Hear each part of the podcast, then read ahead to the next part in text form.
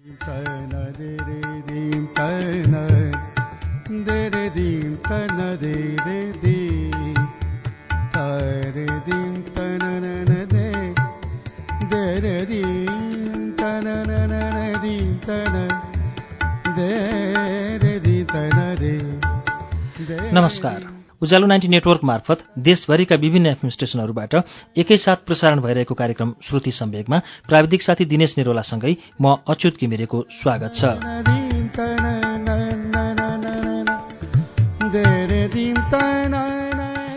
श्रुति सम्वेकको मंगलबारको श्रृङ्खलामा हामी आजदेखि एउटा नयाँ उपन्यास लिएर आएका छौं। प्रदीप नेपालको उपन्यास बर्बरिक हामीले आजदेखि वाचन शुरू गर्ने उपन्यास हो। विक्रमसम्म दुई हजार सत्तरी सालमा पहिलो संस्करण प्रकाशित भएको यो पुस्तकको पहिलो श्रृङ्खला बर्बरिकको पहिलो भाग अब वाचन सुरु हुन्छ।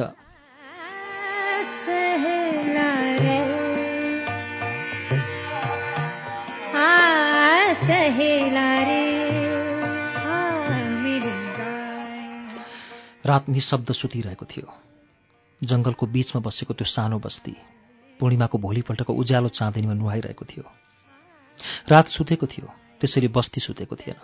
साह्रै कल्याङमल्याङ त थिएन तर जीवनको अस्तित्व बोध गराउने गरी मानिसहरू सुस्त सुस्त बात मारिरहेको सुन्न सकिन्थ्यो।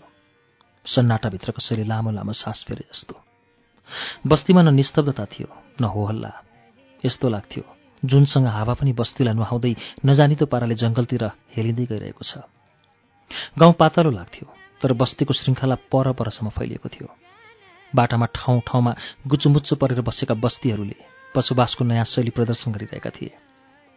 जङ्गल खेतको बीचमा छरेर राखिएका ठूला ठूला परालका थुप्राहरूमा जिन्दगी सलबलाइरहेको छ कि जस्तो लाग्ने गरी।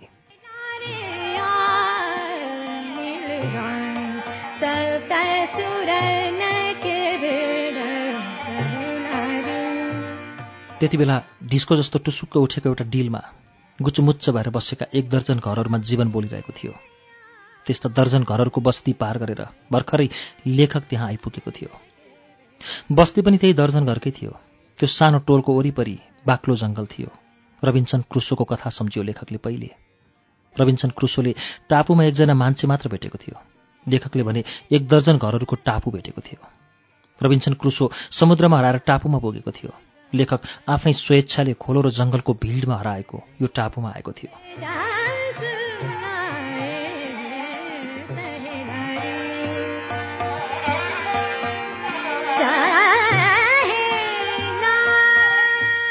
बर्बरिक।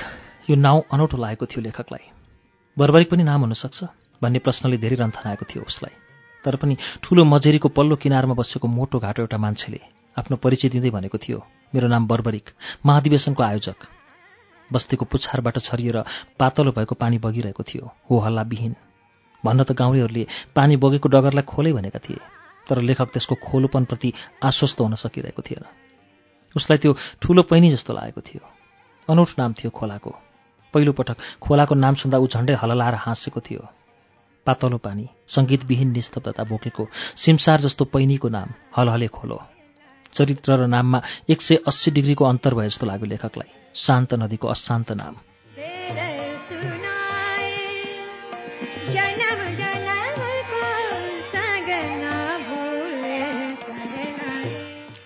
तर ऊ पाहुना थियो। अनौठो नियम थियो गाउँमा। जथाभावी हिँड्न नहुने जथाभावी बोल्न नहुने हलहलाएर हाँस्न नहुने घरिघरि त गाउँमा छापिएको सन्नाटाले तर्साउँथ्यो लेखकलाई।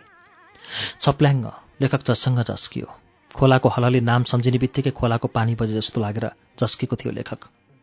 तर त्यो छप्लङ्ग खोलाको नभएर आफू उभिएको पेटीको छेउमा पसारिएको रक्षानको थियो। घरभित्रबाट कोही आएर त्यहाँ पानी फ्यालेर भित्र छिर्दै थियो। त्यही पानीको पोखाइलाई छप्ल्याङ्ग सुनेको थियो लेखकले।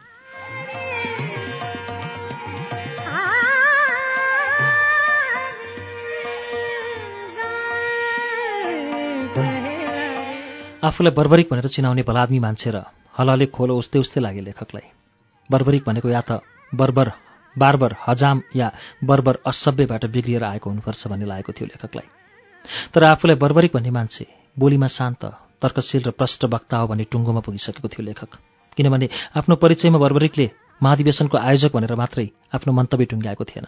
उसले मधुरो स्वरमा आफ्नो परिचय अगाडि बढाएको थियो। एउटा महान परिवर्तनको सङ्घारमा उभिएका छौँ हामी यति बेला। त्यो परिवर्तन देशको राजनीतिको पनि हो र हाम्रो पार्टीको जीवनको पनि हो। दुनियाँमा समाजवाद कहिल्यै कसैले नचिताएको प्रतीक्षामा परेको समयमा हामी समाजवादकै नाउँमा नेपालको अनुहार फेर्ने शपथ लिएर यहाँ आइपुगेका छौँ। असाध्यै अप्ठ्यारा दिनहरू हामीले काटेर आएका छौँ तर योभन्दा अप्ठ्यारो जिन्दगी हाम्रो अगाडि ठिङ्ग उभिएको छ। दुनियाँसँग हाम्रो गति मिल्न सकिरहेको छैन। एउटा ठुलो पहाडले विश्वबाट हामीलाई छुट्याइरहेको छ। हामीले आफ्नो अघिल्तिर उभिएको यो पहाडलाई उखेलेर फ्याँक्नै पर्ने भएको छ।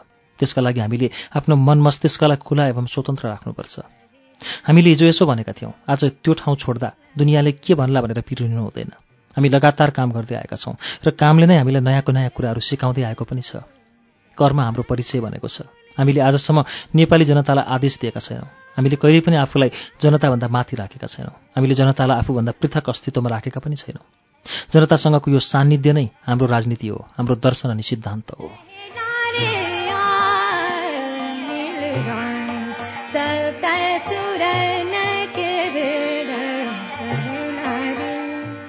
विदेशका विद्वानले के भनेका छन्?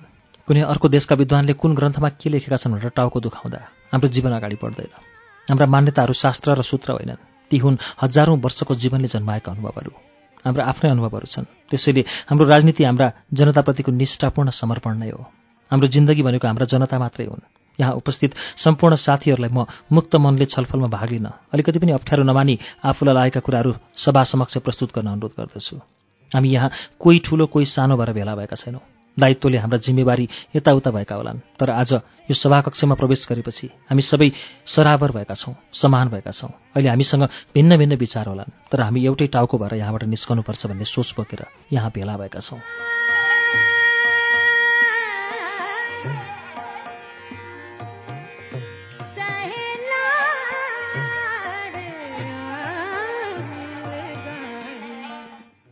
बर्बरिकले औपचारिकता निर्वाह नगरी नै कार्यक्रमको उद्घाटन गरे जस्तो लाग्यो लेखकलाई।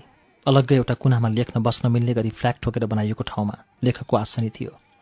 उससँगै महाधिवेशनका टिपन टापनको काम गर्ने प्रतिनिधिहरूलाई पनि राखिएको थियो। लेखकमाथि निगरानी गर्न तिनीहरूलाई उसको छेउमा राखिएको थिएन। उसमाथि कुनै बार बन्देज थिएन। आफ्नो लेखकीय स्वतन्त्रतामाथि कुनै आघात नपर्ने विश्वास बोकेरै ऊ यो सभाकक्षमा आइपुगेको थियो। काठमाडौँको उसको डेरामा आइरहने विष्णु चित्रकारले उसलाई भनेको थियो हामीले तपाईँलाई हाम्रो महाधिवेशन स्थलमा लैजाने निर्णय गरेका छौँ। महाधिवेशन भनेको त पार्टी सदस्यहरूको फोरम हो। म तपाईँहरूको पार्टीको सदस्य होइन लेखकले प्रतिवाद गरेको थियो।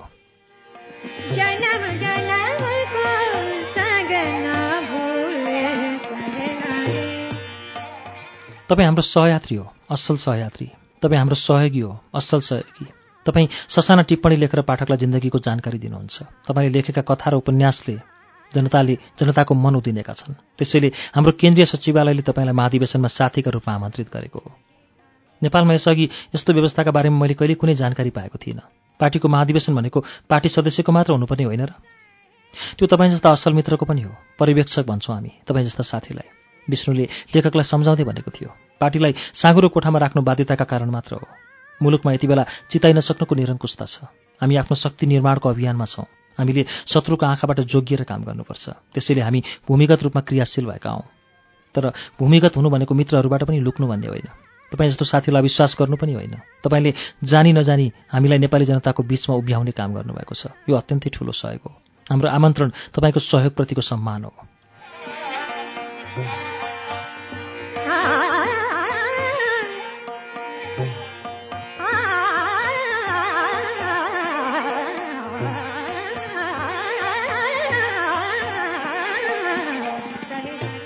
विष्णुको विश्वासपूर्ण अभिव्यक्ति सुनेर लेखकले गर्वबोध गर्यो।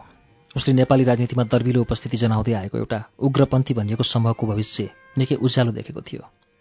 त्यसैले लेखकले आफू सम्मानित भएको ठान्यो। उसले महाधिवेशन स्थलमा जाने निदो गर्यो तर विष्णुको कुरो सुनेर लेखक झसक्क झस्कियो। विष्णुले त्यो झस्काइलाई वास्तै नगरी आफ्नो कुरो अघि बढायो। तर तपाईँ पार्टी सदस्य नभएको हुनाले हामी तपाईँलाई प्रतिनिधित्वको हक दिन सक्दैनौँ। तपाईँ हाम्रो महाधिवेशनको पर्यवेक्षण गर्नुहुन्छ। भोलिका दिनमा हामीले गर्ने कामलाई तपाईँले जस्ताको तस्तै बुझ्ने र तिनलाई आफ्नो भाकामा लिपिबद्ध गर्ने काम गर्नुहुनेछ भन्ने हाम्रो अनुरोध हो। त्यो हामी भनेको तपाईँ मात्रै हो कि अरू कोही पनि हामी भइरहेका छन्? लेखकले मन्दा हाँस्यसहित सोध्यो। महाधिवेशन हलमा पुगेपछि तपाईँले त्यो हामीलाई चिन्नुहुनेछ। विष्णु पनि मुसुक्क हाँस्यो।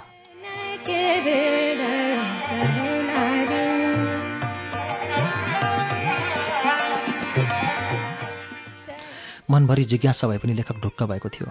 उसलाई लागेको थियो ऊ एउटा नयाँ संसारभित्र छिर्दैछ। त्यस्तो संसार जो अहिले सबै नेपालीका लागि रहस्यमय छ। त्यसैले आफ्नो ढुक्क मन लिएर ऊ विष्णुसँगै काठमाडौँबाट बाहिर निस्केको थियो। बिहानै धरान जाने बसमा चढेको लेखक दिउँसो तिन बजीतिर सिराहाको गोलबजार भन्ने ठाउँमा ओर्लिएको थियो। म कहाँ जाँदैछु भन्ने जिज्ञासा त लेखकमा थियो नै तर त्रास भने कतै थिएन। विष्णु उसको असाध्यै मिल्ने साथी थियो। विष्णु बसबाट ओर्लेर सुस्तरी उत्तरतिर लाग्यो। सानो बाटो थियो। दुईजना मानिस सँगसँगै हिँड्न मिल्ने। आँखा अघिल्तिर फाँटिलो मैदान थियो। साना साना चुरेका श्रृङ्खलाहरू निकै पर देखिन्थे।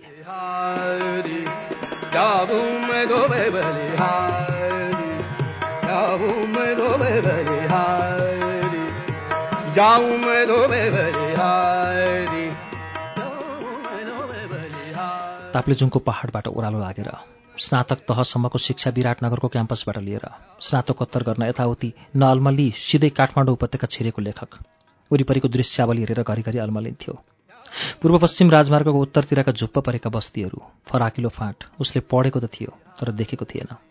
विराटनगरबाट नाइट बस चढेर गुड्दा नगुड्दै रातको अँध्यारोले मैदान र बस्तीहरूलाई झ्याप्प छोपिसकेको हुन्थ्यो। रातिको खानामा लेखकको रुचि पनि हुँदैन थियो तर सबैको लहै लहैमा मुख जुठो पारेर बसमा निधाउन अभ्यस्त भइसकेको थियो। बिहानको उज्यालो खस्दा लेखक चढेको बस दादिङको जुगे खोलामा ल भाइ दिशा पिसाब गर्नुहोस् चिया खानुहोस्। अब बिचमा गाडी रोकिँदैन भन्दै आफूभित्र बसेका यात्रीहरूलाई आदेश दिँदै गरेको हुन्थ्यो।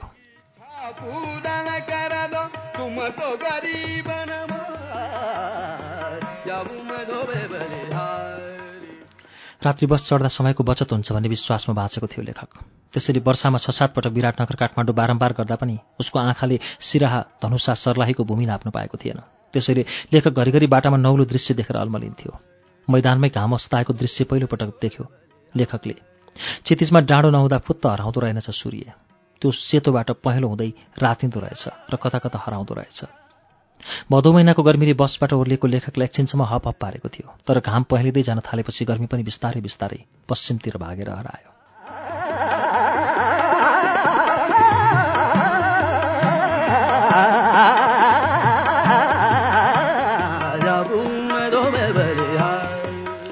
बाटो पनि ढिस्किने हुँदै गयो। उकालो र ओह्रालो भन्न त मिल्दैन थियो त्यो बाटोलाई। तर त्यो सम्म परेको फाँट पनि थिएन। लेखकको भाषामा बुझ्न सक्दा त्यो बरु नागी थियो। तर तराईको सिरानमा कहाँबाट चिसो बतास चल्ने नागी पाउनु? रात झर्ने बेलामा उनीहरू पोत्रापोत्री भएको ससानो वनभित्र छिरे। पाँच सात मिनट हिँडेपछि झुप्प परेर बसेको गाउँको मुखमा विष्णु उभियो। यहाँभन्दा उता मैले बाटो देखेको छैन। हामीलाई महाधिवेशन स्थलसम्म लैजाने साथी यही गाउँमा हुनुहुन्छ। हामी एकछिन यहाँ अल्मलिन्छौँ होला। विष्णुले भन्यो र हिँडिरहेको बाटो छोडेर गाउँभित्र बस्यो। लेखकसँग प्रतिक्रिया दिने कुनै शब्द थिएन। विष्णुका पछि पछि उसका पाइलाहरू आफै तानिए।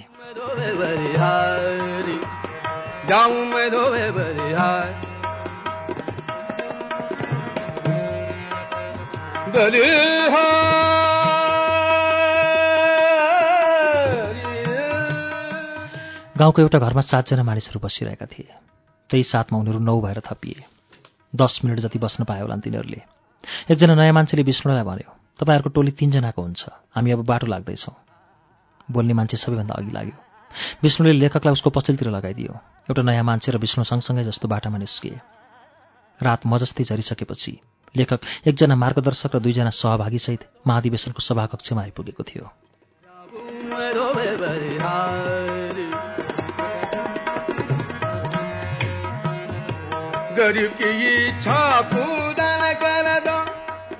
सभाकक्षमा भएका व्यक्तिहरूको नाम सामान्य खालका थिएनन्।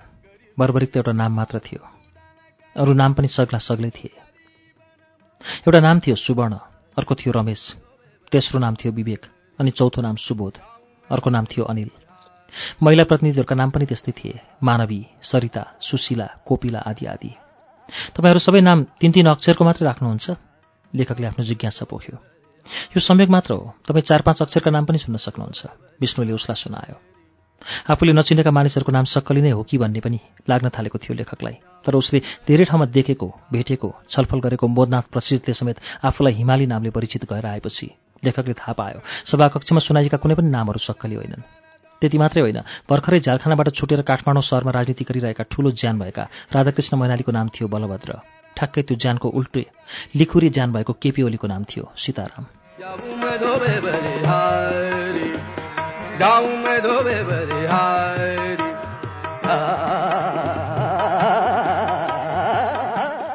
उसलाई लिएर आउने साथी विष्णु पनि अर्कै नामबाट परिचित भएको थियो। सभाकक्षमा उसले आफूलाई नवीन भनेर चिनाएको थियो। लेखक राजनीतिको डिलै डिल हिँडिरहेको प्राणी थियो। त्यसरी उसले नामहरूमा धेरै ध्यान दिइरहनु आवश्यक ठानेन। नामहरू अस्थायी परिचय थिए भन्ने उसलाई थाहा भइसकेको थियो। महाधिवेशनमा उसले पाएको निम्तो अस्थायी जानकारी प्रसारणका लागि थिएन। ऊ आएको थियो नयाँ युगमा प्रवेश गर्न कम्मर कसेको पार्टीका परिवर्तित तथा परिवर्तनकारी विचारहरूलाई सार्वजनिक गर्न। के म तपाईँको प्रोफाइल जान्न सक्छु? लेखकले पत्रकारको भाषामा सोध्यो। त्यसको कुनै आवश्यकता छ र अहिले? बर्बरिकले प्रतिप्रश्न गर्यो। मलाई तपाईँहरूले आफ्नो महाधिवेशनमा बोलाउनु भयो लेखकले भन्यो एउटा युगान्तकारी फड्को मार्ने निर्णय पनि तपाईँहरूले गर्नुभयो। परम्परागत कम्युनिस्ट मान्यताबाट तपाईँहरूले आफूलाई अलग्याउनु भयो विगतमा आफूले गरेका गल्तीहरूलाई कर्णले छातीको कवच चिरेर फ्याँके जसरी कष्ट साध्य तरिकाले भए पनि झिकेर फ्याँकिदिनु भयो मलाई थाहा छैन तपाईँहरूले अहिले अख्तियार गरेको बाटो कम्युनिस्ट पार्टीका परम्परागत नीतिसँग मेल खान्छन् कि खाँदैनन्? अहिलेसम्म मैले बुझेको कम्युनिस्ट पार्टीका हिसाबले त ती पटक्कै मिल्दैनन्। तर तपाईँले कुनै अप्ठ्यारो नमानी पुरानो मान्यतालाई चटक्क छोड्नुभयो र एउटा नयाँ मान्यताको शिखरमा उभिएर नयाँ नयाँ निर्णय गर्नुभयो।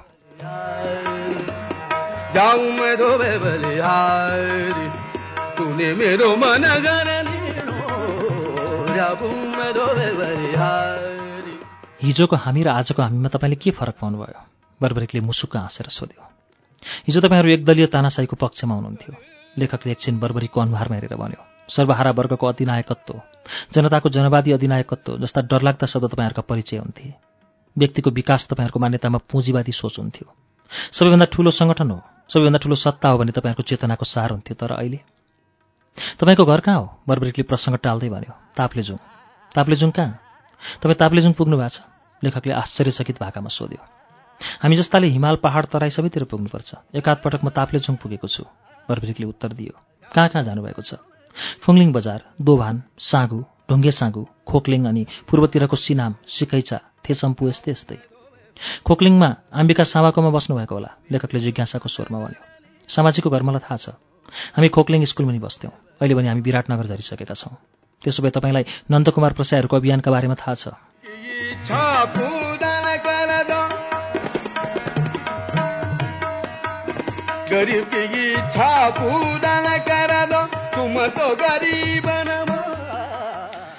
तर म जर्खरीलाई विचारहरूसँग सहमत हुन सक्दिनँ।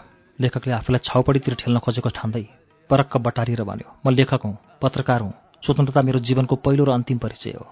मेरो काका पनि कम्युनिस्ट हुनुहुन्छ। बन्धनमा परेको मान्छे जस्तो। त्यसैले म कम्युनिस्ट हुन सकिनँ। स्वतन्त्र पत्रकार हुन पुगेँ। मेरो लागि व्यक्ति आफू प्रमुख हो। असल व्यक्तिहरूको समूहले बोकेको विचारले असल सङ्गठन निर्माण गर्छ। सिद्धान्त जति राम्रो भए पनि त्यसलाई परिचालन गर्ने व्यक्ति खराब भयो भने संस्था पनि खराब हुन्छ। यो मेरो बुझाइ हो र यो नै मेरो निष्ठा हो। सबैभन्दा ठुलो सङ्गठन हो भन्ने तपाईँहरूको मान्यता मन नपरेरै म स्वतन्त्र बाटोमा हिँडेको हुँ। लेखकलाई लागेको थियो बर्बरिक अमिलो अनुहारले उसका प्रश्नहरूलाई किनेर लगाइदिनेछ। तर छक्क पर्यो ऊ बर्बरिकको हँसिलो अनुहार देखेर।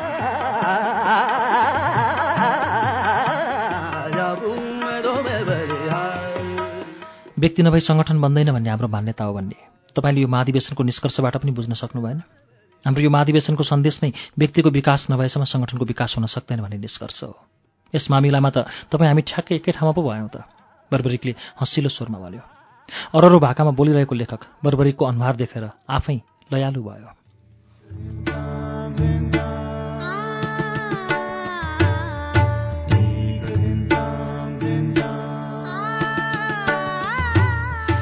कार्यक्रम श्रुति सम्वेकमा अहिले तपाईँले सुनिरहेको वाचन प्रदीप नेपालको उपन्यास बर्बरिकको वाचन हो। यसको बाँकी अंश केही बेरमा वाचन हुनेछ। उज्यालो सुन्दै गर्नुहोला।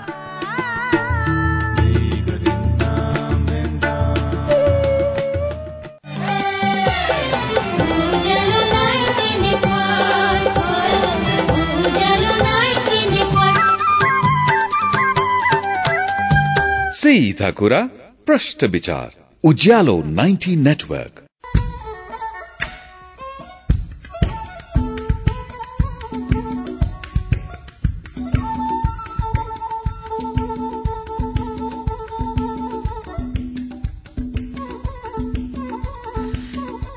कार्यक्रम श्रुति सम्वेकमा पुनः स्वागत छ।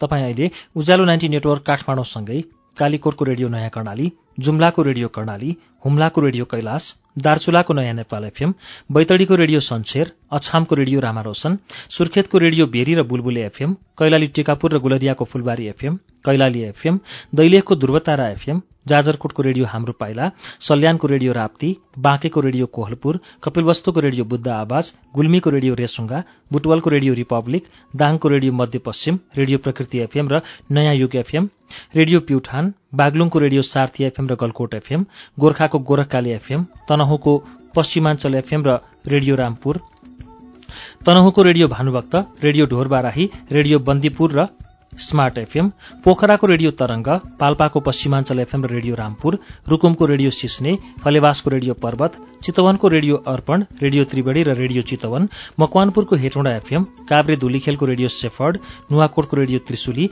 र रेडियो जाल्पाबाट पनि श्रुति सम्वेक सुनिरहनु भएको छ।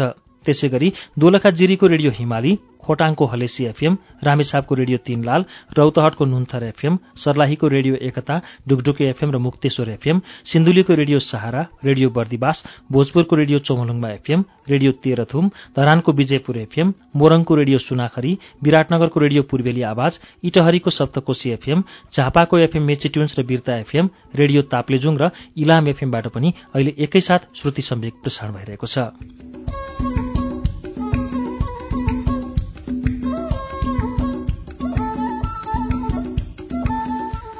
श्रुति सम्वेगमा हामी आज प्रदीप नेपालको उपन्यास बर्बरिकको वाचन सुनिरहेका छौं। यसको बाँकी अंश वाचन अब सुनौ।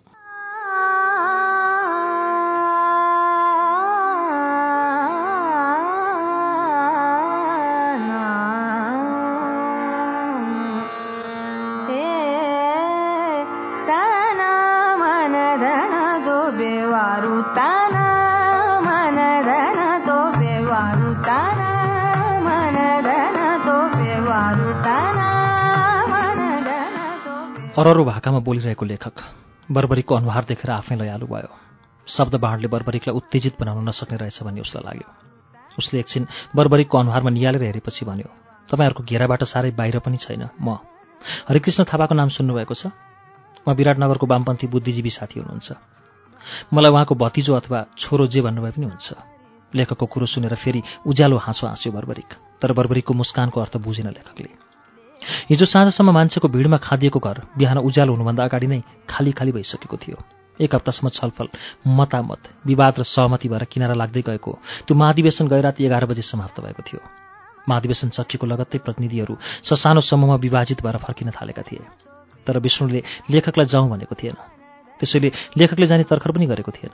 बिहानको उज्यालोसम्म घर झण्डै खाली जस्तै भइसकेको थियो। त्यहाँ थिए बर्बरिक र लेखक। सात दिनसम्म लेखकसँगै बसेर नोट गराउने सुवर्ण नवीन र प्रभात नाउँ गरेका प्रतिनिधिहरू। अजय सिंह भन्ने एउटा बलियो बाङ्गो प्रतिनिधि अनि विष्णु। तीनजना महिलाहरू पनि त्यही थिए। तर लेखक र बर्बरिक बीच कुरा भइरहेका बेला उनीहरू घरको भुइँतलामा स्थानीय महिलाहरूसँग कुराकानी गरिरहेका थिए।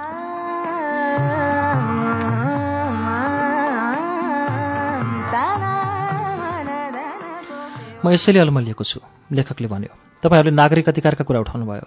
मानव अधिकारको रक्षाका लागि सामाजिक परिचालन भन्ने नयाँ नारा उठाउनुभयो। जनआन्दोलन नै सामाजिक रूपान्तरणको मूल बाटो हो र हिंसा चाहिँ बाध्यताको अस्थायी प्रबन्ध हो भन्नुभयो। लेखकले एकछिन बर्बरिकको अनुहारमा हेरिरह्यो। बर्बरिक मौन थियो। त्यसैले लेखकले नै कुरो उठायो। यस्ता सबै मान्यतालाई त तपाईँहरू हिजो पुँजीवादी भन्नुहुन्थ्यो। त्यसैले म छक्क परेको छु। सायद तपाईँ जस्तो खुला व्यक्ति नभइदिएको भए छक्कै परेर म यहाँबाट बाहिरिन्थेँ होला। तपाईँसँग अतिरिक्त सङ्गत गर्न पाएँ। खुलेर कुरा गर्ने मौका पाएँ। हुनसक्छ। तपाईँले मेरा जिज्ञासा शान्त गरिदिनुहोस्।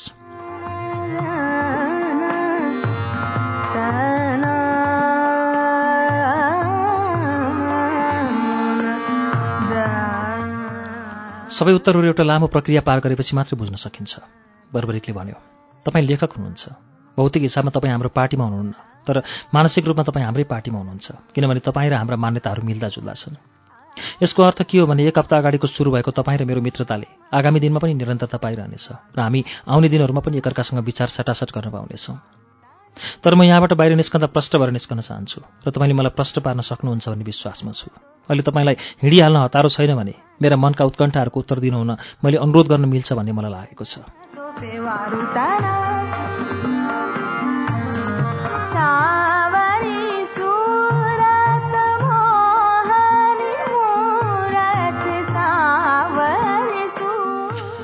तमोरको पानीमा हेलिएको लेखक यति विनम्र हुने खालको थिएन। तर बर्बरीको उत्तेजनाहीन शान्त र मन्दै स्मित बोली र अनुहारले उसलाई पनि लयालु बनाउन खोजिरहेको थियो। हाम्रो काम जनताको हित गर्नु हो बर्बरिकले भन्यो। यसको अर्थ जनता नै हाम्रा सबै थोक हुन्। जनता बलिया भए हामी बलियो हुन्छौँ। जनता दुब्ला भए हामी पनि दुब्ला हुन्छौँ यो सत्यलाई बुझेपछि हामीमा आएको रूपान्तरणका बारेमा बुझ्न कसैलाई पनि गाह्रो पर्दैन। तर तपाईँहरूका पुराना मान्यताहरू तपाईँले बोकेको अररो सिद्धान्त लेखकले च्याप्न खोज्यो। बर्बरीको हाँस्यो। शान्तिको हाँसो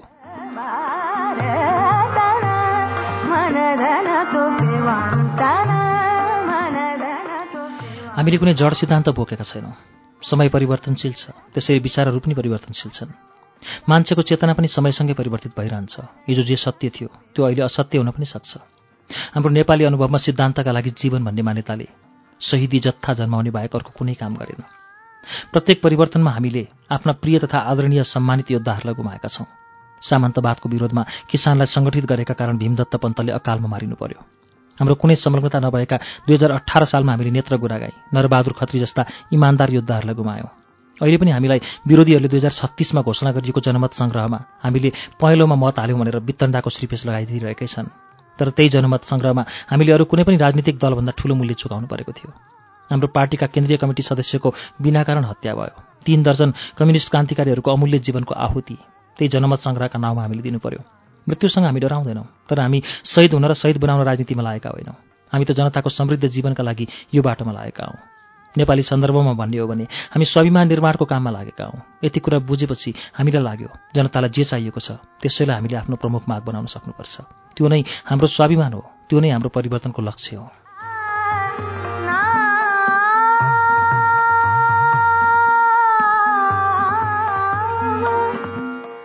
लेखकले सोध्यो यसले त कम्युनिजमको सिद्धान्तै धराशायी भएन र। कम्युनिजम कुनै शासन प्रणाली होइन। त्यो हो त एउटा उन्नत समाजको परिकल्पना। कम्युनिजम हो एउटा वैज्ञानिक दार्शनिक चेत। प्रत्येक व्यक्ति स्वयं सचेत भएपछि मान्छेलाई नियन्त्रणमा राख्न राज्य सेना प्रहरी जस्ता शक्तिका प्रतीक संस्थाहरू चाहिँदैन भन्ने चेत हो साम्यवाद। स्वयं परिचालित समाज हो साम्यवाद। हाम्रो यात्रा त समाजवादसम्मको मात्रै हो। त्यसै कम्युनिजमको सिद्धान्त कहिले धराशायी हुँदैन। हामीले साम्यवादको सपना छोडेको होइन। हामीले हिंसाको बाटो परित्याग गरेको मात्र हो। किनभने हिंसाले जनताको हित गर्छ भन्ने मान्यता हामीलाई सही लागेर।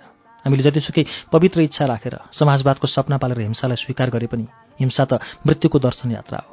हिंसाले कहिल्यै जीवन दिएको छैन र त्यसैले कहिल्यै जीवन दिन पनि सक्ने छैन। जनताको प्रजातन्त्र र समाजवाद अहिले पनि हाम्रो आदर्श हो। तर यसको अर्थ के होइन भने हामी आजै समाजवादी लडाइँ थालिहाल्छौँ। समाजवादमा पुग्न हामीले गर्नुपर्ने कामहरू थुप्रै छन्। त्यसैले आजको हाम्रो यात्राको अन्तिम लक्ष्य हो समाजवाद। त्यही समाजवादले मुलुकलाई राज्यविहीन सेनाविहीन एवं पार्टीविहीन अवस्थामा पुर्याउँदैछ भन्ने हाम्रो विश्वास हो।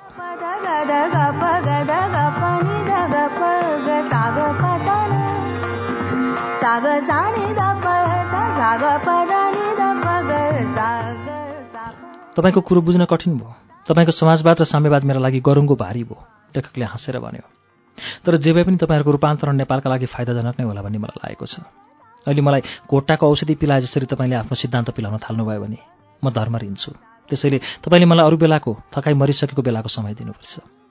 तपाईँले आज एउटा कुरा त बुझ्नुभयो नि बर्बरिकले सोध्यो। कुन कुरा? लेखकको उत्तर पनि प्रश्नैमा थियो। हाम्रो पार्टी कम्युनिस्ट पार्टी हो। कम्युनिस्ट भएरै हामी प्रजातन्त्रको पक्षधर भएका हौँ र हामी नेपालमा विधिको शासन चाहन्छौँ। यति त बुझेँ लेखकले सहज ढङ्गमा भन्यो। समाजवादले दिने नागरिक स्वतन्त्रता पुँजीवादको भन्दा माथिल्लो तहको हुनुपर्छ भन्ने हाम्रो अडान पनि थाहा भयो नि। पत्यार नलागे पनि भाका चाहिँ बुझेँ बोल्दा बोल्दै लेखक हाँस्यो। नेपालमा मानवाधिकारको मागको थालनी हामीले गरेका हौँ भन्ने पनि तपाईँले थाहा पाउनु भयो नि। त्यो पनि थाहा पाएँ लेखक अड्कियो एकछिन। अनि के पनि बुझेँ भने नेपाली नक्सलाइट भनिएको तपाईँहरूको कम्युनिस्ट पार्टी नयाँ परिचय खोजिरहेको अनौठो कम्युनिस्ट पार्टी हो। नक्सलपन्थी भएर अघि जान सकिँदैन। अब हामीले पनि लोकतान्त्रिक लहरलाई आत्मसात गर्नुपर्छ भन्ने यो महाधिवेशनको तपाईँहरूको निष्कर्ष हो भन्ने ज्ञान पनि मैले प्राप्त गरेँ।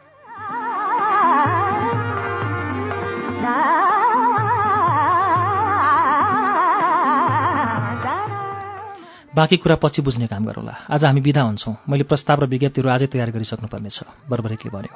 तर चाँडै हाम्रो भेट हुन्छ नि। मैले कम्युनिस्ट पार्टी र प्रजातन्त्र बीचको सम्बन्ध नबुझि नहुने भएको छ।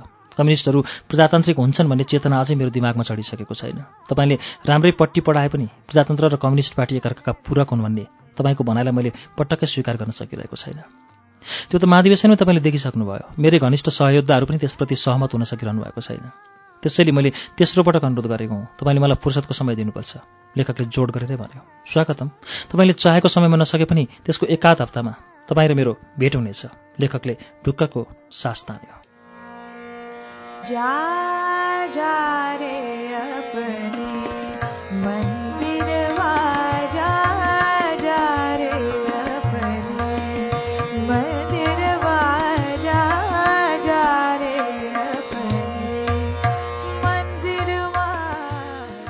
पर्न छोडेको निकै दिन भएको थियो। आकाश खुले देखिन्थ्यो र मानिसहरूको घर दैलामा नयाँ चाडपर्वहरू भित्रिने याम भइसकेको थियो। त्यसैले लेखक र विष्णु उज्यालो खस्दा नखस्दै आठ दिन बिताएको घरबाट बाहिर निस्के। उनीहरूको अघि अघि एकजना गाउँले मार्गदर्शक पनि थियो।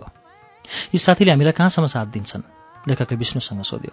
आठ दिनको सन्नाटाले उसलाई पनि फुसफुस कुरा गर्न सिकाइरहेको सिकाइसकेको थियो। उहाँले हामीलाई लाहान बजारसम्म लैजानुहुन्छ। लाहानमा हामी बेलुकाको खानपान गरेर काठमाडौँ जाने बस चढ्छौँ। विष्णुले लेखक नअल्मल्योस् भन्ने भाकामा दिनभरिको काम बतायो। साथी हामी कति घन्टामा लाहान निस्कन्छौँ? लेखकले अलिक अगाडि हिँडिरहेको पथ प्रदर्शकसँग सोध्यो। हामी हिँड्नेलाई यस्तै एक आध घन्टा सरहरूलाई तिन चार घन्टै लाग्न सक्छ। मार्गदर्शकले लेखकको अनुहारतिर पुलुक्क हेरेर भन्यो सरहरू सहरको मान्छे हिँड्ने बानी हुँदैन त्यसबाहेक अब यहाँ बिस्तारै गर्मी पनि चढ्छ।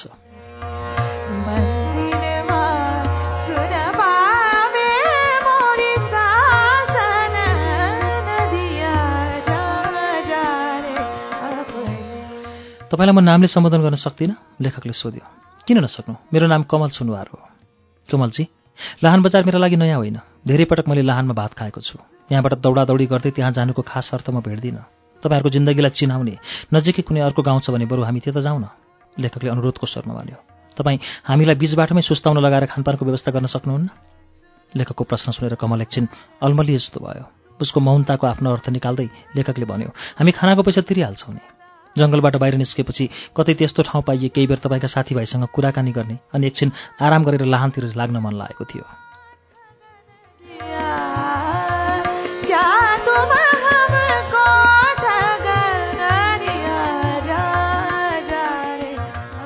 पैसा तिरिरहनु पर्दैन सर। कमलको अनुहार मुस्कुराउँदो खानपानको समस्या ठुलो होइन। तपाईँहरूलाई हतार छैन भने हामी अल्मलिँदै बाटो काट्न सक्छौँ। अस्ति सरहरू गोल बजारबाट उत्तर लाग्नुभएको थियो। बाटामा सायद एकाध गाउँमा बस्नु पनि भयो होला। अहिले हामी निकै पूर्वबाट दक्षिणतिर लाग्दैछौँ। तर यो बाटोमा पनि हाम्रा शुभेच्छुक समर्थक र पार्टी सदस्यहरूको बसोबास छ। विष्णु म कमलजीसँग स्वतन्त्र ढङ्गले कुरा गर्न सक्छु? लेखकले सोध्यो। मजाले विष्णुले हाँस्दै भन्यो। लेखकको प्रश्न सुनेर कमल पनि खिसिक्क हाँस्यो।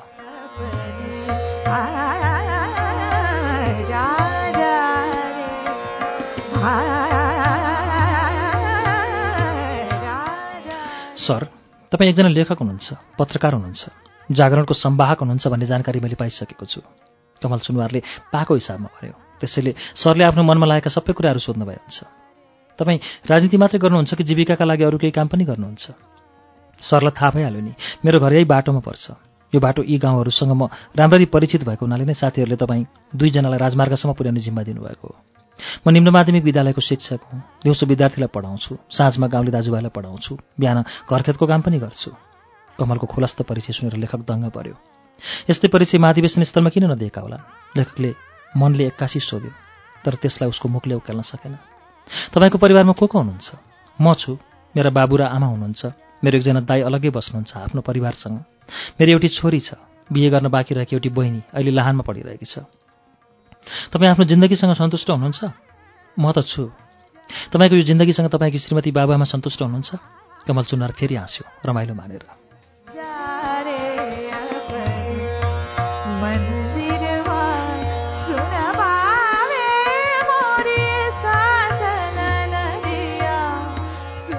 आज सरहरूलाई म आफ्नै घरमा खानपान गराउनेछु। कमल एकछिन फेरि रोकियो। बाटामा हामीले गरेको कुराकानीको पुष्टि पनि सरले हाम्रै घरमा देख्नुहुनेछ भेट्नुहुनेछ। त्यहाँ पुगेपछि हामी कसरी बाँचिरहेका छौँ भनेर बुझ्न सरलाई सजिलो पनि हुन्छ। काठमाडौँ फर्किन हतार छैन भने हामी घरमा पाँच छ घन्टा बिताउन सक्छौँ। मेरो घरबाट हलिँदै हलिँदै जाँदा पनि एक घन्टामा लाहानको राजमार्ग पुगिन्छ। जङ्गलबाट बाहिर निस्कँदा तराईको फाँटमा घाम पसारिसकेको थियो। कमल र विष्णु फटाफट हिँडिरहेका थिए। लेखक एकछिन अड्कियो। ऊ उभिएपछि उसका साथीहरूले पनि उभिनै पर्यो। लेखकले आफू आएको बाटोलाई नबिर्सनी गरी हेरे जस्तो लाग्यो विष्णुलाई। लेखकले भने उत्तरतिर फर्केर एकपल्ट लामो सास तान्यो। बतासमा अझैसम्म चिसान थियो। लेखकले तिन चार पटक सास तान्दै छोड्दै गर्यो। उसको श्वास प्रश्वास देखेपछि ऊ आफ्नो फोक्सोमा जङ्गलको शुद्ध वायु भित्राउन खोज्दैछ भनेर विष्णु ढुक्क भयो।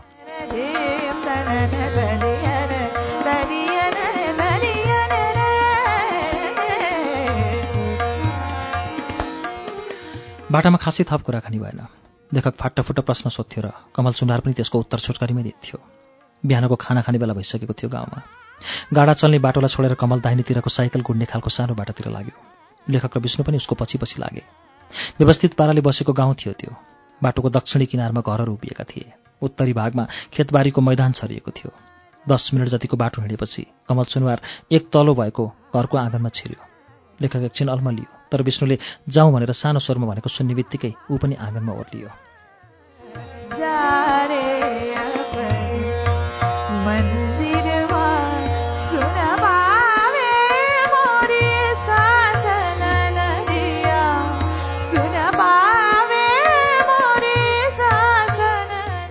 भुइँतलो दुई फिट जति उठेको थियो जमिनबाट।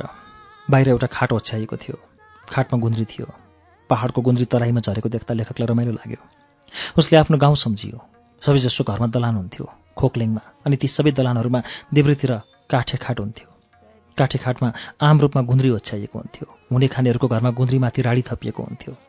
घरको पश्चिमतिर तर घरको आडैमा होइन एउटा सानो गोठ देख्यो लेखकले। घाम मान्छेलाई पोल्ने रापमा फेरिँदै थियो। बा आमा कमलले साथीहरूलाई दलानको खाटमा बस्न अनुरोध गर्दै घरभित्र हेरेर बोलायो काम सकियो कमल? यो पाको पुरुष स्वर थियो। आइपुगिस् नानी यो आमाको स्नेह थियो। बाहिर आउनु न कमलले भन्यो। साथीहरूलाई लिएर आएको छु। उहाँहरू यहीँ खानपिन गर्नुहुन्छ। भित्रबाट पाँच दशकको यात्रा पुरा गरिसकेको एउटा अनुहार बाहिर निस्कियो।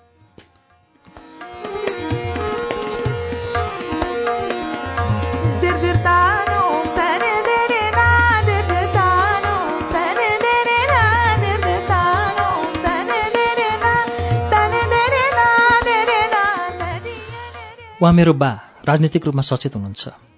कमलले बाला चिनाउँदै कुरो अघि बढायो। अनि उहाँ कमरेड नवीन पार्टीको कमरेड। उहाँ साथी लेखक लेखक थापा। नाम पनि लेखक काम पनि लेखक। अनि पत्रकार पनि। हाम्रो शुभेच्छुक। यहाँहरूलाई यो गाउँमा स्वागत छ। बाले भनेको सुनियो। म कमलको बा। यो गाउँमा तपाईँहरू ढुक्कले बस्न सक्नुहुन्छ। यहाँ शत्रुका दलाल छैनन् भन्दा पनि हुन्छ। अघिल्लो गाउँ पञ्चायतको चुनाव पनि हाम्रै साथीहरूले जित्नु भएको छ। म चाहिँ यो ओडाको ओडाध्यक्ष भएको छु। कमल स्कुलको शिक्षक। म ओडाको ओडा अध्यक्ष त्यसैले हाम्रो घरमा मान्छेको आउजाउ भइरहन्छ। यहाँहरू वारेन्टेड हुनुहुन्न भने निष्फिक्री भएर बस्न सक्नुहुन्छ। वारेन्ट छ भने शिक्षक वा समाजसेवाको नयाँ परिचय बनाउनु पर्ने हुन्छ। हामीलाई त्यस्तो कुनै अप्ठ्यारो छैन विष्णुले भन्यो। अप्ठ्यारो पर्दा म उहाँको साथी भएर पनि जोगिन सक्छु। उहाँ लेखक अनि पत्रकार हुनुहुन्छ। म उहाँको साथी हुँदै हो। यो गाउँमा दमन भएको छैन? लेखकले जिज्ञासु भावमा सोध्यो। एउटी पाकी महिला पानीको अम्खरा बोकेर बाहिर निस्किन्। उहाँ मेरी आमा कमलले साथीहरूलाई सुनाउँदै भन्यो। आमा उहाँहरू दुवैजना हाम्रो साथी नवीनजी कमरेड लेखकजी लेखक तथा पत्रकार। नानीहरू ढुक्कले बस्नुभयो हुन्छ। खाना मात्रै होइन खाजा साजा खाएर भरे चार बजीतिर बाटो लाग्दा पनि हुन्छ।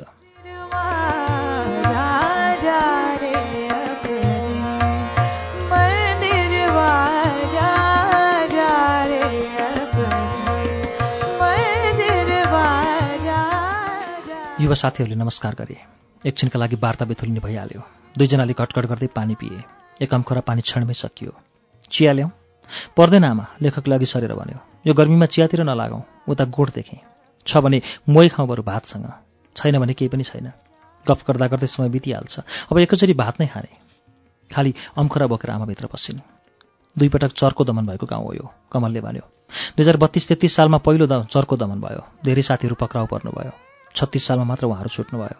तर यहाँ हाम्रो सङ्गठन मरेको थिएन। त्यसैले दुई हजार छत्तिस सालको आन्दोलनले यो गाउँमा उभार ल्याउने काम गर्यो। बा यो गाउँको सङ्गठन प्रमुख हुनुहुन्थ्यो। उहाँले जनमत सङ्ग्रहकालमा आफूलाई बहुदलमा हेर्नुभयो।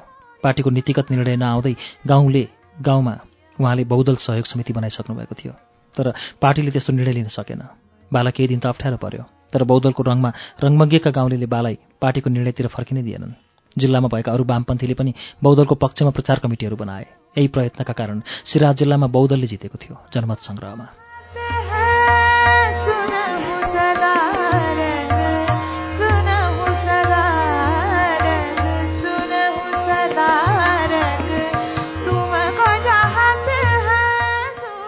ती साथीहरू अहिले तपाईँसँगै छन् बा? लेखकले सोध्यो। पार्टी भनेको एउटा फराकिलो चौतारी हो जस्तो लाग्छ मलाई। यहाँ मान्छे आउँछन् अनि जान्छन्। चौतारी कुरेर बस्नेहरू थोरै हुन्छन्। ती थोरैले नै समाजमा परिवर्तन ल्याउने काम गर्न सक्छन्। त्यसो भए ती पुराना साथीहरू छैनन् अहिले तपाईँहरूसँग? छैनन् भन्न त मिल्दैन। तर हामीलाई नयाँ जीवनको बारेमा ज्ञान चेतना दिने हाम्रो जिल्लाका सबैभन्दा ठुला नेताले चाहिँ आफ्नो बास फेर्नुभयो। उहाँले हामीलाई छाड्नुभयो। जेलबाट निस्केपछि उहाँ धङधङ्गीमा पर्नुभयो। निस्कने बित्तिकै पार्टी छाडेर व्यवसायतिर लाग्नुभयो। त्यसमा असफल भएपछि जिल्ला छोडेर हराउनुभयो। अहिले रसुवा जिल्लामा शिक्षक भएर बस्नुभएको छ भन्नेसम्म सुनेको छु। शिक्षक भन्दा पनि पार्टीमा समेटिन त सकिन्थ्यो तर उहाँ त्यहाँ पनि विचारहीन मान्छे भएर बाँचिरहनु भएको छ भन्ने सुनेको छु। सबै थोक त्यागेर पनि मान्छे पुरानो इतिहासमा बाँचिरहँदो रहेछ।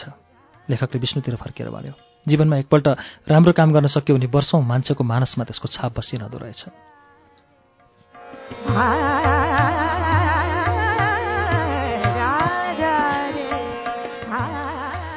उसो त हाम्रो जिल्ला उत्पीडन र उत्पीडन विरुद्धको सङ्घर्षको गाथा बोकेको जिल्ला हो।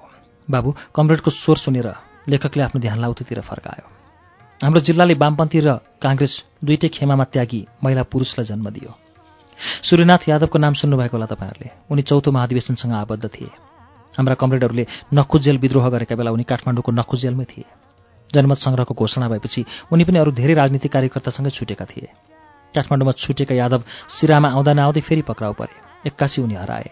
जेल सार्ने न्युमा उदयपुरको कुनै जङ्गलमा उनको हत्या भयो भन्ने सुनियो। सिराका अर्का नेता जयगोविन्द शाह हुन्। यताको शाह भनेको राजघरानाको मान्छे होइन। उनीहरू व्यापारिक समूहका मानिस हुन्। उनी पनि समर्पित वामपन्थी नेता हुन्। सफा आचार विचारका कारण उनी गाउँघरमा स्थापित पनि छन्। तर सङ्गठन कार्य गर्ने बानी मरिसकेको हुनाले सङ्गठन विस्तारको काममा भने उनी लाग्न सकेनन् भन्नुपर्छ।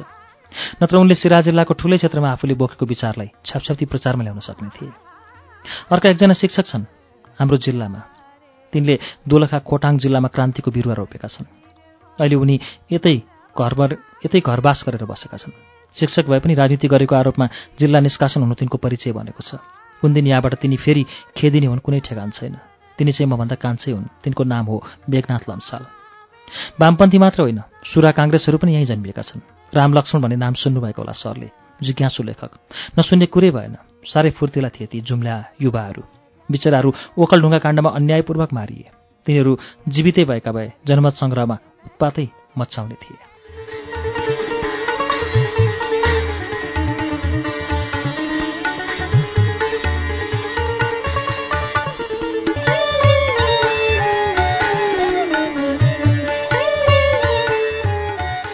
श्रुति सम्वेकमा यतिन्जेल तपाईँ प्रदीप नेपालको उपन्यास बर्बरीको वाचन सुन्दै हुनुहुन्थ्यो यो वाचनसँगै आजलाई श्रुति सम्वेकको समय सकिँदैछ कार्यक्रमबारे तपाईँका सल्लाह सुझाव वा प्रतिक्रियाका लागि हाम्रो ठेगाना कार्यक्रम Shruti Sambeg Ujyaalo ninety Network post box number छ चार छ नौ काठमाडौँ इमेलका लागि SHRUTI Shruti at UNN dot com dot NP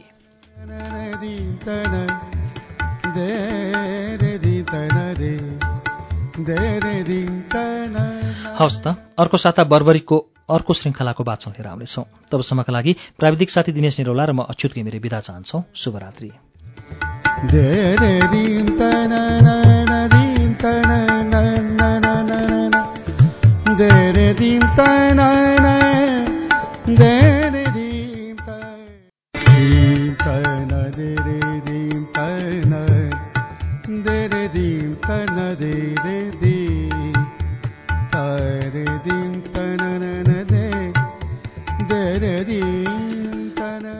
नमस्कार। उज्यालो नाइन्टी नेटवर्क मार्फत देशभरिका विभिन्न एफएम स्टेशनहरूबाट एकैसाथ प्रसारण भइरहेको कार्यक्रम श्रुति सम्वेगमा प्राविधिक साथी दिनेश निरोलासँगै म अच्युत घिमिरेको स्वागत छ।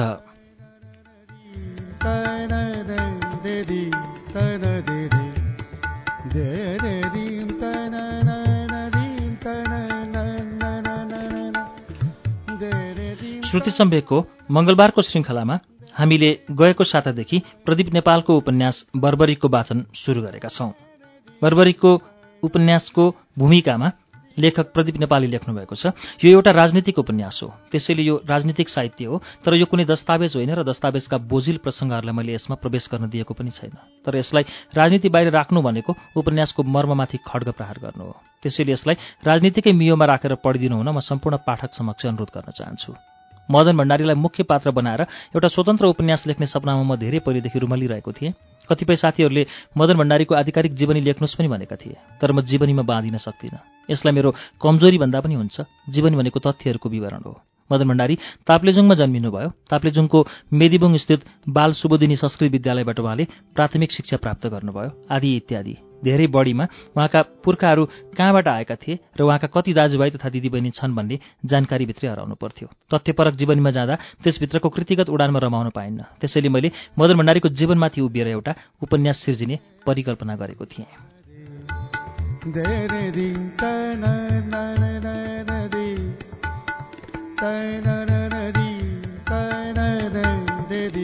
यी भूमिकाका अंशहरू हामी आउँदा श्रृङ्खलाहरूमा पनि बताउँदै जान्छौँ। अहिले प्रदीप नेपालको उपन्यास बर्बरीको दोस्रो श्रृङ्खला वाचन पृष्ठ तीसबाट हुन्छ।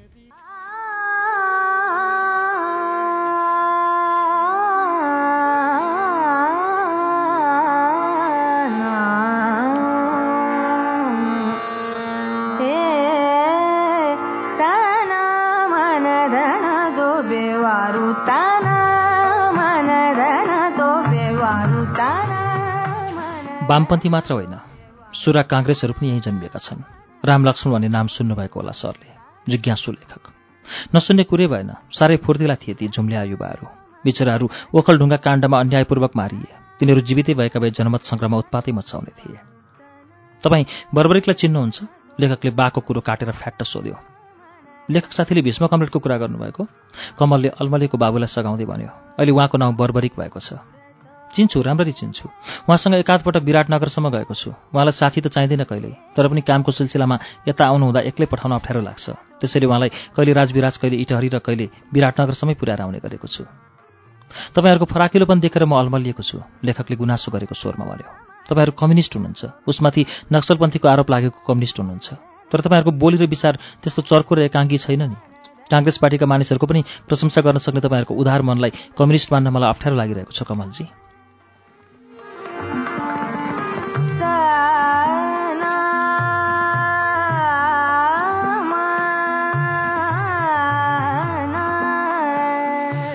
कम्युनिस्ट पार्टीलाई चिन्ह यसभित्र हेरिनुपर्छ साथी।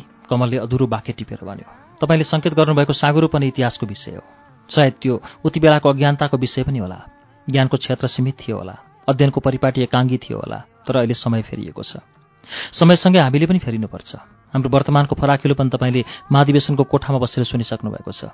जुन बेलासम्म हामी बन्दुकमा विश्वास गर्थ्यौँ त्यो बेला हामी यति फरासिलो थिएनौँ। हाम्रा लागि मान्छे होइन बन्दुक नै सर्वस्व थियो। तर गएको दस वर्षमा हामीले ठुलै रूपान्तरण आयो। आन्दोलन भनेको निर्जीव बन्दुक होइन। त्यो जिउँदा मानिसहरूको चिन्तनको निष्कर्ष हो भने टुङ्गोमा हामी पुग्यौँ। जनतासँग नजिक हुन नै हामीले पञ्चायतका सबै तहमा हस्तक्षेप गर्ने नीति लियौँ। बर्बरी कमरेडले समापन मन्तव्यमा बोलेको तपाईँले सुन्नुभयो नि? कि बिर्सनुभयो? उहाँले भन्नुभएको थियो राजनीतिलाई किताबबाट बाहिर निकाल्नुपर्छ। किताब सिद्धान्त हो। त्यो सिद्धान्तलाई हाम्रो जीवनमा उतार्नुपर्छ। सिद्धान्तले हाम्रो जीवनलाई बोक्न सक्दैन भने त्यस्तो सिद्धान्तलाई हामीले छाडिदिनुपर्छ। जडताको शिकार भएर हिजो हामीले हाम्रो जीवन सिद्धान्तका लागि हो भनेका थियौँ त्यो गलत हो। यदि सिद्धान्त जीवनका लागि हुँदैन भने त्यस्तो सिद्धान्तले न जीवन लागि बढाउन सक्छ न त समाजलाई नै।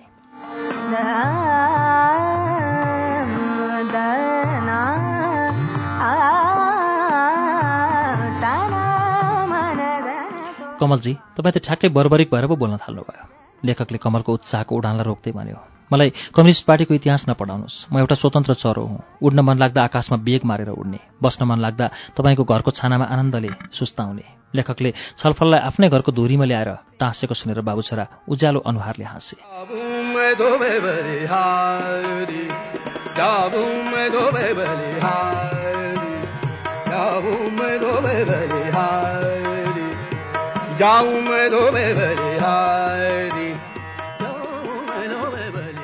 विष्णुजी यहाँसम्म आइसकेपछि मलाई एकपल्ट विराटनगर पुगेर आउनु मन लाग्यो। के तपाईँ मलाई साथ दिन सक्नुहुन्छ? लेखकले बिहानको खाना खाइसकेपछि भन्यो विराटनगरमा मेरा दिदी बिनाजु बस्नुहुन्छ।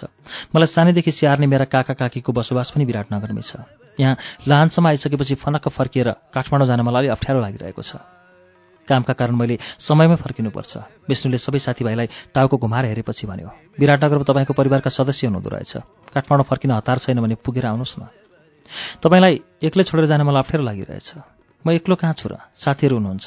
समय मिलाएर उहाँहरूले मलाई लाहान पुर्याउनुहुन्छ। त्यहीँबाट बस चढाइदिनुहुन्छ। साथीका आफन्तहरू विराटनगरमै हुनुहुन्छ भनेपछि यहाँ आइपुगेर नभेटी फर्किनु राम्रो पनि हुँदैन। नवीन कमरेडको बारेमा चिन्ता नलिनु भए हुन्छ। हाम्रो यात्रा यस्तै हो। कतै भेटिने कतै छुट्टिने अनि फेरि भेटिने। कमलको कुराले पनि लेखकलाई आश्वस्त पार्न सकेन। उसको अनुहार अमिलो भइरह्यो। तर एउटा भनिएको कारण र अर्को नभनिएको कारणले लेखकलाई विराटनगर जान कुदकुताइरहेको थियो।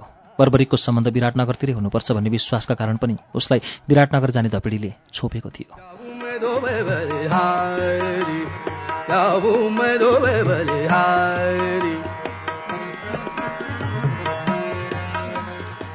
अन्यल समाप्त हुनै पर्थ्यो। कमलले फेरि पनि भन्यो नवीन सरको बारेमा तपाईँ चिन्ता नलिनुहोस्। म आफै लाहान गएर उहाँलाई राम्रो गाडीमा चढाएर काठमाडौँ पठाउँछु। बरु अहिले तपाईँकै लागि हतारो हुने समय आइसकेको छ। एक बजेसम्म लाहान पुग्न सक्यो भने तपाईँ सजिलरी विराटनगर पुग्न सक्नुहुन्छ। कमल एकछिन रोकियो र उसले आफ्नो बाबुतिर हेर्दै भन्यो बा बरु लेखक साथीलाई बेलैमा लाहान पुऱ्याइदिनुहोस् न। मलाई लाहान छोड्नु प जानु पर्दैन लेखकले हतार हतार भन्यो। कतै बाटो फाट्छ भने मलाई बाटोको नक्सा बनाइदिनु भए हुन्छ। सुरक्षाको कारणले पनि मलाई एक्लै हिँड्न राम्रो हुन्छ। एक्लै फटाफट हिँड्दा बाटो पनि म चाँडै काट्छु। सुरक्षाको लागि मसँग पत्रकारको परिचय पत्र छ। त्यसैले तपाईँहरूले मलाई यहाँबाट एक्लै बिदा दिँदा नै राम्रो हुन्छ। लेखकको कुरा सबैलाई मन परे जस्तो देखियो। आफ्नो काँधे झोला टिपेपछि उसले आमालाई नमस्कार गर्दै भन्यो आमा मोहीका लागि विशेष धन्यवाद। म पहाडको छोरो गोरस भनेपछि हुरुकै हुन्छु। आज बिहानको खाना र भलाको सारी म कहिल्यै बिर्सन्न।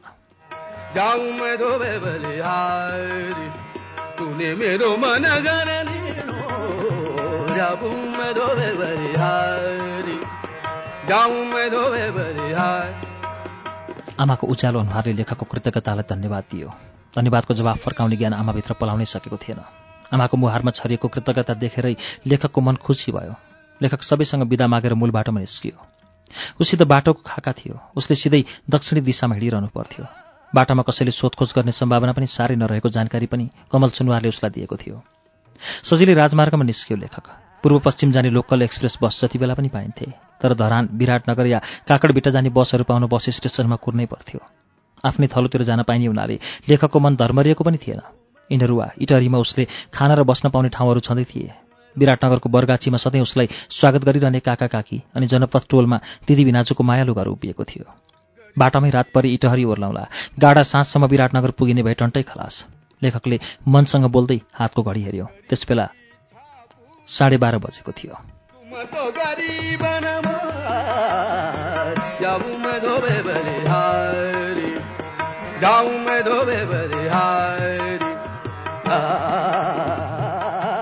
घडी हेर्दा बेसरी गर्मी लाग्यो लेखकलाई। विराटनगर जाने बस अझै पाइन्छ। टिकट बेच्ने ठाउँमा बसेको रातो गम्छा काँधमा बेरेको मान्छेसँग उसले सोध्यो। पाइन्छ। काठमाडौँको गाडी आउने बेला भयो अब। रातो गाम्छाले लेखकको अनुहारमा गढेर हेर्दै भन्यो एउटा सिट मिलाउन सक्नुहुन्छ? त्यो त भन्न सक्दिनँ रातो गाम्छा बाँधेको मान्छेले भन्यो। तर रूपनी अथवा कञ्चनपुर पुगेपछि तपाईँले पक्कै सिट पाउनुहुन्छ। चलजोगी फटकार छाला जहाँ जाला उहीँ खाला।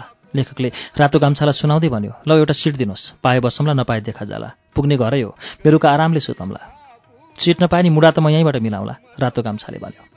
घाम चरक्क चर्किएको थियो। यसो सियालमा बसेर चिसो पिउन पाए हुन्थ्यो भन्ने लागेको थियो लेखकलाई। तर कुन बेला घचक्क आएर बस रोकिने हो भन्ने आशाले उसले पानी खाने पनि जमर्को गरेन। आफ्नो काँधे झोलालाई छेउमा राखेर बेन्चीमै बस्यो। जाऊं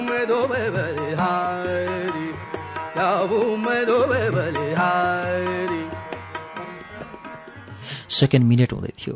मिनट घन्टा हुँदै थियो लेखकका लागि। घडीको सुईले दस मिनट कटाएपछि पश्चिमतिरबाट एउटा बस हानिएर उनीहरू बसेको ठाउँतिर आयो। लौ सर झापा जाने गाडी आयो। हतार छ भने यसैमा चढ्नु भए पनि हुन्छ। चार बजी इटरी पुऱ्याइदिन्छ। होइन भने अब दस पन्ध्र मिनटमा विराटनगर जाने गाडी पनि आइजान्छ। रातो गाम्छाले लेखकलाई माया गरेको भावमा भन्यो। हुन्दिनुहोस् अरू पन्ध्र बिस मिनटमै अथवा आधा घन्टामै विराटनगर जाने गाडी आउँछ भने म पर्खिन्छु। ल बस्नुहोस् बस्नुहोस्। चिया खानुहुन्छ मगाउँ गाडी त आइहाल्दैन लेखकले सोध्यो। चिया नाथे दस मिनटमा सकिन्छ पिएर। गाडी आउन त घट्टीमा बिस मिनट लाग्छ। फुर्तिलो स्वरमा रातो गाम्छाले भन्यो खाउँ सर एक एक कप चिया। ओइ रतिया सरलाई स्पेसल र मलाई नर्मल चियाले। सर ठुलो मान्छे हुनुहुन्छ रातो गाम्छाले छेउको गुम्टीमा चियाका केतली चलाउँदै गरेको बाल श्रमिक लाएर आयो म ठुलो मान्छे होइन दाई। गाउँघरको कथा लेखेर सहरलाई चिनाउने पेसा बोकेको पत्रकार हुँ म। म पनि तपाईँ जस्तै साधारण मान्छे हुँ। लेखक एकछिन अड्कियो। मानव अस्मिताको मर्यादा गर्नुपर्छ भनेर पाँच दिन अगाडि पाएको शिक्षाको कदर गर्दै उसले सोध्यो दाईको नाम के होला?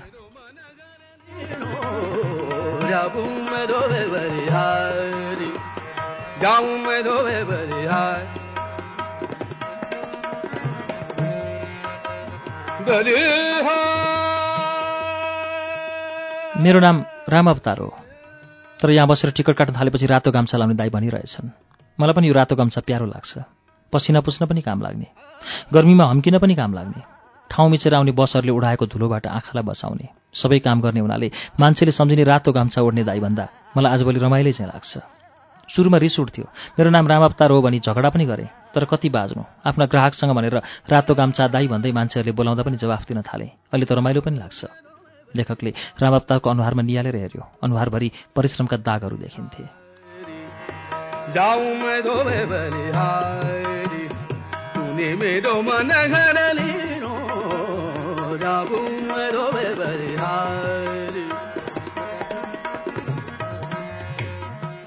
राम अवतार दाई मान्छे पेसाले ठुलो र सानो हुँदैन। लेखकले श्रमिकलाई सम्मान गर भने नूतन शिक्षाको सम्मान गर्दै भन्यो। सबै मानिस बराबर हुन्। तब त सर झनै ठुलो मान्छे भइजानुभयो। सबैलाई बराबर ठान्ने लेखक। राम अवतारले हाँस्दै भन्यो हामी टिकट काट्नेहरूको कथा पनि लेखिदिनुहुन्छ? लेखिदिनुहुन्छ भने चियाको सबै पैसा मै तिर्छु। राम अवतारको कुरो सुनेर लेखक हाँस्यो। गाउँको कथा लेख्ने बाचा बन्धन गरिसकेको लेखकले भन्यो चियाको पैसा मै तिरम्ला र म तपाईँको र तपाईँको काँधमा बेरिएको रातो गम्छाको कथा पनि लेखम्ला बडो फजिती हुन्छ सर। यो बिच बाटामा टिकट काट्नेहरूको। हामीलाई सिट दिँदैन कम्पनीले अनि सबै मान्छे सर जस्तो बुझकी पनि हुँदैन। सिट छैन भने किन राखिस्? टिकट काउन्टर भनेर मार्नै खोज्छन्। योभन्दा राम्रो जागिर पाए म यहाँ बस्ने नै थिएन सागसब्जीको खेती गर्नुभयो भने तपाईँलाई राम्रो हुन्छ होला? सल्लाहको भाकामा लेखकले भन्यो म तपाईँहरूको सिराहा जिल्लाको धेरै गाउँ घुमेर यहाँ आइपुगेको हुँ।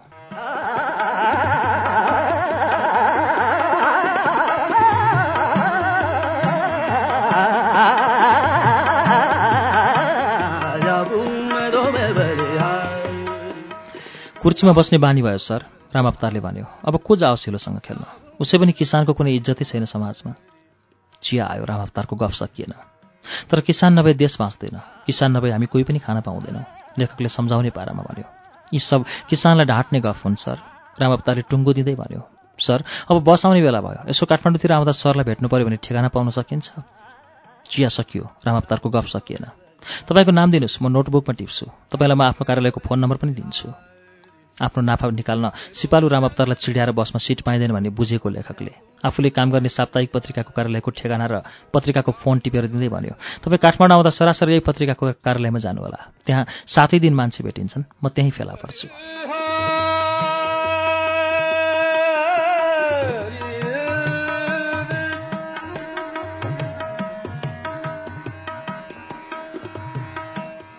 जनकपुरबाट राजविराज जाने बस आएर लेखकको नाकै अगाडि रोकियो।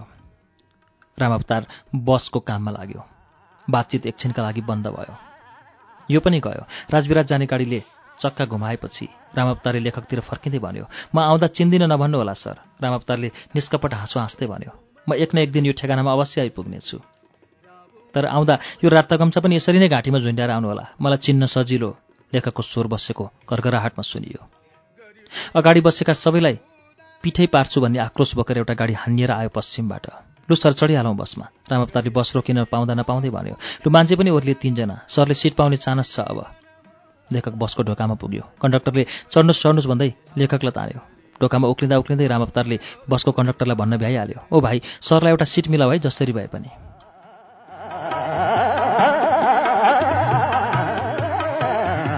जाऊं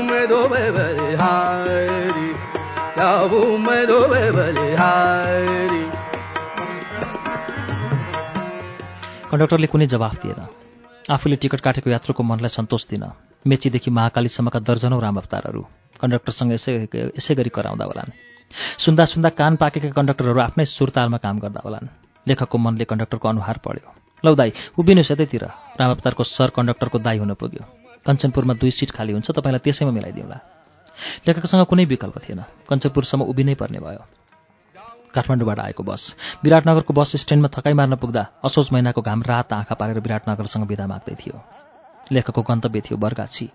तर उसलाई पुग्नु थियो विराटनगरको ट्राफिक चोकको पुस्तक पसल। एउटा पनि साप्ताहिक अखबार हेर्न पाएको थिएन उसले एक हप्तादेखि। त्यसैले आफूले चिनेको पत्रिका पसलमा जानेर सरस्वती अखबार पढेर साँझ परेपछि बर्गाछीतिर लाग्ने सोच बनाएको थियो उसले। पसलमा भीष्मको जानकारी दिन सक्ने आफ्ना सहकर्मी भेटिएलान् कि भन्ने आशाले पनि लेखकलाई बस स्ट्यान्डसम्म तानेर ल्याएको थियो। भीष्म कमरेडको बारेमा धेरै कुरा पत्ता लगाएर समयमा ब्रेक गर्ने सोचले लेखकलाई औधी च्यापेको थियो।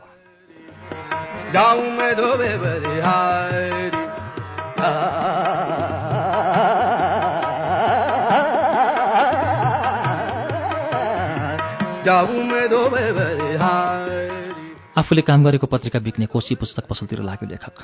कहिले पसलेसँग राम्रै चिन्जान थियो लेखकको? आउँदै काठमाडौँबाटै होइन जनकपुरबाट। बस्ने कि घर जाने? बाक्लै थिए मानिसहरू पसलमा। त्यहाँ भीष्मको सोधपुछ काम लाग्दैन भन्ने बुझेपछि अघिल्ला तिन दिनका साप्ताहिक अखबार मागेर लेखक बर्गाचीको लक्ष्य यहीँ रानियो। बाक्लो सास खस्नु अघि नै लेखक काकाको घरको आँगनमा छिर्यो। काका काकी दर्शन गर्न आइपुगेँ म त। कता हराइस बाबै? त काठमाडौँबाट बाहिरिएको त उहिले हो काकाले चासो राखे। चितवन हेटौँडा वीरगञ्ज जनकपुर र सिरातिर घुम्दै आएको हुनाले अलिक ढिलो भएको पहिले पहिले यसरी घुम्दैन थिइस् त। काम पर्दा घुम्दै आउनुपर्छ नि। होइन तपाईँलाई के भएको? काकीले धुरा पस्दै भनिन् छोरो आएर पिँढीमा बस्न पाएको छैन। कस्तो पुलिसले जसरी केरकार गर्न थाल्यो होला। लेखक काकीको अनुहारतिर हेरेर मुस्सुक मुस्कुरायो। चिया पनि खान्छस् कि पानी मात्रै खान्छस्? काकीले एकछिन भतिजाको अनुहार निहालेर हेरेपछि सोधिन्।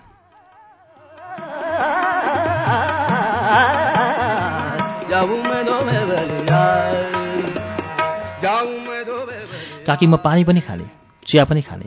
भतिजाले तात्तातै जवाफ दिएपछि सोध्यो दिदी भिनाजु सन्चै हुनुहुन्छ? सन्चै छन्। काकीले बोल्दा बोल्दै बुढाको अनुहारतिर हेर्दै भने अस्ति दिदी आइरहेको थिए भाइ काठमाडौँमा रहेनछ भन्दै। अन्त काकाले तँलाई खेर्नु भयो त्यसरी? अलि दिन बस्छस् होला नि। पत्रिकाको थोरथार काम छ वर्ष दिनपछि घर आइहाल्छ दस पन्ध्र दिन जति बस्छु होला त्यत्तिकै हल्लिँदै आएको भन्न मन नलागेर लेखकले कुरो मिलायो। उताको कोठामा गएर लुगासुगा फेर अनि पानी खान आइज। काकीले मायालु स्वरमा मानिन् अलिकति परिचय काका काकीको पनि दिनुपर्छ। लेखकले बाबु परिवारको जेठो दाजु थियो र काका कान्छो। लेखकका हजुरबाले छोराहरूका बीचमा घर झगडा नहोस् भनेर एउटै घरका सहोदर दिदीबहिनीलाई आफ्ना बुहारी बनाएका थिए। लेखककी दिदी तेह्र वर्ष र लेखक सात वर्षको हुँदा लेखकका बाको निधन भयो। रोगव्याधि के थियो भनेर जान्ने अवस्था उति बेलाको खोक्लिङमा थिएन। हामीले एक दिन दोबाटोमा कालो कुखुरा मन्सायो। दोस्रो दिनमै बाबु सिताङ्ग भए जस्तो देखिए। तेस्रो दिनको घामले नेटो नकाट्दै कालले लेखकका बाला लग्यो।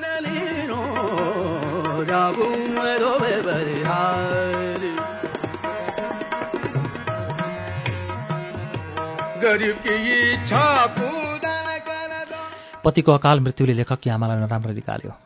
ससुराको व्यवहार मायालु थियो तर आमाले पतिको शोकलाई बिर्सनै नसकेपछि ससुराले आफ्नो कान्छो छोरासँग मधेस झर्ने कुरा गरे।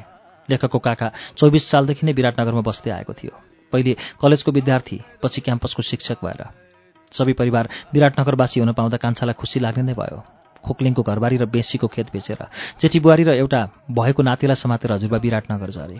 विराटनगरमा कान्छो छोरो जागिरे भएको अनि त्यहीँकै कुटुम्बेरीसँग नातिनीको बिहे भएको हुनाले हजुरबा दायाँ बायाँ नहेरी सोझै विराटनगर झरेका थिए। बर्गाछी त्यति बेला विराटनगर बजारको अङ्ग बनिसकेको थिएन। सम्धिको मद्दतमा हजुरबाले सानो काठको घर उभ्याए माथि टङ्कीमा साढे दुई बिघा खेत पनि जोडे।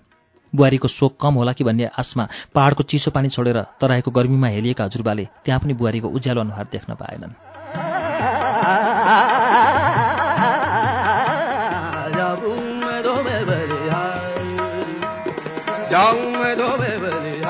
लेखकी आमाले ठाउँ फेरेर पनि काललाई बाँधेर राख्न सकिनन्। आफ्ना दुवै छोराछोरीलाई आफ्नी बहिनीको हातमा हालिदिएर दुई हजार सैँतिस सालको जेठमा जनमत सङ्ग्रह भएकै दिन लेखकी आमाले आफ्नो भौतिक शरीर त्याग गरिन्। लेखकका हजुरबाले पनि दुई हजार बयालिसको साँझमा लौ काठमाडौँमा बम पड्क्यो अरे भन्ने आतङ्कपूर्ण समाचारले मुलुकलाई गाँचेकै बेला राम राम भन्दै सबैसँग बिदा लिएका थिए। हजुरबालाई त्यति बेला चिने जानेका सबैले बुद्धिमानी बुढा भनेका थिए।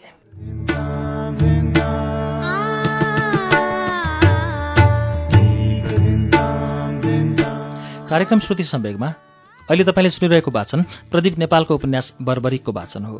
यसको बाँकी अंश केही बेरमा वाचन हुनेछ। उज्यालो सुन्दै गर्नुहोला।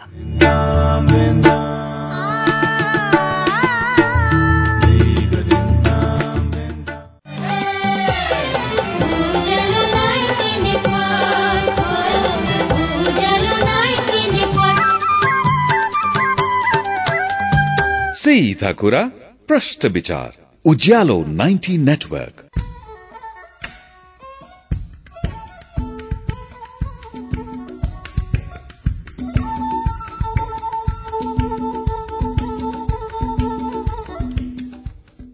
कार्यक्रम श्रुति सम्वेगमा पुनः स्वागत छ।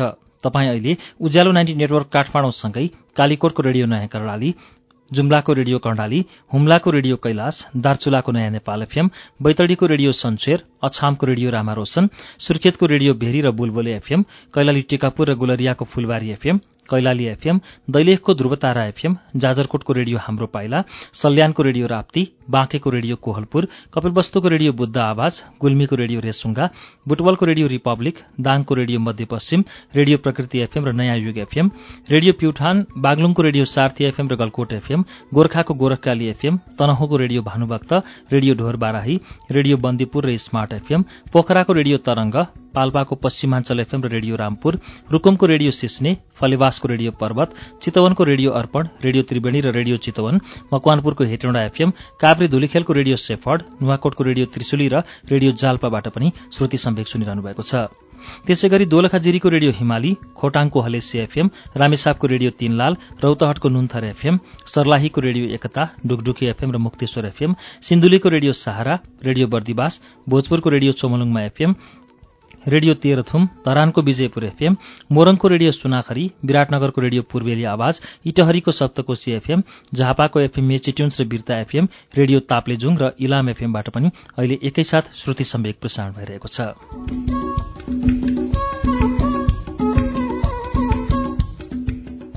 श्रुति सम्वेकमा हामी आज प्रदीप नेपालको उपन्यास बर्बरीको वाचन सुनिरहेका छौं। यसको बाँकी अंश वाचन अब सुनौ।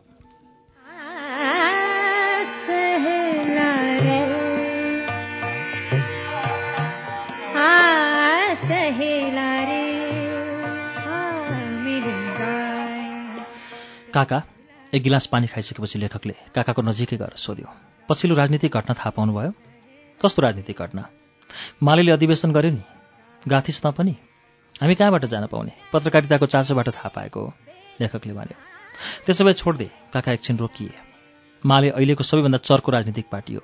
यसरी सोधखोज गर्दै हिँडिस् भने त जेल जान बेर लाउँदैनस्। काकाको पनि झिनो त्यान्द्रो जोडिए जस्तो छ नि मालेसँग। लेखकले किस्सा हाँसेर भन्यो तँलाई राजनीति त मन पर्दैन थियो। काकाले पनि हाँसेरै मधुर आवाजमा भने यसपालि यो खुसखुसी कुरा कहाँबाट सिकेर आइस् नि? भीष्मलाई चिन्नुहुन्छ तपाईँ? लेखकले सोध्यो चिन्दिनँ है।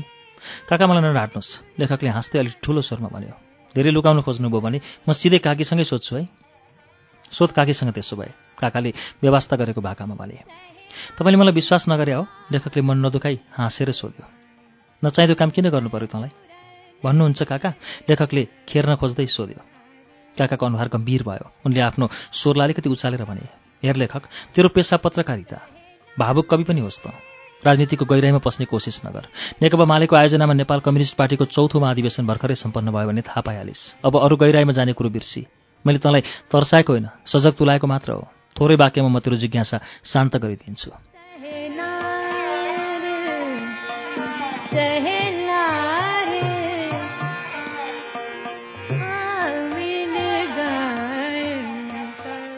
लेखकले काकाको गम्भीरतालाई सम्मान गर्दै भन्यो काका मैले कुनै खुन खोत्रो गरेको होइन। गएका केही दिनदेखि मेरो मगजमा नयाँ नयाँ कुराहरू खेल्न थालेका छन्। माले जस्तो कट्टर कम्युनिस्ट पार्टीमा एक्कासी कसरी त्यत्रो ठुलो परिवर्तन आउन सक्छ? र त्यो तपाईँहरूको भाकाको बुर्जुवा पार्टीहरूसँग मिलेर जनआन्दोलन गर्न तयार हुनुहुन्छ भन्ने जिज्ञासाको उत्तर खोज्न मैले तपाईँलाई दुःख दिएको हुँ। खोक्लिङको पुरानो राजनीतिमा तपाईँको संलग्नता रहेको हुनाले अनि अहिले पनि तपाईँ त्यही ठाउँमा हुनुहुन्छ भन्ने थाहा पाएको हुनाले मैले तपाईँसँग भीष्मको बारेमा जान्ने चासो राखेको हुँ। तैँले कस्तो भीष्मलाई चिन्न खोजेको होस् मलाई थाहा छैन।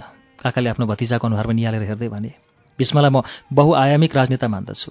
मैले पुष्पलालसँग त भेट गर्न पाइनँ तर हामीलाई सञ्चालन गर्ने पूर्व कोशी प्रान्तीय कमिटीका धेरै नेताहरूसँग मैले उठवास गरेको छु। नन्दकुमार प्रसाई जस्ता कार्यकर्तासँग झ्यामिएको सङ्गत पनि गरेको छु तर भीष्मलाई यी कसैसँग पनि तुलना गर्न सकिँदैन। उहाँसँग भएका गुणहरू केलाउने क्षमता सायद मसँग छैन पनि होला।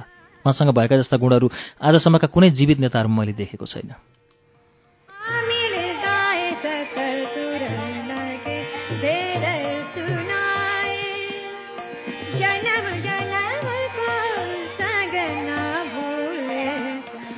काका एकछिन अड्किए। तैँले कसरी बुझ्छस् मलाई थाहा छैन तर मैले उहाँलाई मार्क्सवाद लेनिनवादको सृजनात्मक व्याख्या गर्ने एकमात्र आदरणीय कमरेडको रूपमा बुझेको छु। काका यो त उही व्यक्ति पूजाको कुरा भएन र? लेखकले ठोस्यो। श्रद्धा र व्यक्ति पूजा फरक कुरा हुन् काकाले सम्झाउने भाकामा भने। तिमीहरू रुखको चिरफार गर्दा पहिले पात हेर्छौ अनि टिप्पणी पनि गरिहाल्छौ।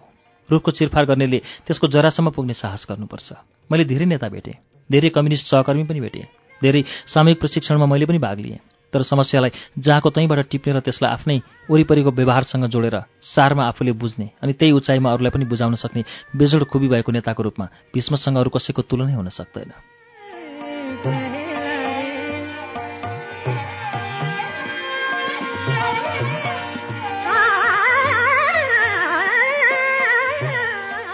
जस्तो लेखकले जिज्ञासाकै भाकामा सोध्यो जस्तो तँ एउटा पत्रकार भइस् म एउटा नेता भएँ म तँलाई यसो गर्नु यसो नगर्नु यो लेख्नु यो नलेख्नु भनेर उपदेश दिन्छु। यो हामी नेपालीको आम र विशेष गरेर राजनीतिक नेताहरूको विशिष्ट स्वभाव हो। तर भीष्मका सामु त परिस् भने उहाँले तैमाथि जिम्मेवारीको भारी थोपरिदिनुहुन्छ र भन्नुहुन्छ अध्ययन गर्नुहोस् र आफ्नो समस्या आफै समाधान गर्ने कोसिस गर्नुहोस्। कति गर्दा पनि समस्याको समाधान गर्न सक्नु भएन भने केही दिनपछि आउनुहोस्। बसेर छलफल गरौँला। काका एकछिन अडिए पनि अनि लामो सास तान्दै सोधे मेरो कुरो बुझिस्? अलिअलि बुझेँ लेखकले भन्यो भीष्मजी साथी भएर कुरो थाल्नुहुन्छ। त्यति मात्र पनि होइन काकाले भने उहाँ प्रत्येक व्यक्तिलाई अध्ययन गर्न प्रेरित गर्नुहुन्छ र अध्ययनबाट प्राप्त ज्ञानको मीमांसा गर्न लगाउनुहुन्छ। त्यस्ता छलफलहरूमा सुरुमा उहाँ सामान्य साथीको रूपमा सहभागी हुनुहुन्छ र साथी भएर समस्याको समाधान गर्न सघाउनुहुन्छ। काका यही स्वभावले त खासै विशिष्टता जनाउँदैन नि। यस्तो स्वभाव भएका धेरै मानिसहरू हुन्छन्। भीष्मजी जस्तो राजनीतिक नेता मैले अरू भेटेको छैन भन्ने तपाईँको दावीलाई स्वभावगत मूल्याङ्कनका आधारमा कसरी पुष्टि गर्न सकिन्छ काका हाँसे उज्यालो बत्ती भएर किन यति खुने खोत्रो गर्दैछस् मलाई थाहा छैन। परबाट व्याख्या गरेर भीष्मलाई चिनाउन सकिँदैन। त्यसका लागि उहाँसँगै जोडिनुपर्छ। उहाँलाई म किन अरू कोही नेताभन्दा फरक र विशिष्ट नेता मान्छु भनेर बुझाउन मैले एउटा सामान्य जस्तो लाग्ने घटनामा उहाँले देखाउनु भएको बाटोलाई प्रश्न पारेँ भने तैँले पनि भीष्मका बारेमा अलिक बढी जानकारी पाउँछस्।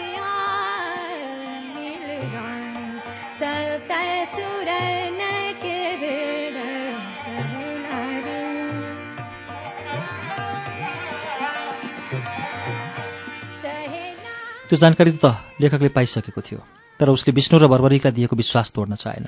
सानैमा टुरो भएको हुनाले आफूलाई पालपोस गरेर हुर्काउने साक्कै काकाका सामु पनि भन्नुहोस् न त्यो पनि सुनिहालौँ। आफ्नो जिज्ञासु स्वभावलाई निरन्तरता दिँदै लेखकले भन्यो निकै पुरानो कुरा हो यो। तँलाई पनि थाहा भइसकेको विषय हो। पार्टीले पञ्चायतलाई पञ्चायतभित्रबाटै कमजोर बनाउन जनपक्षीय हस्तक्षेप गर्ने नीति लिएको थियो। अरू जिल्लामा के कस्तो भएको नि तर यहाँ विराटनगर नगर पञ्चायतमा हामीलाई जुजारु र पार्टीप्रति गहिरो निष्ठा भएको साथी फेला पार्ने गाह्रो भयो। हाम्रो बुद्धिजीवीहरू भएको जागिर छोडेर निस्किन नसक्ने सामान्य किसान अथवा मजदुर साथीले नगर पञ्चायतको प्रधानमन्त्री जित्न नसक्ने। यो काम बुद्धिजीवी समुदायबाटै हुनुपर्छ भनी भीष्मले हामीलाई पटक पटक बैठक बसाउन निर्देशन दिनुभएको थियो। पाँच सात बैठकबाट पनि समाधान ननिस्किएपछि एक रात उहाँकै अगुवाईमा हाम्रो बैठक बस्यो। बैठकमा फेरि एकपल्ट उहाँले हामीलाई सम्झाउनु भयो कोही अगाडि बढ्ने मुडमा हुनुहुन्न थियो। दुई घन्टा हाम्रो कचमच सुनेपछि उहाँले अलिक कडै स्वरमा हामीलाई भन्नुभयो तपाईँहरू स्वच्छता पारदर्शिता र जवाफदेही प्रशासन चाहिन्छ भन्नुहुन्छ। जनताका बीचमा सत्यनिष्ठ व्यवहार गरेर मात्र प्रजातन्त्र ल्याउन र जोगाउन सकिन्छ पनि भन्नुहुन्छ। अनि जनताको बीचमा ट्वाङ लगाएर यो प्रतिबद्धता सार्वजनिक गर्न पाइने खुला स्वतन्त्रताबाट डराएर। होइन म त कोठाभित्रै ठिक छु क्रान्तिकारी र इमान्दार छु पनि भन्नुहुन्छ। यो कस्तो कायदा हो? तपाईँहरूलाई थाहा भइसकेको छ हामी मजदुर वा किसान समुदायको साथीलाई उठाएर नगर पञ्चायतको चुनावमा सक्रिय हस्तक्षेप गर्न सक्दैनौँ।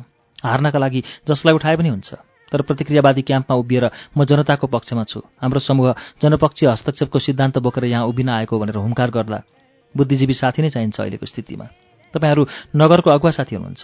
नगरका बारेमा नगरलाई स्वच्छ प्रशासन दिने बारेमा तपाईँहरू आफैले जिम्मेवार लिनुपर्छ कि पर्दैन? तपाईँ साँच्चै जनता र पार्टीको पक्षमा हुनुहुन्छ भने तपाईँहरूले नै जिम्मेवार लिनुपर्छ। कम्तीमा पनि प्रधानपञ्च र उपप्रधानपञ्चमा यहीँभित्रको साथीलाई उठाउनुपर्छ। ओडा अध्यक्षहरू ओडामै खोजौँला बरु। होइन हामी यसो गर्न सक्दैनौँ भनेर जिम्मेवारीबाट पन्छिने हो भने क्रान्ति सफल गर्ने गफ पनि तपाईँहरूले गर्न छाड्नुपर्छ र आफ्नो जागिर अथवा व्यापार सम्हालेर बस्नुपर्छ। जनता राष्ट्र र पार्टीलाई चाहिँदा आफ्नो पार्टी सदस्यताको प्रयोग गर्नुपर्छ र अहिलेको समयले तपाईँहरूको पार्टी सदस्यको परीक्षणको माग गरेको छ।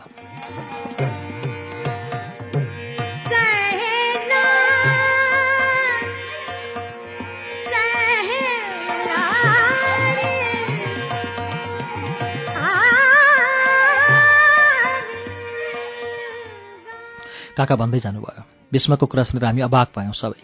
हामीले खुला मोर्चा सम्हाल्ने बारेमा कहिले यो कोणबाट छलफल गरेका थिएनौँ। हामी खालि व्यक्तिमा केन्द्रित हुन्थ्यौँ र समस्यालाई पन्छाउन यो काम तपाईँले गर्नु पर्यो अथवा तपाईँले गर्नु पर्यो भनेर अर्काको टाउकामा हाल्ने कोसिस गरिरहन्थ्यौँ। भीष्मको कुराले हामी केहीलाई लज्जित पनि बनाएको थियो तर उहाँले त्यतातिर ध्यान दिनु भएन उहाँले भन्नुभयो कि निर्णय लिनुहोस् आजै होइन भने मलाई निर्णय लिने अधिकार दिनुहोस्। म स्वच्छता पारदर्शिता र जवाफदेही प्रशासन दिने प्रधानपञ्च उपप्रधानपञ्च र वडा सदस्यहरूको एउटा टिम बनाइदिनेछु। अहिले पार्टीले जनपक्षीय हस्तक्षेपको नीति लिएको बेलामा तपाईँहरू जस्ता बुद्धिजीवीहरूले कोठाभित्र लुकेर जनकार्य गर्छु भन्न पाउनुहुन्न। अब त भन् तैँले यस्तो नेता नेपालमा कतै देखेको छस्? छैनस्। हामीले मागेकै कुरा दिएर त्यसैमा मसँग बाँध्ने मसक्क बाँध्ने अनि त्यो नैतिक बन्धनबाट निस्कनै नदिने नेता तैँले अरू कोही भेटेको छस्? छैनस्। कार्यकर्ताको मनोभावना बुझ्ने आवश्यकता पर्दा कार्यकर्तालाई एकैपटक हप्काउन फकाउन र बुझाउन सक्ने क्षमता तैँले अन्त कतै देखेको छस्? मैले त नेपालका अरू कुनै नेतामा यस्तो क्षमता देखेको छैन।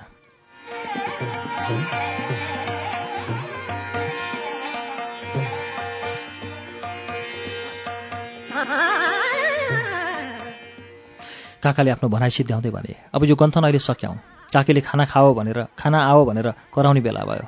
तर काका मलाई त भीष्मको कुरा सुन्दै रात बिताउँ भन्ने लागेको छ। लेखकले भन्यो हतार नगर त्यो दिन पनि तेरा सामु आइपुग्नु बेर छैन। व्यक्तिगत रूपमा तपाईँ भीष्मलाई चिन्नुहुन्छ? त्यसरी त चिन्दिनँ तर उहाँ हाम्रा प्रमुख नेताहरूमध्ये एक हुनुहुन्छ भन्ने अनुमान चाहिँ मैले लगाएको छु। लेखकको अनुहारमा अन्यलका रेखाहरू कोरिए। उसको अनुहारबाट बर्बरिक र विष्णुको खबरदारी सलल्ल बगेर आयो। तर यता बाउ जस्ता काका र आमा जस्ती काकीलाई ढाँट्न पनि उसले सकेन। एकछिन मन दोमन भएपछि लेखकले सानो स्वरमा भन्यो काका तपाईँको भीष्म कमरेड अहिले तपाईँहरूको पार्टीको महासचिव चुनिनु भएको छ र म उहाँको जीवनको कथा लेख्ने अठोट गरेर पूर्व लागेको हुँ। तपाईँले मलाई मार्गदर्शन गर्नुपर्नेछ। यो भीष्म भन्ने मानिसमा कुनै असाधारण शक्ति छ भन्ने मलाई लाग्छ।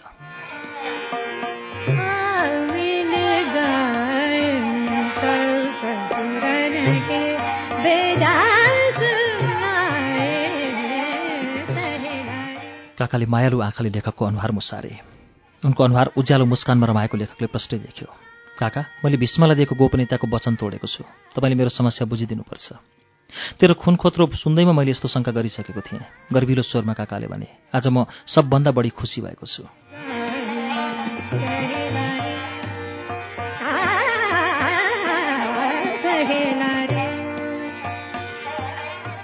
तर काका मेरो भूमिका भीष्मको जीवन कथा लेख्ने मात्रै हो। म भीष्मको जीवनी लेख्न पनि यसरी बाउतारिएको होइन।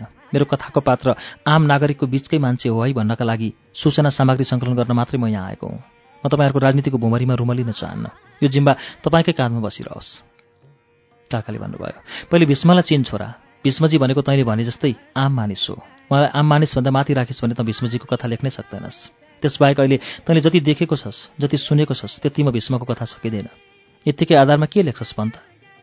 के लेख्छु मलाई थाहा छैन। मैले अहिलेसम्म त्यसको खाका पनि बनाएको छैन। भीष्म भन्ने मान्छे हटी पनि हुन सक्छन्। तपाईँहरूको कम्युनिस्ट पार्टीको संसार एकातिर छ।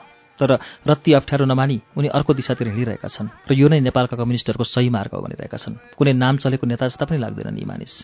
यी कम्युनिस्टमा धेरै नाम चलेका भनेका यिनै मनमोहन भरतमोहन विष्णुबहादुर मानन्दर तपाईँका सिपी मैनाली हुन्। नेता मण्डलीको यो हुद्दामा यी भीष्मजीको नाम कतै सुनिँदैन। तर भीष्मजी यी कोहीभन्दा माथि हुनुपर्छ भन्ने लाग्छ मलाई। यस्ता मान्छे जन्मिँदैनन् घरिघरि।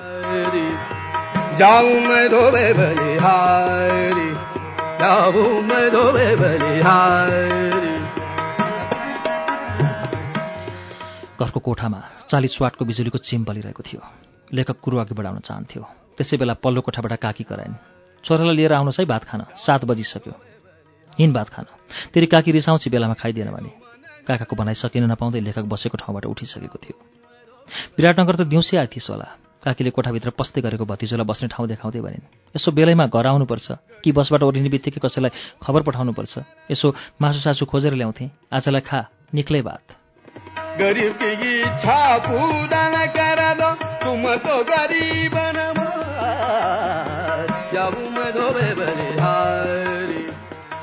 काकी, हामीलाई हामी सरियालाई बाबुआमाको हातले पकाएको खाना नै मासुभन्दा कता कता स्वादिष्ट हुन्छ। त्यसमाथि यसपालि त ठ्याक्कै वर्ष दिन भयो भन्दा पनि हुन्छ घरको भात खान नपाएको। पोहोरको तिहार मानेर हिँडेपछि अहिले त आएको। यसपालि कति दिन बस्छस् दस पन्ध्र दिन बस्न भ्याउँछस्? तिम्रो छोरो महिनै दिन बस्छ यसपालि। काकाले भात खान कुर्चीमा बस्दै भने भीष्मको कथा लेख्न आएको भन्छ। कि के भने तपाईँले? काकीको स्वरमा बाक्लो आश्चर्य मिसिएको थियो।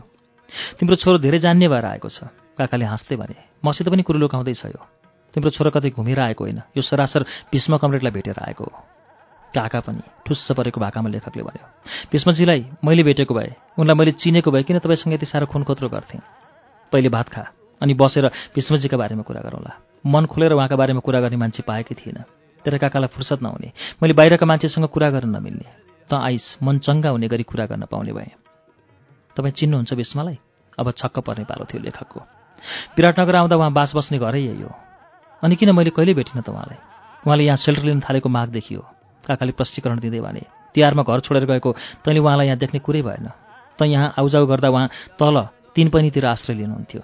पार्टीभित्रको एउटा मान्छेले आफूलाई सरकारका हातमा सुम्पियो र जाने जति गोपनीयता सरकारलाई बुझायो। त्यसपछि उहाँ यता बस्न थाल्नुभएको हो। धन्न त्यसले हाम्रा बारेमा खासै जानकारी पाएको थिएन।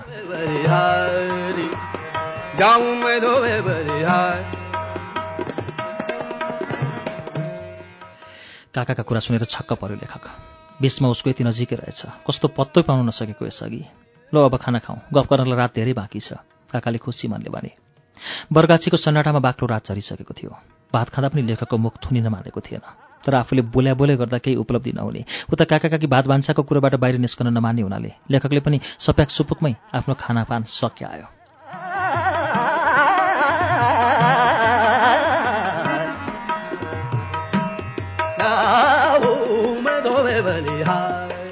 काकी आज म भान्सा उठाउन सघाउँ?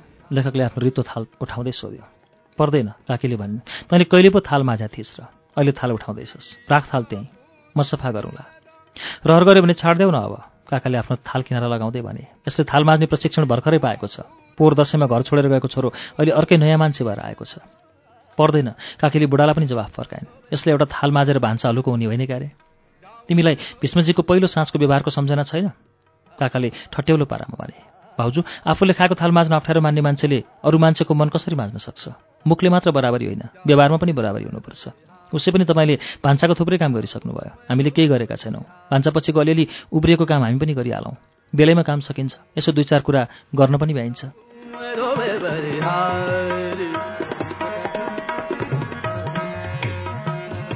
गरीब काका लेखकले भन्यो भीष्मजी ज्ञानी छन्। उनीसँग आफ्नो देशको आफ्नो समाजको विश्लेषण गर्ने क्षमता पनि छ। उनीसँग एक्लै हिँड्ने हिम्मत पनि छ।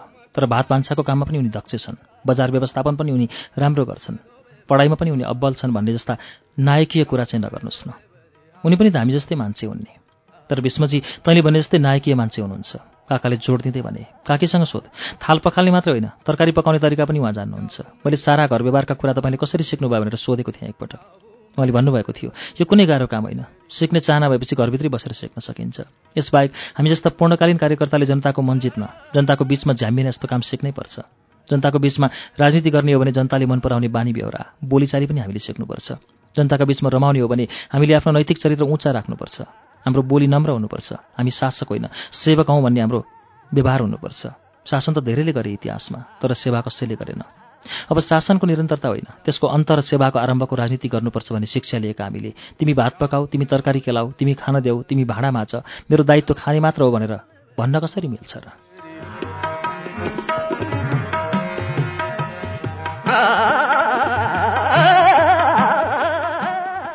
लेखक केही बोलेन। उसको मन उद्वेलित भएको थियो। तैँले भीष्मजीलाई भेटिछस्। मलाई सजिलो भयो कुरा गर्न। बिचैमा काकीले कुरो थप्दै भनिन् जहिले पनि भाउजू भन्दै घरमा आउने केही काम भए सघाउने केही नभए पढेर बस्ने यसो बेला बेलामा चिया लगिदियो मुसुक्क हाँसेर छेउमा राखिदिनुहोस् भाउजू भनेर आफ्नो पढाइ लेखाइमा लाग्ने उहाँको बानी छ। खानपानमा पनि मिठो मसिनो नखोज्ने घरमा जे पाक्या छ परिवारकै सदस्य जस्तो भएर खाइदिने स्वभावको मान्छे हुनुहुन्छ। उहाँ यता आउँदा कतै नगई हाम्रै घरमा बसिदिए हुन्थ्यो भन्ने लाग्ने सधैँभरि। त पनि त्यस्तै भइदिए हुन्थ्यो भन्ने लाग्थ्यो घरिघरि तर त परिच पत्रकार उहाँ पर्नुभयो नेता। काकी पत्रकार र नेता उस्तै हुनु हुँदैन र? लेखकले हाँस्दै सोध्यो तिनीहरू उस्तै हुनै सक्दैनन् काकीको निर्णय सुनेर लेखक छक्क पर्यो।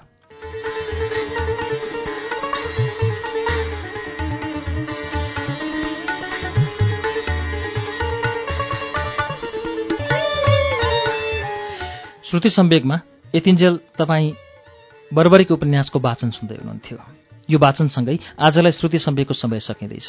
कार्यक्रमबारे तपाईँका सल्लाह सुझाव वा प्रतिक्रियाका लागि हाम्रो ठेगाना कार्यक्रम Shruti Sambeg Ujyaalo ninety Network. Post box number छ चार छ नौ काठमाडौँ। इमेलका लागि SHRUTI Shruti at UNN dot com dot NP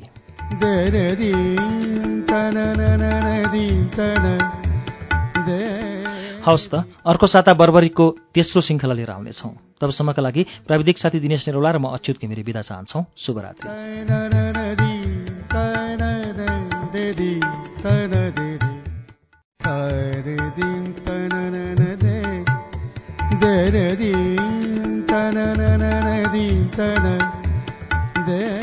नमस्कार।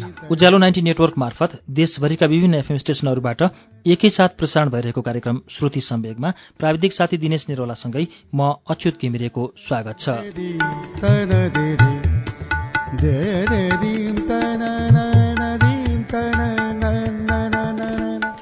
श्रुति सम्वेकको आजको श्रृङ्खलामा पनि हामी प्रदीप नेपालको उपन्यास बर्बरीको वाचन लिएर आएका छौं। गएको साता हामीले बर्बरीको दोस्रो श्रृङ्खलाको वाचन सुन्यौं। बर्बरिकमाथि भूमिका लेख्दै प्रदीप नेपाल लेख्नुहुन्छ जुन दिन मैले बर्बरिकमा हात हालेँ त्यति बेला मात्रै मलाई मदन भण्डारीलाई उपन्यासमा उतार्न कति गाह्रो रहेछ भन्ने थाहा भयो। मदन भण्डारीको निकटतम साथी मध्येको म एकजना हुँ। भेट भएको दिनदेखि मदनको हत्याको दुई दिन अघिसम्म झन्डै झन्डै सँगसँगै जसो जीवन बिताएको कतिपय अप्ठ्याराहरूमा सँगसँगै जोडिएको जीवन थियो हाम्रो। नेपाली कम्युनिस्ट आन्दोलनलाई जीवनका लागि सिद्धान्त हुनुपर्छ सिद्धान्तका लागि जीवन हुन सक्दैन भन्ने जस्तो अत्यन्तै मौलिक नयाँ अनि नयाँ विचार दिएर नेपाली तथा अन्तर्राष्ट्रिय समाजवादी आन्दोलनमा महत्त्वपूर्ण योगदान दिने नेता भएपछि पार्टीभित्र मदन भण्डारीका सबैभन्दा बलिया चार पाँचजना अनुयायी मध्येको एउटा म पनि थिएँ। तर मैले मदन भण्डारीलाई कहाँबाट थाल्ने र कुन उचाइमा लगेर ठेगान लगाउने भन्ने विषयमा कुनै निष्कर्ष निकाल्न सकिनँ। यसका पछिल्तिर दुईवटा समस्याले काम गरेका थिए। एउटा थियो मदन भण्डारीको पहाड जस्तो व्यक्तित्व। पहाडलाई छिचोल्न चाहिने साहित्यिक चेतना सायद मसँग थिएन कि र अर्को थियो मैले पहिले लेखिसकेको यात्रा शीर्षकको उपन्यास। यात्रा र यात्रा निरन्तरमा मैले मदन भण्डारीको छयालिस साल अगाडिको राजनीतिक चरित्र चित्रण गरिसकेको थिएँ। म जे गर्न सक्थेँ दुई हजार छयालिस सालदेखि पचास सालको चार वर्ष अवधिको जीवनलाई मात्र आधार बनाएर गर्न सक्थेँ। यो चार वर्षलाई एउटा वृहत आकारको उपन्यास बनाउँदा या त सन्दर्भहरू दोहोरिन्थे अथवा स्वेर कल्पनामा जाँदा यात्रा र यात्रा निरन्तरमा उठाइएका विषयहरू दोहोरिन्थे। त्यसो गर्नु पाठकप्रति अन्याय हुनेछ भन्ने मलाई लाग्यो। यो भूमिकाको अरू अंश हामी आउँदा कार्यक्रममा सुनाउनेछौँ। अहिले प्रदीप नेपालको उपन्यास बर्बरीको तेस्रो श्रृङ्खला वाचन सुनौ।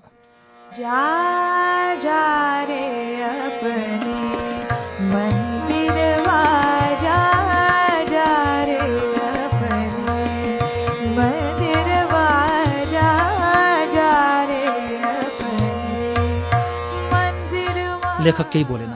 उसको मन उद्वेलित भएको थियो। तैँले भीष्मजीलाई भेटिसस् मलाई सजिलो भयो कुरा गर्न। बिचैमा काकीले कुरो थप्दै भनिन् जहिले पनि भाउजू भन्दै घरमा आउने केही काम भए सघाउने कोही नभए पढेर बस्ने यसो बेला बेलामा चिया लगिदियो मुसुक हाँसेर छेउमा राखिदिनुहोस् भाउजू भनेर आफ्नो पढाइ लेखाइमा लाग्ने उहाँको बानी छ। खानपानमा पनि मिठो मसिनो नखोज्ने घरमा जे पाकेका छ परिवारकै सदस्य जस्तो भएर खाइदिने स्वभावको हुनुहुन्छ। उहाँ यता आउँदा कतै नगई हाम्रै घरमा बसिदिए हुन्थ्यो भन्ने लाग्ने सधैँभरि। तँ पनि त्यस्तै भइदिए हुन्थ्यो भन्ने लाग्थ्यो घरिघरि। तर तँ परिस पत्रकार उहाँ पर्नुभयो नेता। काकी पत्रकार र नेता उस्तै हुँदैनन् र लेखकले हाँस्दै सोध्यो। तिनीहरू उस्तै हुनै सक्दैनन्। काकीको निर्णय सुनेर लेखक छक्क पर्यो। किन? किन? किनभने भीष्मजी जस्ता नेताहरूलाई आफ्ना आश्रमका साथीहरूका बारेमा बढी चासो हुन्छ। कसरी यो घरलाई सघाउन सकिन्छ भन्ने चिन्ता हुन्छ। उहाँहरू घरभित्र पस्नासाथ देश र दुनियाँमा यसो भइरहेको छ उसो भइरहेको छ भनेर आफूलाई हामीसित घुलमिल गराउनुहुन्छ। हामी गृहिणीहरू समेत राजनीतिक रूपमा चेतनशील हुनुपर्छ भन्ने उहाँहरूको सोच हुन्छ। लेखपढ गर्न नजान्ने महिलालाई लेखपढ सिकाउनुपर्छ भनेर मानिसलाई साक्षर र शिक्षित बनाउने कोसिस गर्नुहुन्छ। जसरी हुन्छ हामी पाहुना होइन परिवारकै सदस्य हुन सक्नुपर्छ भन्ने उहाँहरूको सोच हुन्छ। गम्भीर वारेन्ट काटिएका नेताहरू पनि सजिलो मान्छे जस्तो भएर घरभित्र छिर्नुहुन्छ र उहिलेदेखि आउजाउ गरिरहेको नाताकोताको मान्छे भनिदिनुहुन्छ। कोही नयाँ मान्छेले देखिहालेमा प्रौढ शिक्षा सिकाउने अभियानमा लागेको शिक्षक भनिदिनुहुन्छ। आफूलाई पनि जोगाउन जान्ने अनि हामी जस्ता आश्रयदातालाई केही हुन नदिने गुण हुन्छ नेताहरूमा।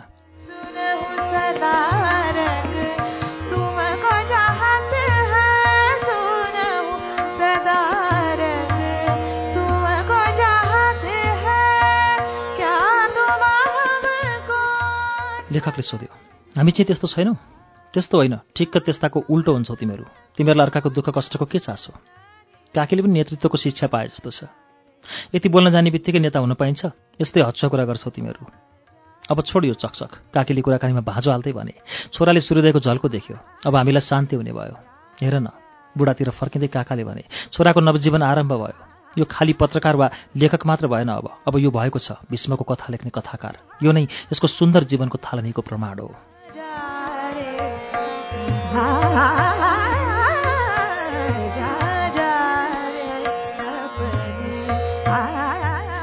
लाग्दैन लाग्नु। लागेपछि कहिले नभाग्नु? काकीले छोराको अनुहारतिर निहालेर हेर्दै भनिन्। यो मैले भीष्मजीको जीवनबाट सिकेको ज्ञान हो। तेरो काकाले भन्नुभएको थियो। भीष्मजीमाथि कडा वारेन्ट जारी भएको छ। पार्टीभित्रै काम गरिरहेको कुनै एउटा फटाले गद्दारी गरेर उहाँका बारेमा जाने जति सबै कुरा प्रशासनलाई बुझाएको छ। त्यसैले उहाँको बसोबासका बारेमा विशेष ख्याल पुर्याउनुपर्छ। तेरो काकाबाट यति कुरा थाहा पाएपछि मैले एक दिन सर तपाईँको वरिपरि सङ्कटै होइरहेको रहेछ। यसो इन्डियातिर लुकेर बस्न मिल्दैन भनेर सोधेकी थिएँ। उहाँले के भन्नुभयो थाहा छ? त त कल्पना पनि गर्न सक्दैनस्। मलाई सम्झाउँदै उहाँले भन्नुभयो भाउजू भारततिर लुकेर नेपाली जनताको दुःख हटाउन सकिन्न। तपाईँहरू जस्ता साथीहरू भाउजू आमा दिदीबहिनी र दाजुभाइको छारीमा लुकेर मात्रै नेपाली जनताको दुःख हटाउन सकिन्छ। त्यसैले भाउजू मेरो बारेमा कुनै चिन्ता नलिनुहोला तपाईँहरू छन्चेल मलाई ठागेले पनि छुँदैन। हामी मर्न र मार्न आएका होइनौँ। हामी त नेपाल समृद्ध हुनुपर्छ। सबै नेपालीले लेख्ने पढ्ने अनि सभा सङ्गठन गर्ने अधिकार पाउनुपर्छ भनेर यो लडाइँमा लागेका हौँ। गरिबीका विरुद्ध सङ्घर्ष गर्ने र थिचेका मिचेकाहरूको अधिकारको पक्षमा लाग्ने काममा हामी लागेका हौँ। सबै मान्छे यस्तो काममा लागिरहन्छन् भन्न सक् भन्ने पनि हुँदैन। त्यस्तो होस् भनेर कसैप्रति आग्रह पनि राख्नु हुँदैन। यो इमान्दार मानिसहरूको काम हो। त्यसैले बेइमानहरू हाम्रो काममा टिकिरहन सक्दैनन्। अहिले हाम्रो पार्टीको पोल खोल्ने त्यस्तै एउटा बेइमान किरो हो। हामी सबैलाई मर्याक मुर्ख पारेर टन्न पैसा खाउँला भनेर अनभरिएको थियो। तिन महिना पनि बितेको छैन। त्यो घर न काठको भयो। मलाई पक्राउँछु भनेर क्रिया खाएको फटा अहिले कञ्चटमा हात राखेर त्यो भीष्मे मोरो कुन दुलातिर पस्यो होला भनेर चिन्तामा डुबेको छ। म चाहिँ तपाईँहरूकै वरिपरि छुनुमुनु नाचिरहेको छु।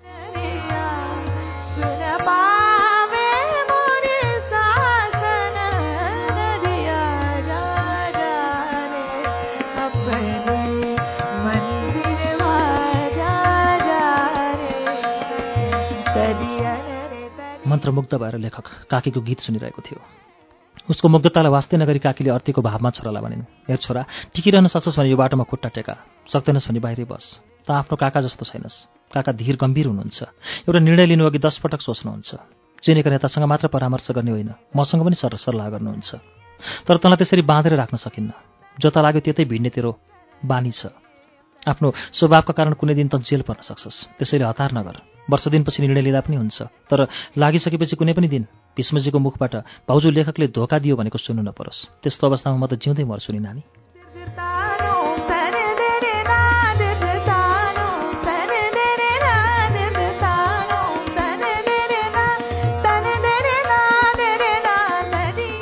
म जेल पऱ्यो भने तपाईँलाई पिर लाग्दैन? हाँस्दै सोध्यो लेखकले। पिर त किन लाग्दैन? लाग्छ नि। त्यति बेलाको पिरोलोले गर्दा रोइ कराइ पनि गरौँला। तर त्यस्तो पीडाका बीचमा पनि भीष्मजी जस्ता नेताहरूको मुख हेरेर मनलाई बुझाउन सक्छु तर तेरो छोराले हामीलाई धोका दियो भनेर कसैले भन्यो भने म त मरिहाल्छु। पिर गर्ने समय पनि मसँग हुँदैन। तैँले यति सम्झिदिए पुग्छ। झस्कियो लेखक। उसले बिस्तारै भन्यो बाबुआमा र दिदी बिनाजु हिँडेको यो बाटोमा तपाईँको छोरो टेक्दैन भन्ने लाग्छ काकी? काकीको अनुहार उज्यालो भयो। काकालाई लाग्यो एक्कासी आज घर उज्यालो भयो।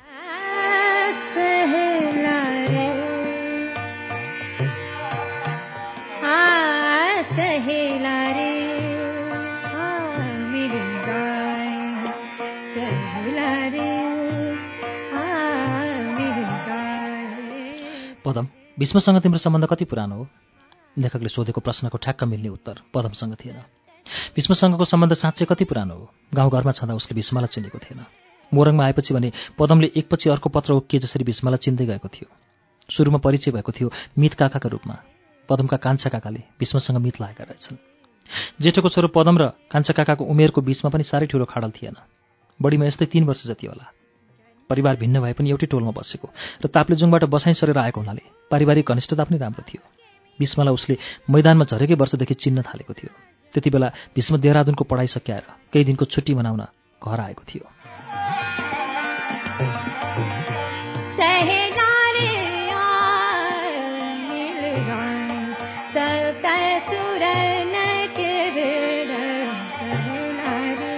मिज्जू यो मेरो भतिजो हो साथी पनि हो।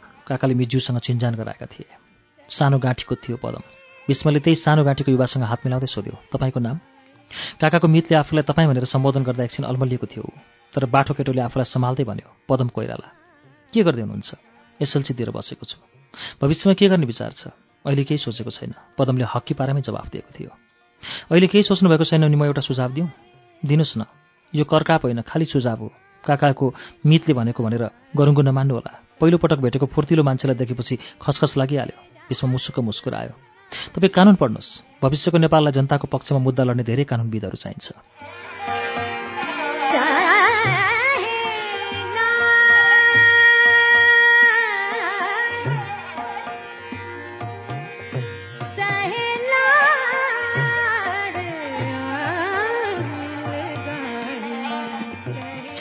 आफ्नो पहिलो भेटको सम्झना गर्दै पदमले हाँसेर सोध्यो किन चाहियो तिमीलाई भीष्मको चिनारी?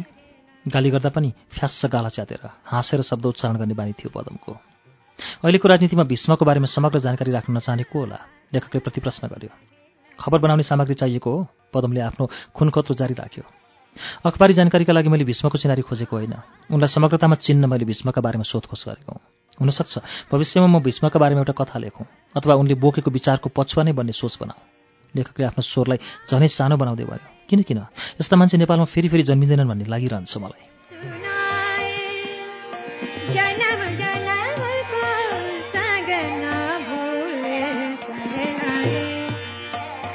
उति बेला रानी पोखरीको दक्षिणतिर कुनै पार्क थिएन। त्यहाँ थियो सानो सस्तो बजार एउटा बैङ्क र केही मिठाई पसलहरू। तिनै मिठाई पसल मध्येको एउटा भ्याली स्विट्स नाम गरेको एउटा पसलमा गफिनी लेखक र पदमको चिनारी विराटनगरदेखि नै बाक्लिएको थियो। दुवैजनाको पैतृक थलो तमोर पश्चिमको ताप्लेजुङ गाउँ। दुवैजनाको परिवार झरेको मोरङ। दुवैजनाले क्याम्पस थालेको मोरङमा। सबै संयोगले तिनीहरूलाई असल साथी बनाइदिएको थियो। लेखक पत्रकार हुँदा पदम वकिल भइसकेको थियो। तर पदम र भीष्मको चिन्जान आफूसँगको भन्दा बाक्लो छ भन्ने लेखकलाई थाहा थिएन। किनभने आन्दोलन अघि भीष्मका बारेमा लेखक र पदमका बीचमा कुनै कुरा हुन पाएको थिएन। चिया खाने यो होटेलमा बसेर भीष्म चर्चा गर्न सम्भव हुँदैन पदमले भन्यो। तर तिम्रो अभियानको डिल डिलै हिँड्न पाउन मलाई पनि मन लागेको छ। त्यसैले कतै बसौँ एकाध घन्टा ढुक्कले। म तिमीलाई मैले चिनेको भीष्म र भीष्मले मेरो जीवनमा पारेका प्रभावका बारेमा सबै जानकारी गराउँछु।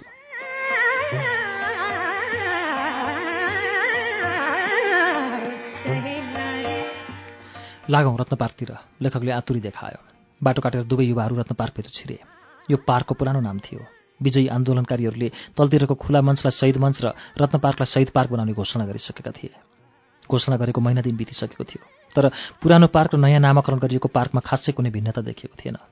पार्कलाई घेरेर राख्ने रुखहरूमा नयाँ पालुवा त लाग्न थालेको थियो तर त्यो डम्म हरियाली बोकेको वृक्ष हुन सकेको थिएन।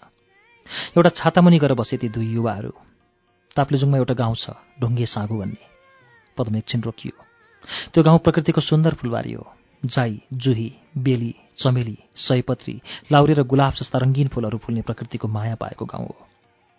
बिहानको उदाउँदो सूर्यसँग सुन्दर कञ्चनजङ्घालाई नमस्कार गर्ने ठाउँ हो त्यो गाउँ। न लेक न बेसी न गर्मी न जाडो। शीतल वायु चल्ने पाखोमा बसेको छ ढुङ्गे साँगो। कुनै खालको प्रदूषण नभएको स्वच्छ वायु बग्ने ठाउँ हो ढुङ्गे साँगो।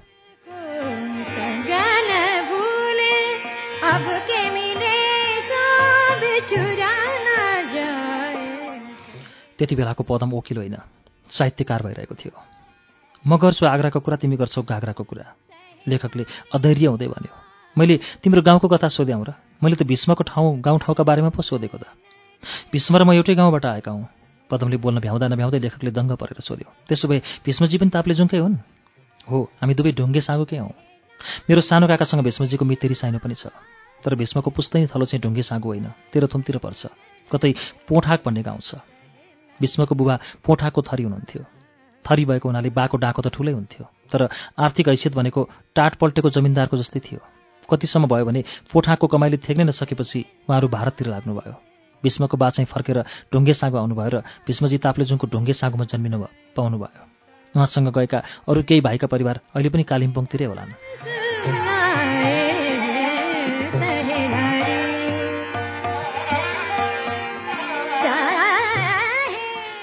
त्यस्तो बाबुको यस्तो मिलनसार छोरो अमेजिङ एउटा अङ्ग्रेजी शब्द घुसाइहाल्यो लेखकले। भीष्मजीमा बा होइन आमाको स्वभाव सरेको थियो। आमा असाध्यै परिश्रमी हुनुहुन्थ्यो र अहिले पनि हुनुहुन्छ। मिलनसार र मिष्टभाषी चरित्र उहाँमा आमाबाटै आएको हो बरु उहाँको दाजुको बाको स्वभाव सरेको पाएको थिएँ मैले। कडा ठुलो डाकोले हकार्ने स्वभावको मान्छे हुनुहुन्थ्यो तर अहिले उहाँ कहाँ हुनुहुन्छ मलाई थाहा छैन। मैले दाजुको कथा सोधेको होइन मलाई त भीष्मजीको जानकारी मात्रै चाहिएको हो। लेखक केही आतुरी देखाइरहेको थियो। पछि दाजुको सन्दर्भ आउने हुनाले तिमीलाई मैले थोरै जनाउ दिएको हुँ। उहाँको लेखाइ पढाइ चाहिँ कहाँ कहाँ भयो नि? उहाँको प्रारम्भिक शिक्षा गाउँमै भएको केही वर्ष उहाँ जिल्ला सदरमुकामको संस्कृत विद्यालयमा पनि पढ्नुभयो। त्यसपछि उहाँ भारततिर लाग्नुभयो। भारतको वृन्दावनमा एक वर्ष बिताएर उहाँ देहरादुनतिर लाग्नुभयो। मैले तिमीले जसरी नै उहाँको राजनीतिको खेतीका बारेमा जानकारी माग्दा उहाँले भन्नुभएको थियो खासै केही नबुझिकनै मैले साम्यवादी समूह बनाएँ।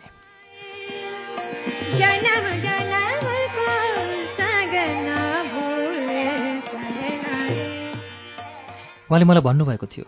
वृन्दावनमा पढ्दा दाजुहरूको समूहलाई अदृश्य स्रोतबाट पैसा आउँथ्यो। उनीहरू मजाले रमझम गर्थे। कसले त्यो पैसा दिन्छ भनेर सोद्धा हामीलाई हकार पकार गरेर धपाउँथे। तर खोजेपछि के पाइँदैन र? उनीहरूलाई काङ्ग्रेसले पैसा दिँदो रहेछ सङ्गठन बनाउन भनेर भन्ने थाहा पाएपछि मैले दाजुहरूको हेपा समूहको विरुद्धमा साम्यवादी समूह खोल्नुपर्छ भने। यसरी आफूले धेरै कुरो थाहै नपाई साम्यवादलाई मैले जीवनको एउटा सूत्र बनाएँ। देहरादुनमा एक वर्ष मात्र पढेर उहाँ बनारस आउनुभयो। बनारस आएर शास्त्रीमा भर्ना भएपछि भने उहाँको जीवनले नयाँ गोरेटो भेट्यो। उहाँको साहित्यको कलम तिखारियो। उहाँको सचेत र सक्रिय राजनीतिक जीवन पनि त्यहीँबाट आरम्भ भयो। बनारसमा हुने साहित्य गोष्ठीहरूमा उहाँको प्रतिभा मुखरित हुन थाल्यो। बनारसको नेपाली छात्र सङ्घको साहित्यिक प्रतिभा पत्रिका छात्र प्रभाको उहाँ प्रधान सम्पादक पनि भन्नुभयो त्यसैले चर्चायोग्य उहाँको जीवन बनारसबाटै आरम्भ भयो।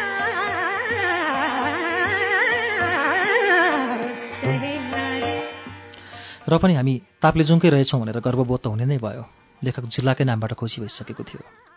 भीष्मजीलाई हठी भन्थे रे केटाकेटीदेखि नै साथीभाइहरू। लागेको काम गर्नै पर्ने कसैको खेदो नगर्ने कसैलाई दुःख नदिने तर अन्याय भएको देखेपछि रमिता हेरेर नबस्ने स्वभाव थियो अरे भीष्मजीको यो त उही हुने बिरुवाको चिल्लो पात भनेर पछि थपेको कुरा होला। छिद्रान्वेषी लेखकले पदमको कुरो काट्दै प्याच्च भन्यो तिमीले पनि भीष्मको किशोरकालसम्मको जीवन देखेनौ मैले पनि देखिनँ। पदमले आफ्नो हँसिलो अनुहारमा उज्यालोको रङ पोद्दै भन्यो तर मेरो काका त उहाँको मित हो। काकाले आजको भीष्मको अनुहार हेरेर भीष्मगीत गाउनुभएको पनि होइन। मेरो पहिला चिनारीमै काकाले मसँग भन्नुभएको थियो। हामी दर्माले हौँ सानैदेखि मिल्ने साथी पनि हौँ। साह्रै मिल्ने भनेरै बाबुआमाले हाम्रो मित लगाइदिनु भएको थियो।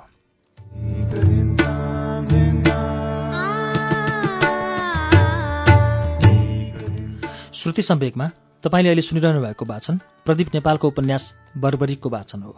यसको बाँकी अंश लिएर केही बेरमा आउनेछौँ। उज्यालो सुन्दै गर्नुहोला।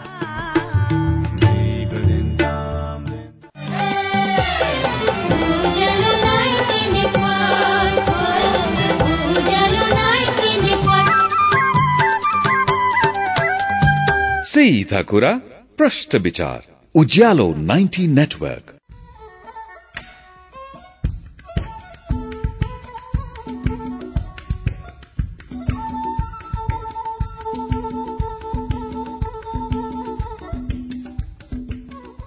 कार्यक्रम श्रुति सम्वेगमा पुनः स्वागत छ।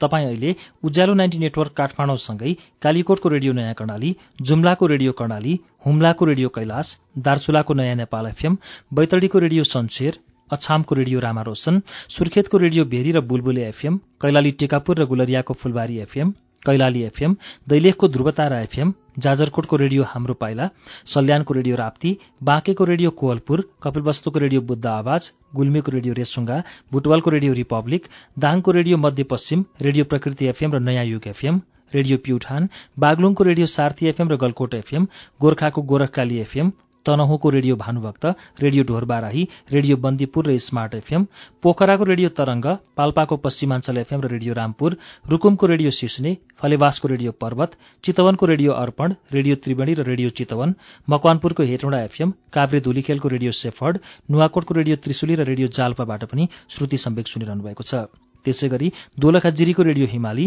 खोटाङको हलेसी एफएम रामेछापको रेडियो तीनलाल रौतहटको नुनथर एफएम सर्लाहीको रेडियो एकता ढुकढुकी एफएम र मुक्तेश्वर एफएम सिन्धुलीको रेडियो सहारा रेडियो बर्दिवास भोजपुरको radio Chomolungma FM radio Terhathum धरानको विजयपुर एफएम मोरङको रेडियो सुनाखरी विराटनगरको रेडियो पूर्वेली आवाज इटहरीको सप्तकोशी एफएम झापाको एफएम म्युचिट्युन्स र वीरता एफएम रेडियो ताप्लेजुङ र इलाम एफएमबाट पनि अहिले एकैसाथ श्रुति सम्वेक प्रसारण भइरहेको छ। श्रुति सम्वेगमा हामी आज प्रदीप नेपालको उपन्यास बर्बरीको वाचन सुनिरहेका छौं। अब यसको बाँकी अंश वाचन सुनौ।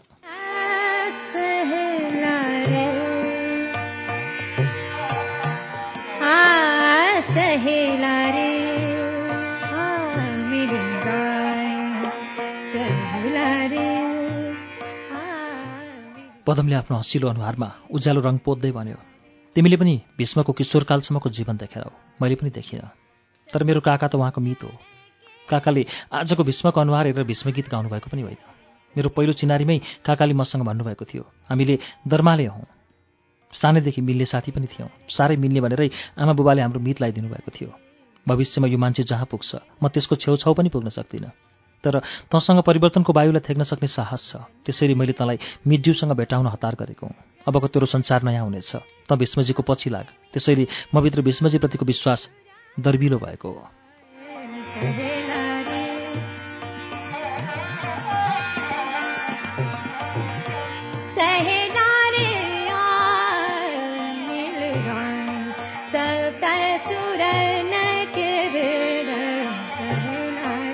त्यसो भए भीष्मसँग तिम्रो चिनारी निकै पुरानो हो। भयो होला त्यस्तै आठ दस वर्ष जति। पहिलो पालि भेट्दा उहाँ भूमिगत भइसक्नु भएको थिएन। पार्टीको काम गर्नुहुन्थ्यो तर उहाँको नाममा वारेन्ट जारी भइसकेको थिएन।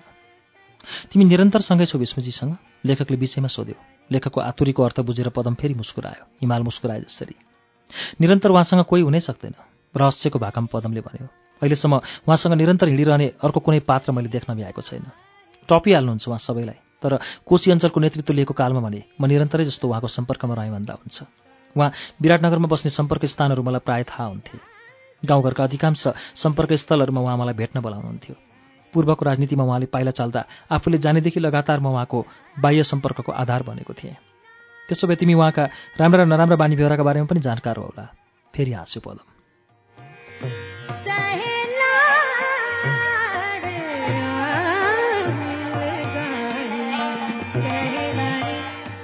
पत्रकारिताको यो खुन खोत्रो नगर। म पनि कुनै अन्धविश्वासी होइन तर भीष्मजी बहुआयामिक नेता हुन् नेपालका। मैले खालि राम्रो मात्र देखेँ भन्नु ठिक होला। तर मैले भीष्मजीमा नराम्रो स्वभाव केही देखिनँ भन्न सक्छु। रिस उठ्दा पनि गाली नगर्ने मान्छे संसारमा बिरलै हुन्छन्। जस्तो मान्छेसँग कुरा गर्नु छ त्यस्तै भइदिएर ऊभित्रका समस्या पर्गेल्ने र त्यही पर्गेलाइको क्रममा शिक्षा दीक्षा समेत दिन सक्ने क्षमता भएका नेता। नेपालमा अर्को कुनै होला भन्ने पनि मलाई लाग्दैन। किनभने मैले अर्को कुनै त्यस्तो नेता भेटेकै छैन देखेकै छैन।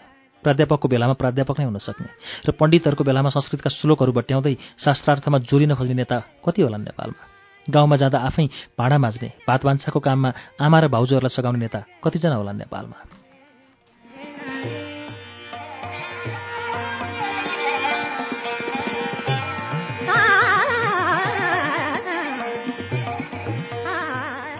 पदम रोकिएको थियो तर लेखकले केही सोधेन।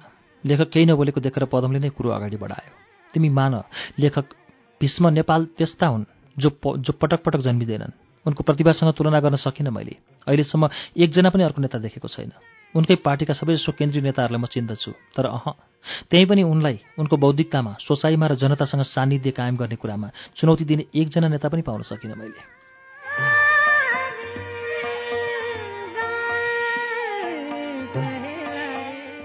पदम बोलिरह्यो। सूर्यले चन्द्रागिरीतिर बास बस्ने सुरसार गर्न थालेपछि दुवै साथीहरू बसेको ठाउँबाट उठे। पत्याउन गाह्रो। तर भीष्मसँग लामो सङ्गत गरेकाहरूले सुनाएका अनुभवलाई काल्पनिक कथा भन्न पनि नसकिने। लेखकले आफ्नो वाक्यलाई अधुरै छोडिदियो।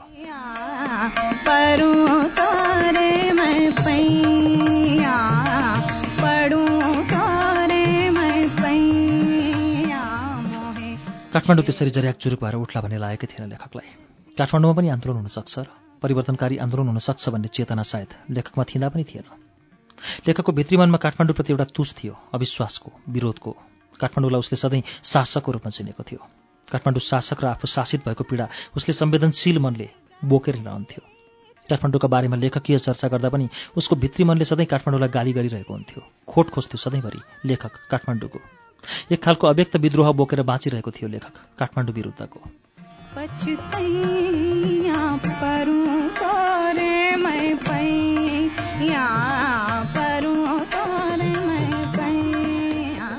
हुन पनि काठमाडौँ जन्मिँदादेखिकै शासक थियो नेपालको इतिहासमा।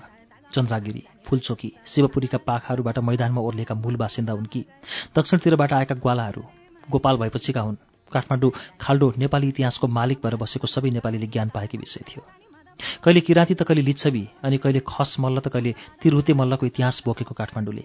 केही महिनाको मुसलमानी आक्रमणलाई छाडिदिने हो भने कुनै बाहिरी शासकबाट शासित भइरहनु परेन।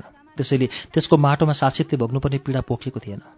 तीन सहर नेपालमा लामै समयसम्म फरक फरक राजाहरूले शासन गरेको हुनाले युद्ध त भयो काठमाडौँ खाल्डोभित्र। तर त्यो खाल्डोभित्रकै शासकहरूको लडाइँ थियो।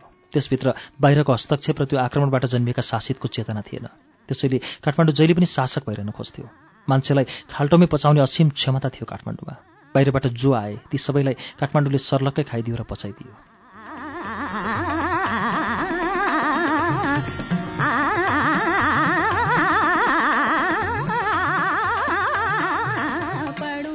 खाल्डोको विशेषता थियो सबैलाई पचाउने हुँदाहुँदा त्यसले नेपाल विस्तारमा लागेका पछिल्ला महत्वाकांक्षी राजा पृथ्वीनारायण शाहलाई पनि काठमाडौँवासी नै बनाइदिएको थियो।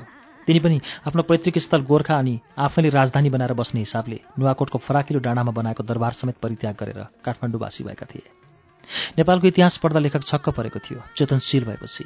वर्तमानका काठमाडौँका आदिवासी को हुन् भन्ने ऐतिहासिक प्रमाण उसले कतै भेट्टाउन सकेको थिएन। बागमती र विष्णुमतीको किनारमा तपस्या गर्ने नेमुनि बाजे पनि रहिथाने थिएनन्। आभिर र गोपालहरू पनि बाहिरबाटै आएका थिए।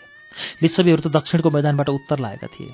तिरुते राजाहरू पनि भाग्दै काठमाडौँ खाल्टोमा छिरेर राजा हुन पुगेका थिए। लिच्छवी र तिरुतेहरूले नै मल्ल भएर उपत्यकामा लामो समयसम्म शासन गरेका थिए।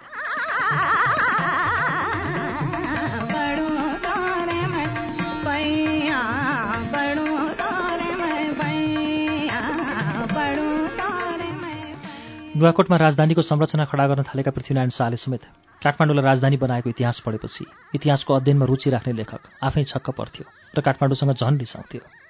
शासकीय चुम्बक बोकेको काठमाडौँ खाल्डोमा जुन बलशाली छिर्थ्यो ऊ काठमाडौँकै रैथाने भइहाल्थ्यो शासक भएर। आफ्नो मौलिक परिचय गुमाएर मान्छे गाडिन्थ्यो काठमाडौँको खाल्डोमा। यस्तो शासकीय माटो त अन्यत्र सायद कतै पाइँदैन होला। एक्लै मानसिक मन्थन गर्दा लेखक दिगदारीको निष्कर्ष निकाल्थ्यो। त्यही शासक काठमाडौँमा आन्दोलनको राप उर्लियो पहिलो गोली मकवानपुर अथवा चितवनतिर चले पनि मुलुकलाई परिवर्तनकारी अनुहार दिने आन्दोलन काठमाडौँमै उर्लियो।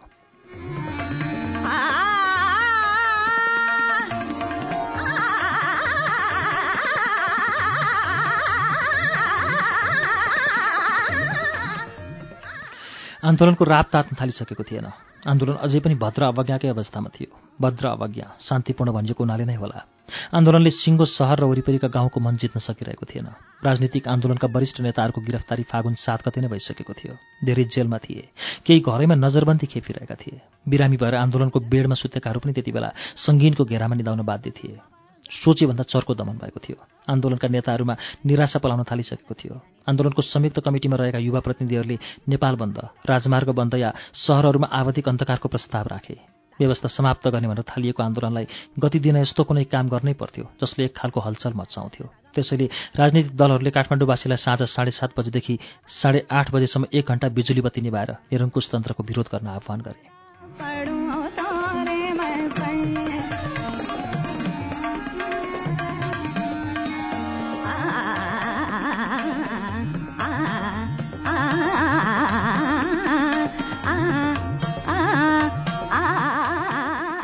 गजब भयो त्यो पहिलो रात।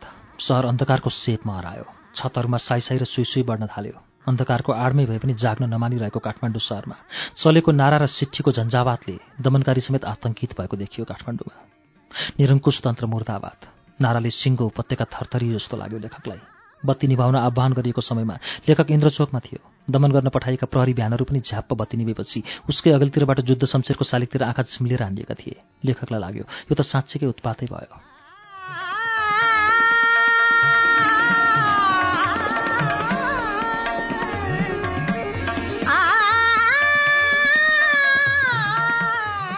एक घन्टा बित्यो। अह बत्तीहरू बलेनन्। मिनट मिनटको हिसाब भइरहेको थियो त्यति बेला। अरू दस मिनट गयो अह बत्तीहरू बलेनन्। लेखक इन्द्रचोकको उत्तरपट्टिको मन्दिरको सिँढीमा अरू आधा दर्जन पत्रकार साथीसँग बसिरहेको थियो। मान्छेले ठ्याम्मै डेढ घन्टा सिङ्गो काठमाडौँलाई अन्धकारमा धकेलिदिएका थिए। आन्दोलनप्रतिको स्वतः स्फूर्त समर्थन हो यो साथी हो। लेखकले आफ्ना साथीहरूसँग भन्यो भोलिको अखबारको हेडलाइन मुख्य समाचार यही बनाउनुपर्छ। बर्बरिकसँगको सम्पर्क बाक्लिएको थियो लेखकको। आन्दोलनका समाचार बटुलेर पुर्याउने कामका कारण पनि सम्पर्क बाक्लिएको थियो। बर्बरिकलाई लेखक चाहिन्थ्यो र लेखकलाई पनि बर्बरिक चाहिन्थ्यो। आन्दोलन घोषणा भएको पहिलो हप्तादेखि नै उनीहरू नजिकका मित्र भएका थिए।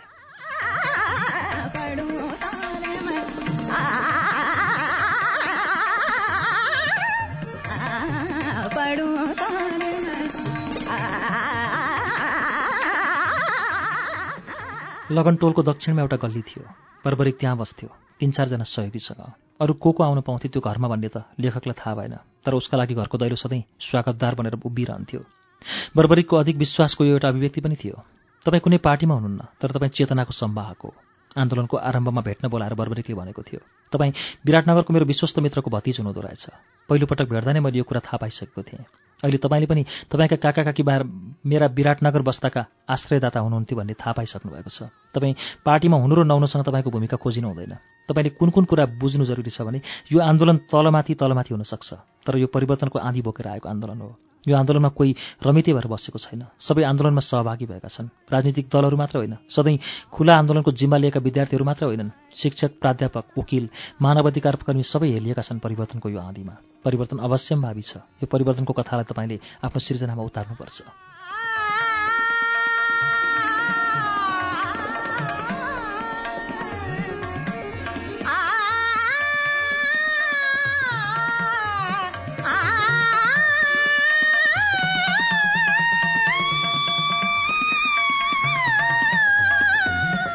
यो काम त तपाईँले नभने पनि म गरिहाल्थेँ। लेखकले प्रतिवादको स्वरमा भन्यो। यो आन्दोलन तपाईँको पनि हो बर्बरिकले प्रतिवादको स्वरलाई व्यवस्था गर्दै भन्यो। त्यसैले तपाईँले आन्दोलनलाई आफ्नै काम ठानेर लिपिबद्ध गर्न सक्नुपर्छ।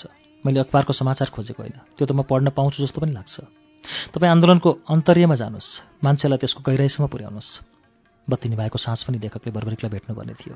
त्यसैले ऊ सरासर लगनटोलतिर लाग्यो। बाटो सुनसान थियो। तनावबाट बाहिरिन खोज्दै थिए। काठमाडौँका सडक र गल्लीहरू। मान्छेको पातलो चहल पहल सुरु भइसकेको थियो। घरको माथिल्लो तलामा झलमल्ल बत्ती बलेको थियो।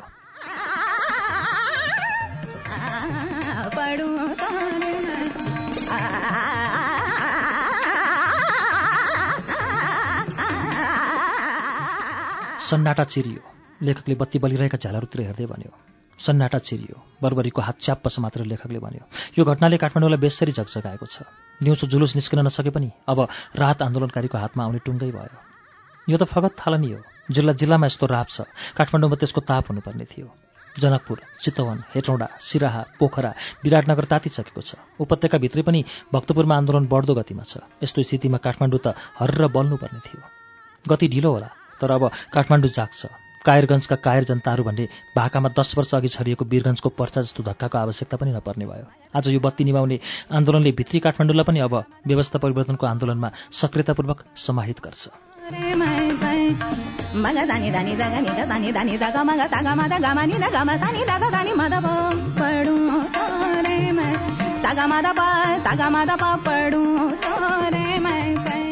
अरू कसैसँग कुरा गर्नुभयो? बर्बरिकले सोध्यो। हामी पत्रकार मात्र थियौँ त्यहाँ लेखकले भन्यो। अहिले राजनीति पत्रकारितामै जमेको छ। नेताहरू या त नजरबन्दीमा छन् या जेलमा छन् अथवा भूमिगत छन्। खुला राजनीति गर्ने विद्यार्थी शिक्षक प्राध्यापकहरू पनि धेरै सुट जेलमा थुनिएका छन्।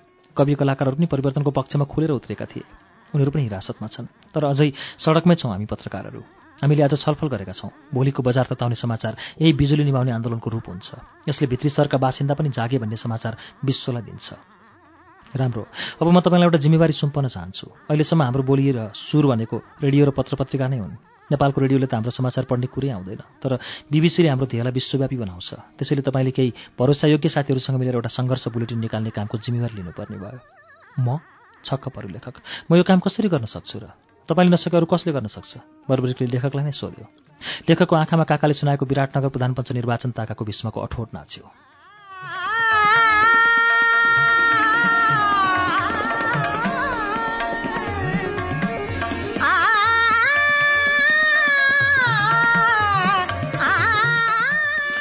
तपाईँसँग पत्रकार साथीहरू छन्। म एउटा टाइपराइटरको बन्दोबस्त मिलाइदिउँला। अब आन्दोलनमा होमिने समय आइसकेको छ तपाईँका लागि पनि। खालि पार्टी सदस्य र पार्टीका कार्यकर्ता मात्र होमिएर नेपालमा प्रजातन्त्र आउँदैन। कोठाभित्रको गतिविधिलाई सार्वजनिक चौतारीमा नलाई अब आन्दोलन अघि बढ्न सक्दैन। कम्तीमा पनि हाम्रो बुलेटिनको एउटा मात्रै समाचार बिबिसीबाट बजाउन सक्यो भने देश र दुनियाँमा हाम्रो आन्दोलनको सञ्चार हुन्छ। बिबिसीप्रति यो विश्वास लेखकले आफूभित्रको उच्छ्वासलाई बर्बरिकले शून्य गरी बाहिर पोख्यो। हाम्रा लागि अहिले त्यसरी नै बिबिसी चाहिएको छ जसरी हिजो हामीलाई काङ्ग्रेस चाहिएको थियो। नेपालको रेडियोले हाम्रो खबर दिँदैन। नेपाली पत्रिकाहरू समाचार त छाप्छन् तर तिनलाई भोलिपल्टैको अङ्क जफत हुने डर हुन्छ। डर त खारेज होला कि भन्ने त्रास पनि हुन्छ तर विदेशी सञ्चार माध्यममाथि सरकारको लगाम लाग्दैन। त्यसैले बिबिसीको शक्तिलाई अहिले हामीले आन्दोलनको पक्षमा ल्याउन कोसिस गर्नुपर्छ।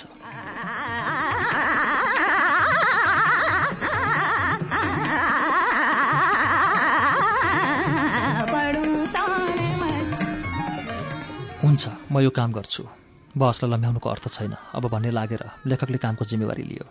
तपाईँले सबै पार्टीका नेताहरूसँग सम्पर्क राख्नुपर्छ। जो बाहिर छन् तिनीहरूसँग सम्बन्ध राख्नुहोस्। सम्पर्क बढाउनुहोस्। भूमिगत रूपमा काम गर्ने बानी नभएका अरू पार्टीका नेताहरूका लागि अहिलेको समय कठिन भएको छ। हामीसँग प्रहरी र प्रशासनसँग लुकेर भूमिगत भएर काम गर्ने अनुभव छ। त्यो अरू पार्टीका नेताहरूले एकाध दिनमै सिक्छन् भन्ने आश त गर्न सकिँदैन। तर तिनलाई भूमिगत बसेर गर्ने काम नसिकाइ पनि हुँदैन। जनता अहिलेको सङ्घर्षमा सम्पूर्णतामै उत्रेका छन्। अहिलेको आन्दोलन पार्टी मात्रको होइन। जनताको आफ्नो आन्दोलन हुँदै गएको छ। जनताको आन्दोलनका राप र राप छरिएका छापिएका सङ्घर्ष बुलेटिन तपाईँहरूले ती नेताहरूको हात हातमा पुर्याउनुपर्छ। त्यसले उनीहरूको मनोबल उठाउनेछ। जनताका कानमा पनि बुलेटिनको आवाज पुग्नु जरुरी छ। किनभने अहिले जनताको जोस जागेको छ तर होस जागिसकेको छैन। तपाईँले आफ्ना विश्वसनीय साथीहरूको एउटा टिम बनाउनुपर्छ र प्रत्येक नेतासँग भेटेर उनीहरूको आन्दोलनप्रतिको प्रतिबद्धतालाई दोहोऱ्याइ तेह्राइ सार्वजनिक गर्नुपर्छ।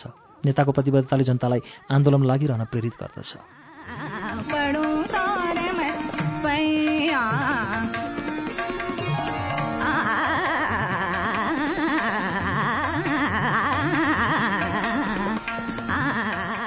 आन्दोलनको सफलतामा तपाईँ विश्वास त हुनुहुन्छ? लेखकले सोध्यो। म छु बर्बरिकले सामान्य स्वरमा जवाफ दियो। आधार के हो? पहिलो आधार हामी आफै हौँ। हाम्रो सिङ्गो पङ्क्ति आन्दोलनमा होमिएको छ। हाम्रा खुला र भूमिगत सबै सङ्गठनहरू योजनाबद्ध हिसाबमा लागेका छन्।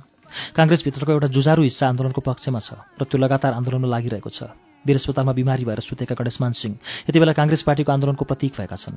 अहिलेका लागि गणेशमानजी एक्लै नेपाली काङ्ग्रेस भएका छन् तर उनको अडानले त्यस पार्टीको ठूलो कार्यकर्ता पङ्क्तिलाई आन्दोलनमा लाग्न प्रेरित गरिरहेको छ। फरक फरक मान्यतामा उभिएका भए पनि सबै वामपन्थी पार्टीहरू एउटा मोर्चामा बाँधिएका छन् र तिनीहरू गच्छे अनुसारको काम पनि गरिरहेका छन्। एउटा समूहले अलग्गै बसेर भए पनि डिलडिलमै उभिएर भए पनि सँगसँगै हिँड्ने कोसिस गरिरहेकै छ। अर्थात् अहिले आन्दोलन बाहिर कोही पनि छैनन्। राजनीतिक पार्टीहरू जुरुकै उठेको यस्तो अवस्थामा बिस्तारै काठमाडौँका मध्यमवर्गीय बुद्धिजीवी प्राध्यापक शिक्षक जस्ता बौद्धिक जमात सङ्गठित भएर सडकमा उत्रिनेछन्। राजनीतिलाई स्वीकार गर्ने र अस्वीकार गर्ने साहित्यकार र कलाकारहरू पनि झम्मै आन्दोलनमा फाल हाल्नेछन्। यस्तो अनुकूलता सजिलै प्राप्त हुँदैन इतिहासमा। त्यसैले यो आन्दोलन सफल हुन्छ।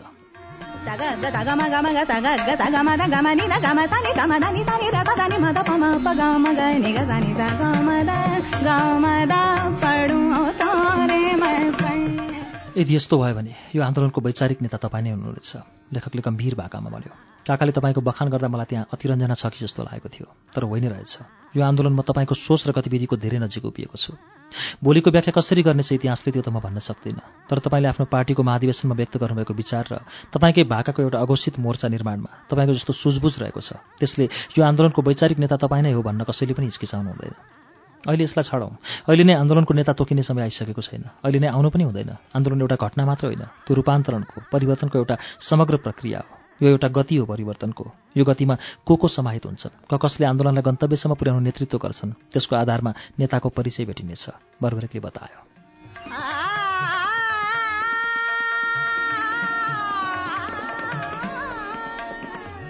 बत्ती निभाव आन्दोलनको सफलताबाट रौसिएको थियो लेखक। भोलि मान्छेहरू धेरै निस्केलान्।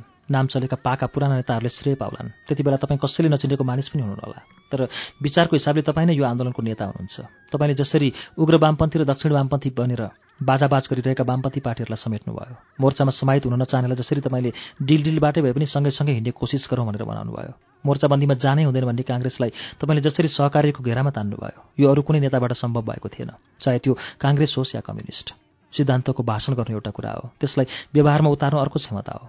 तपाईँहरू जस्तो कट्टर कम्युनिस्टका लागि निरङ्कुश सत्ता ढाल्ने काममा काङ्ग्रेस र कम्युनिस्टका बीचमा कुनै भेद रहेन। यो नै हो तपाईँको नेतृत्वको कौशल। यो नै हो तपाईँको वैचारिक अगुवाई।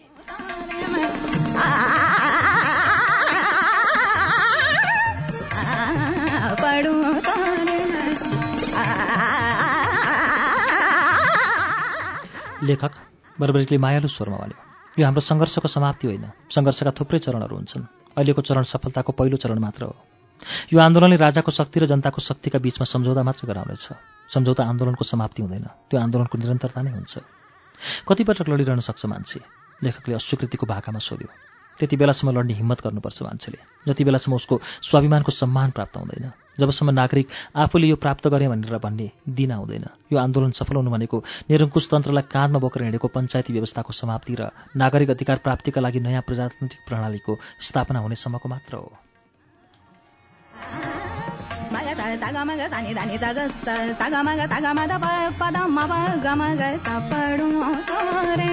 पै बर्बरिक भन्दै गयो। त्यो प्रणाली पनि राजतन्त्र रहन्जेल आधा आधा नै हुन्छ। त्यति बेला पनि राजा आफूलाई बलियो बनाउने कोसिस गरिरहनेछन्। हामी जनताको शक्तिलाई बलियो बनाउने कोसिस गरिरहनेछौँ। रूप फेरिएला आन्दोलनको तर राजतन्त्र समाप्त नभइन्जेल राजा र जनताका बीचमा सङ्घर्ष जारी रहने कुरा सुनिश्चित छ। राजतन्त्रको समाप्ति नभइन्जेलसम्म जनताको सङ्घर्ष जारी रहनेछ। के नेपालको राजतन्त्र समाप्त हुन्छ? लेखकले सोध्यो। हुन्छ त्यसले समाप्त हुनैपर्छ। बर्बरीको प्रष्ट र दृढ स्वर सुनेर लेखक पनि छक्क पर्यो।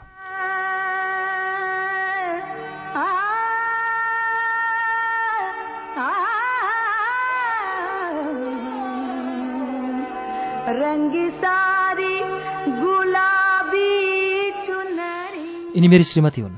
नमस्कार। महिलालाई नमस्कार गरेपछि राजातिर फर्किँदै बर्बरिकले भन्यो गद्य आरोहण पछिको पहिलो सम्बोधनमा यहाँले हामी र हाम्रा बडा महारानी भन्ने परम्परागत सम्बोधनलाई त्यागेर म र मेरी श्रीमती भन्नुभएको थियो। त्यति बेला त्यो एउटा सम्बोधनले परिवर्तनको सङ्केत गरेको अनुभूति दिएको थियो। आज झन्डै बिस वर्षपछि मैले यो सम्बोधन सुन्न पाएँ। यस्तो सम्बोधनले राजारानीलाई जनताको मनको नजिक पुर्याउँछ र मुलुकमा यहाँहरू दुवैको सम्मान बढाउँछ। वरिपरिका बाक्ला रुखहरूले धरतीमा ओर्लिँदै गरेको साँझलाई छिटो छिटो निम्ताउँदै थिए। चिताइ नसक्नुको सन्नाटा थियो कोठाभित्र र बाहिरको परिसरमा।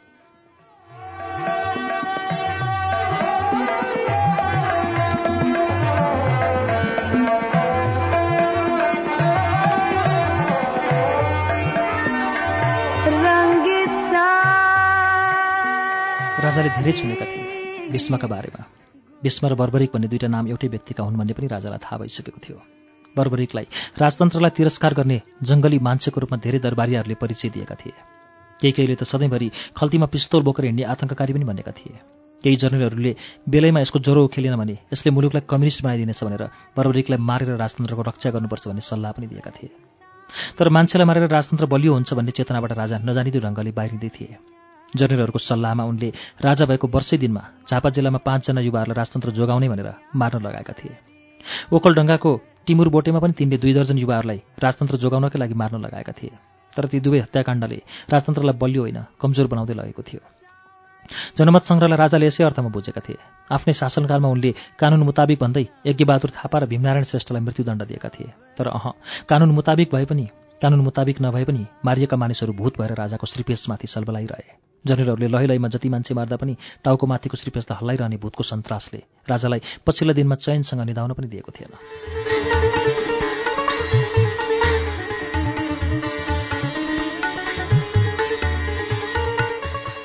श्रुति सम्वेकमा यतिन्जेल तपाईँ प्रदीप नेपालको उपन्यास बर्बरीको वाचन सुन्दै हुनुहुन्थ्यो। अर्को साता यसको अर्को श्रृङ्खला लिएर आउनेछौँ। तबसम्मका लागि प्राविधिक साथी दिनेश निरौला र म अच्युत घिमिरे विदा चाहन्छौँ। शुभरात्रि।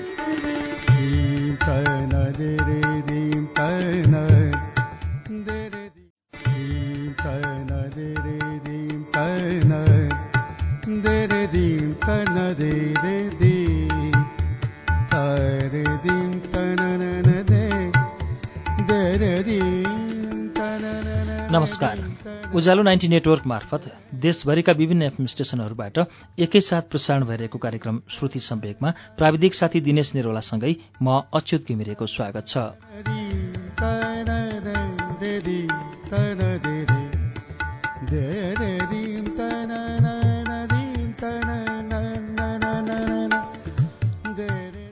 कार्यक्रम श्रुति सम्वेकको मङ्गलबारको श्रृङ्खलामा हामी आज पनि प्रदीप नेपालको उपन्यास बर्बरिकको वाचन लिएर आएका छौं।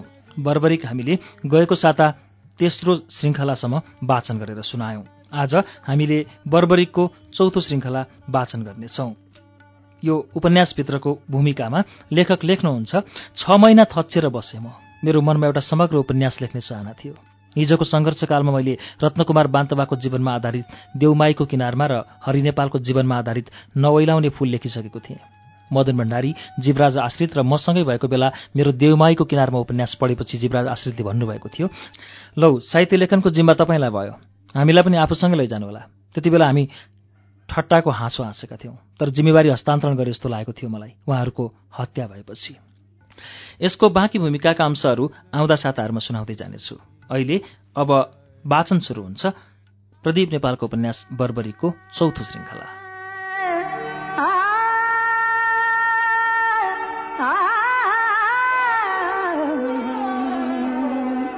रंगी सारी गुलाबी चुनरिया रे। रंगी सारी गुलाबी चुनरिया। राजाले धेरै सुनेका थिए भीष्मका बारेमा।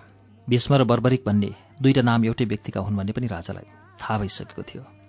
बर्बरिकलाई राजतन्त्रलाई तिरस्कार गर्ने जङ्गली मान्छेको रूपमा धेरै दरबारीहरूले परिचय दिएका थिए। केही केहीले त सधैँभरि खल्तीमा पिस्तौल बोकेर हिँड्ने आतङ्ककारी पनि भनेका थिए। केही जर्नलहरूले बेलैमा यसको जरो उखेलेन भने यसले मुलुकलाई कम्युनिस्ट बनाइदिन्छ भनेर बर्बरिकलाई मारेर राजतन्त्रको रक्षा गर्नुपर्छ भन्ने सल्लाह पनि दिएका थिए। तर मान्छेलाई मारेर राजतन्त्र बलियो हुन्छ भन्ने चेतनाबाट राजा नजारिदो ढङ्गले बाहिरिँदै थिए। जर्नलहरूको सल्लाहमा उनले राजा भएको वर्षै दिनमा झापा जिल्लामा पाँचजना युवाहरूलाई राजतन्त्र जोगाउनै पर्छ भनेर मार्न लगाएका थिए। ओखलढुङ्गाको टिमुर बोटेमा पनि तिनले दुई दर्जन युवाहरूलाई राजतन्त्र जोगाउनकै लागि मार्न लगाएका थिए तर ती दुवै हत्याकाण्डले राजतन्त्रलाई बलियो होइन कमजोर बनाउँदै लगेको थियो। जनमत सङ्ग्रहलाई राजाले यसै अर्थमा बुझेका थिए। आफ्नै शासनकालमा उनले कानुन मुताबिक भन्दै यज्ञबहादुर थापा र भीमनारायण श्रेष्ठलाई मृत्युदण्ड दिएका थिए। तर अह कानुन मुताबिक भए पनि कानुन मुताबिक नभए पनि मारिएका मानिसहरू भूत भएर राजाको श्रीपेशमाथि सलबलाइरहे जर्नलहरूको लय लयमा जति मान्छे मार्दा पनि टाउकामाथिको श्रीपेशलाई हल्लाइरहने भूतको सन्तासले राजालाई पछिल्लो दिनमा चैनसँग निधाउन पनि दिएको थिएन।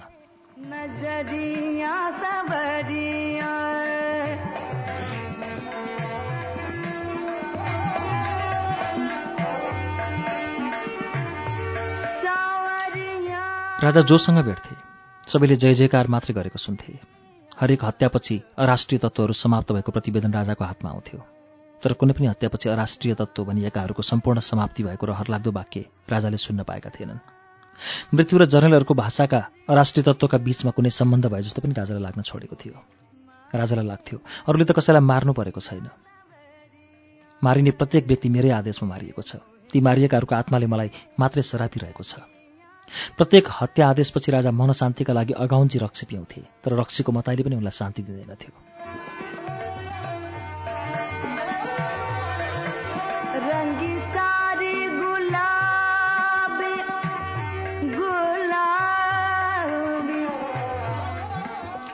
राजा साह्रै ठुलो मान्छे भएको हुनाले उनले मन खोलेर कुरा गर्ने साथी पनि पाउँदैनथे भेटेका नेताहरूमा पनि सरकार सरकार भन्दै हिजोकै भाइ भारदारहरूको स्वभाव सिकेकाहरूको बाहुल्य थियो।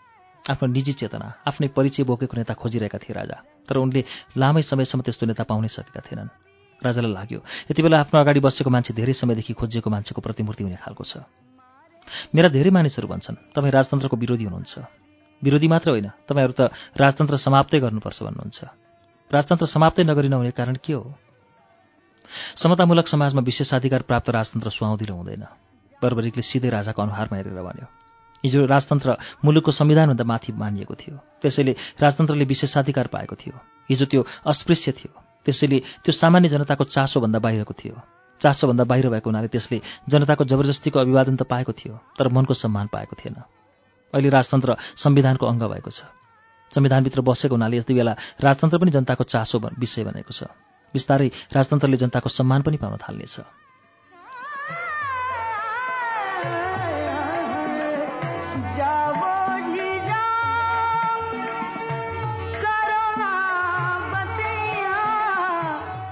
बर्बरिक बोल्दा बोल्दै एकछिनका लागि अडियो। राजाले उसको भनाइ कसरी ग्रहण गरिरहेका छन् भनेर जान्न उसले आफ्ना आँखालाई राजाको अनुहारमा गाड्यो। तर त्यो अनुहार भावहीन थियो र पनि बर्बरिकले आफ्नो बोलीलाई ओह्राल्दै भन्यो अहिले त सरकारलाई मेरो कुरा नमिठो लाग्न सक्छ तर जनताबाट टाढा होइन। जनताको नजिक भएरै जनताको मन जित्न सकिन्छ र यो काम सरकारबाट हुन सक्छ भन्ने मलाई लागेको छ। बर्बरिक सास फेर्न रोकियो। त्यति बेलै उसको मनले भन्यो यो एकहोरो भाषणको कुनै प्रभाव परिरहेको छ त? मनको प्रश्नको उत्तर दिनकै लागि बर्बरिकले राजालाई आफ्नो वार्तामा जोडाउन नयाँ प्रसङ्ग उठायो। नेपाल राष्ट्र निर्माण गर्ने क्रममा पृथ्वीनारायण शाहले सङ्घालेका अनुभवहरूलाई अहिले दिव्य उपदेश भनी सङ्कलन गरिएको छ। पृथ्वीनारायण शाहका उपदेश नेपाल राष्ट्र नेपाली जनता र नेपाली दरबारको हितमा छन्। पृथ्वीनारायण शाहको त निष्कर्ष थियो प्रजा मोटा भए दरबार बलियो हुन्छ। तर पृथ्वीनारायण शाहपछि कुनै पनि राजाबाट त्यो दिव्य उपदेशको अध्ययन गर्ने र त्यसलाई कार्यान्वयन गर्ने काम भएन। यो मेरा साना दुःखले आर्जन गरेको मुलुक होइन। सबै जातको साझा फुलबारी हो भन्ने जस्ता नीति वाक्यहरू सधैँभरि नेपालको दरबारलाई बाटो देखाउने पथ प्रदर्शक हुनुपर्थ्यो। बिचमा यसो हुन सकेन।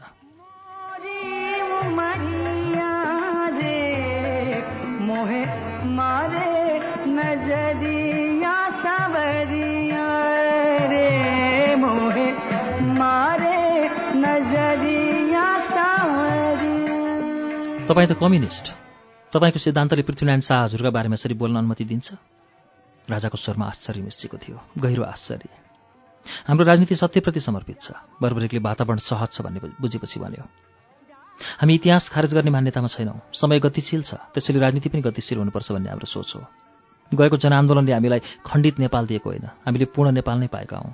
त्यो पूर्णताको इतिहासमा किराँत राजा एलम्बर पनि हटाउनुपर्छ। चागुनारायण र मान्दे पनि हटाउनुपर्छ। पृथ्वीनारायण शाह र देवशमशेर पनि हटाउनुपर्छ भन्ने सोच राख्ने मानिस हामीहरू त्यसैले सरकार स्वयंले पनि इतिहासमा जीवित रहने सकारात्मक कामहरू गर्नुपर्छ भन्ने सुझाव यसै अवसरमा म दिन चाहन्छु।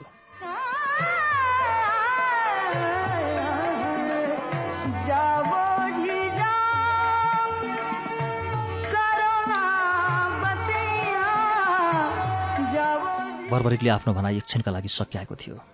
राजाले लामै समयसम्म कुनै प्रतिक्रिया दिएनन्। सायद उनको मनले बर्बरिक बोलिरहोस् भन्ने सोचेको थियो कि। तर बर्बरिकले बोलेन। अब बर्बरिकको पालो सकिएछ भनेर राजाले भने मैले आफ्ना सबैजसो अधिकारहरू तपाईँहरूलाई सुम्पिसकेको छु। पार्टीहरूको सिफारिस बाहिरको कुनै काम म गर्दिनँ भनेर पनि मैले भनिसकेको छु। फेरि पनि तपाईँहरू सन्तुष्ट भए जस्तो देखिनुहुन्न। खास गरेर तपाईँ र तपाईँको पार्टीका नेताहरू सन्तुष्ट हुनुहुन्न भन्ने समाचार मैले पाएको छु। सायद सरकारलाई चावेलको भाषणमा मरमसला दलेर सुनाइएको होला। बर्बरिकले मुसुक्क हाँसेर भन्यो आँखा नचम्काइ बक्सियोस्। भन्ने उसको एक हप्ता अगाडिको भाषण त्यति बेलाको सबैभन्दा चर्को र आकर्षक मानिएको थियो। सात दिनदेखि चोक चोकमा त्यो भाषणको क्यासेट बजिरहेको सुनिन्थ्यो। त्यो पनि एउटा हो। राजाले बहसमा भाग लिँदै भने मैले सबै अधिकार छोडिदिएको छु। फेरि पनि त्यस्तो चर्को असन्तुष्टिको कारण मेरा लागि बुझ्न सकिने कुरो भइरहेको छैन।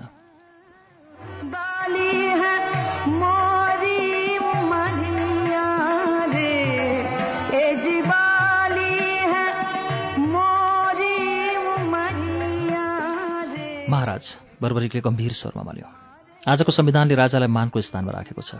सम्पूर्ण कार्यकारी अधिकार त्यसले प्रधानमन्त्रीलाई जिम्मा लागेको छ। सरकारलाई मन नपरेका कुराहरू प्रधानमन्त्रीसँग सँगै बसेर सल्टाउन सकिन्छ। तर नागरिकहरूमध्ये सबैभन्दा माथिको कुर्सीमा बसेको सम्मानको आसनमा बसेको महाराजले यो गर्नुहुन्छ र त्यो गर्नु हुँदैन भन्नु हुँदैन। धेरै टिप्पणी गरेपछि राजा अझै पनि राजनीति गरिरहेका छन् भन्ने गलत सम्प्रेषण जनतामा जान्छ। मैले यही कुरा चाबेलको भाषणमा भनेको हुँ। संवैधानिक राजाले राजनीति गर्नु हुँदैन संसदीय प्रजातन्त्रमा। राजनीति नै गर्ने हो भने दरबारको सुखशैल छोडेर हामी जस्तै भएर जनताको बीचमा जान सक्नुपर्छ भन्ने हाम्रो सोच हो। राजाले जिज्ञासु आँखाले आफूलाई हेरिरहेको देखेर बर्बरीले कुरालाई कसरी अगाडि बढाउने भन्ने ढोका खोज्नै पर्ने अनुमान लगायो। भाषणको गुनासोपूर्ण जिज्ञासा समाप्त भइसकेको थियो। त्यसैले बर्बरीले सरल भाकामा आफ्नो राजनीतिक मान्यतालाई अघि बढाउने निर्णय गर्यो मनमा नै रंगी सारी हो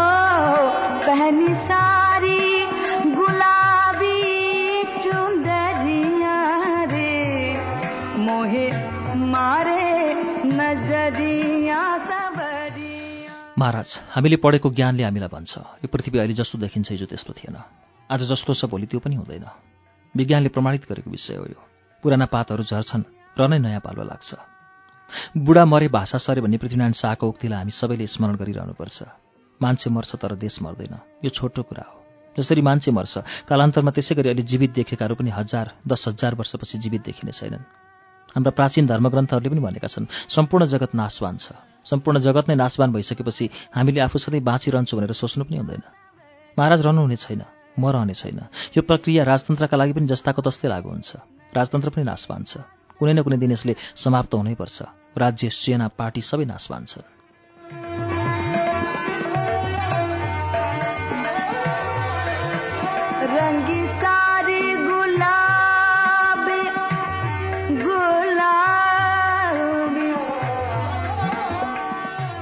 राजा फेरि पनि नबोलेको देखेपछि बर्बरिकले अप्ठ्यारो मान्यो राजाको मनमा के छ? के उनी आफ्नो कुरा खाइरहेका छन्? कि उनीभित्रको सिम्म जागेको हुनाले त्यसलाई जबरजस्ती दबाउन मौनताको च्यादर ओढेका हुन्? जेसुकै होस् अहिले मौका मिलेको छ। फेरि फेरि यस्तो मौका मिलिरहन्छ भन्ने कुनै टुङ्गो छैन। त्यसैले यसैपालि सबै काम सिद्धाउनुपर्छ बर्बरेकले मनमा नै निष्कर्ष निकाल्यो। महाराज हामीले आफ्नो जीवनलाई सार्थक बनाउने हो भने आफूलाई जनताको नजिक लैजानुपर्छ। उनीहरूको सुख दुःखको साथी हुन सक्नुपर्छ। जनताले अहिले पनि दरबार र हामी एउटै हौँ भन्ने विचार बोक्न सकेका छैनन्। जनता पार्टीका नेताहरूलाई हाम्रा मान्छे हुन् भन्ने ठाउँमा पुगेका छन्। अधिकार ओगटेर कोही बलियो हुँदैन। त्यो तानासा हुन सक्छ तर त्यो बलियो हुन सक्दैन। महाराजका पुर्खा पृथ्वीनारायण शाहले प्रजा मोटा भए दरबार बलियो हुन्छ भनेर त्यसै भन्नुभएको होइन। राजाले दुनियाँको सुख सुविधामा ख्याल पुर्याउनुपर्छ भन्ने आफ्ना सन्तानका लागि जारी गरिएको निर्देशन हो यो। राजा र राजनीतिक दलका नेताहरू बीच भएको सम्झौताले महाराजलाई जनताको हितचिन्तक बनाएको छ देशको राष्ट्रवादी राजा बनाएको छ।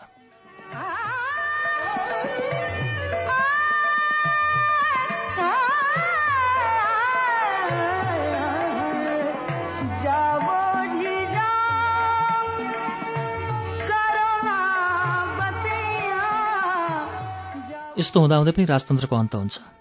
राजाले प्याट्ट सोधेको वाक्य सुनेपछि बर्बरीको मन दङ्ग पर्यो। यसको अर्थ हो राजालाई उसको कुराले छुँदैछ। हामीलाई दिन जति प्रिय लागे पनि सूर्यले अस्ताउनै पर्छ महाराज। महाराजले राजतन्त्र जगाउन जति प्रयत्न गरे पनि एक न एक दिन राजतन्त्रको अन्त हुन्छ हुन्छ। राजतन्त्रको अन्त मात्रै होइन कालान्तरमा हाम्रो पार्टी मुलुकको राजनीतिक प्रणाली अहिले हामीले सञ्चालन गरिरहेको सेना प्रहरी र नोकरसाई सबैले समाप्त हुनैपर्छ प्रकृतिको नियम हो यो। त्यसैले महाराजले राजतन्त्र मात्र समाप्त हुने भयो भनेर पिरिन मिल्दैन। जसरी व्यक्तिको रूपमा हाम्रो मृत्यु अनिवार्य छ। त्यसरी नै राजनीति राज्य राजतन्त्र सबैको अन्त पनि अनिवार्य छ। पृथ्वी रहेसम्म रहने भनेको हाम्रो कृति मात्र हो। आफू बितेको पच्चिस सय वर्षपछि पनि गौतम बुद्ध विश्वको शान्तिदूत भएर बाँचिरहनु भएको छ। हामी सबै नेपालीको गौरव आधार बनेर उहाँको शान्ति सन्देश विश्वभरि फैलिरहेको छ। त्यसैले प्रत्येक व्यक्तिले आफूले गर्नुपर्ने भनेको पछिसम्म कृति राख्ने कामहरू मात्रै हुन्।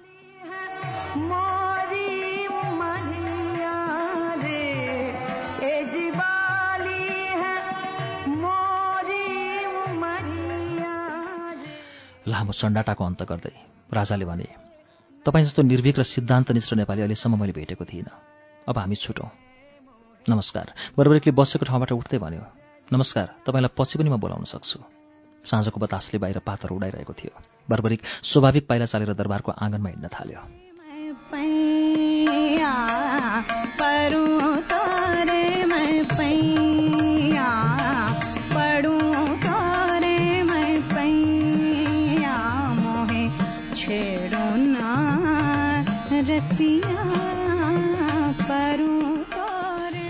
यसपालि तपाईँ राजनीति र समाचारको केन्द्र भन्नुभएको छ।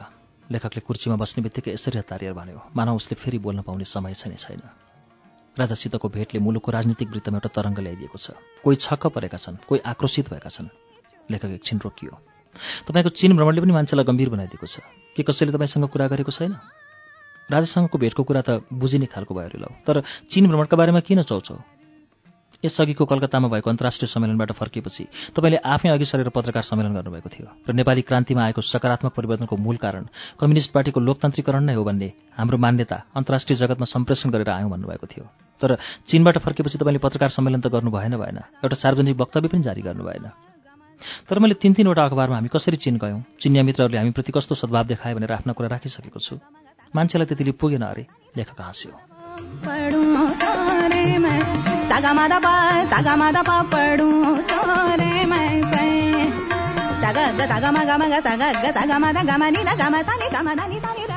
लेखकले बोल्दै गर्दा दुब्ली पातली महिला एउटा ठुलै ट्रेमा चार कप चिया लिएर बैठकको ठाउँ छिरिन्। अहिले बर्बरिक लगनटोल दक्षिणको गुप्त स्थानमा बस्दैन थियो। ऊ बस्थ्यो एउटा मध्यमवर्गीय परिवारले धान्न सक्ने डेरामा। बाहिर घमाइलो बरन्डाभित्र पस्ने बित्तिकै बैठक कोठा बैठक कोठाको दुई भित्तामा एक एक कोठा अनि तेस्रो भित्तामा दुई ढोका भएको एउटा फ्ल्याट जस्तो लाग्ने त्यो डेरा एउटा शक्तिशाली महासचिवका लागि साँगुरो हुनुपर्थ्यो तर बर्बरीका लागि त्यो सन्तोषको बसाइ थियो। तपाईँहरूबीच चिन्जान छ? बर्बरिकले दुवैको अनुहार हेरेर सोध्यो। फागुनमा जाँदा मैले उहाँलाई घरमा भेटेको थिएँ। लेखकले हाँस्दै भन्यो काकीले भीष्म कमरेडको जान तर हामी जस्तो होइन। उहाँ पनि भीष्मजी जस्तै नेता हो भन्नुभएको थियो। खुसुक्क सबै हाँसे खुसीको हाँसो।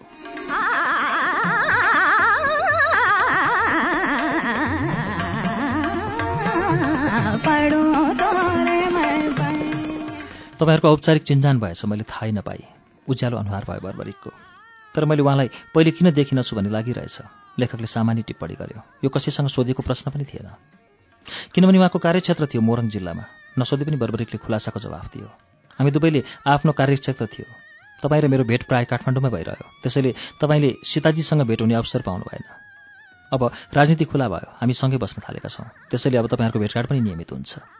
तपाईँहरूको सन्तान जिज्ञासा थियो लेखकको। अब उनीहरू पनि बटुलिन्छन् बर्बरीको जवाब सुनेर छक्क पर्यो लेखक। मतलब? उसको मनको आश्चर्य लुकेर बस्न मानेन। मतलब उनीहरू जनताको आश्रमै बाँचिरहेका थिए सीताले भने। कस्तो कष्टकर जीवन। लेखकले सुस्केर हाल्यो। आमा एकातिर बाबु अर्कातिर छोरा तेस्राको घरमा छोरी चौथाको घरमा कल्पना गर्न पनि गाह्रो।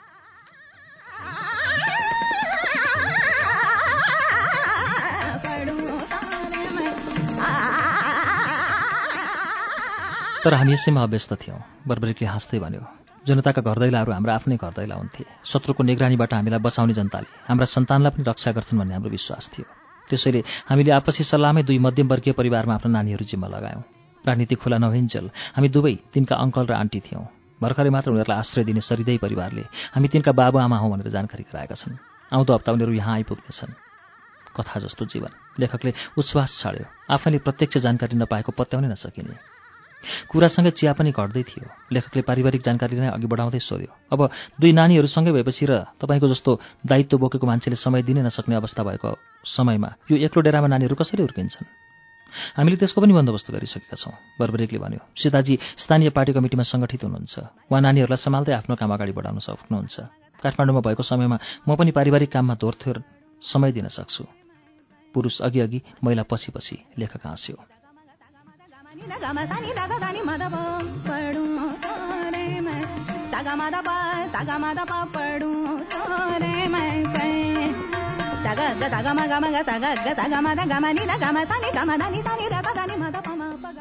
त्यस्तो होइन। यसपालि सीताले हस्तक्षेप गरी। यो व्यवहार पार्टीले दिने जिम्मेवारीमा भर पर्छ। बर्बेकजी पार्टीको महासचिव हुनुहुन्छ। उहाँ एउटा सभामा दुई घण्टासम्म श्रोतालाई बाँधेर राख्न सक्नुहुन्छ। प्रत्येक समस्याको राजनीतिक समाधान उहाँसँग हुन्छ। तर म त्यस्तो गर्न सक्दिनँ। न उहाँलाई सक्रियतामा चुनौती दिन सक्छु न वक्तित्वमा। त्यसरी अहिले बर्बरिकजीले दिनुभएको प्रष्टीकरण महिला पुरुष बीचको भेदभावसँग जोडिँदैन। यो हामीले पाएको पार्टीगत जिम्मेवारीले निर्धारण गर्ने विषय हो। लेखक तपाईँ र हामी बीचको सम्बन्ध झ्यामिन बाँकी नै छ। हाम्रो पारिवारिक परिचयका पानाहरू एकपछि अर्को खोल्दै जानेछन्। त्यसैले अहिले पारिवारिक गन्थनको मैजाहरू गरौँ। र तपाईँले सङ्कलन गरेका आपत्तिजनक समाचारहरूको बारेमा खुलासा लिने दिने काम गरौँ।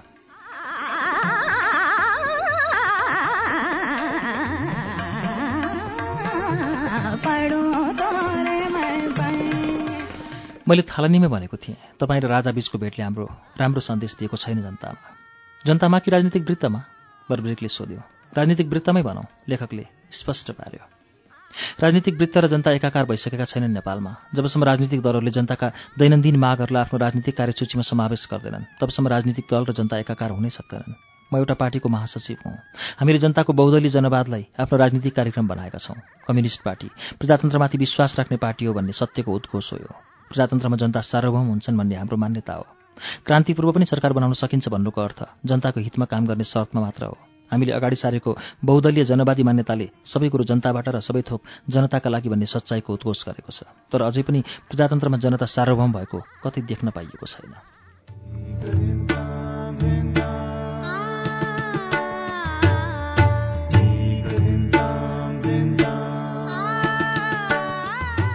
कार्यक्रम श्रुति सम्वेकमा अहिले तपाईँले सुनिरहनु भएको वाचन प्रदीप नेपालको उपन्यास बर्बरीको वाचन हो। यसको बाँकी अंश केही बेरमा वाचन हुनेछ। उज्यालो सुन्दै गर्नुहोला।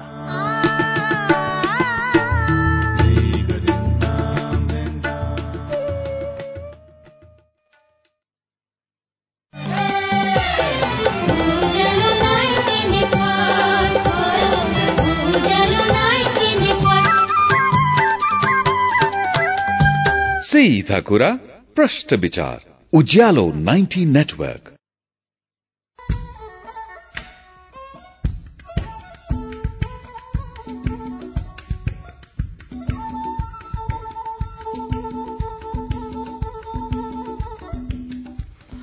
कार्यक्रम श्रुति सम्वेगमा पुनः स्वागत छ।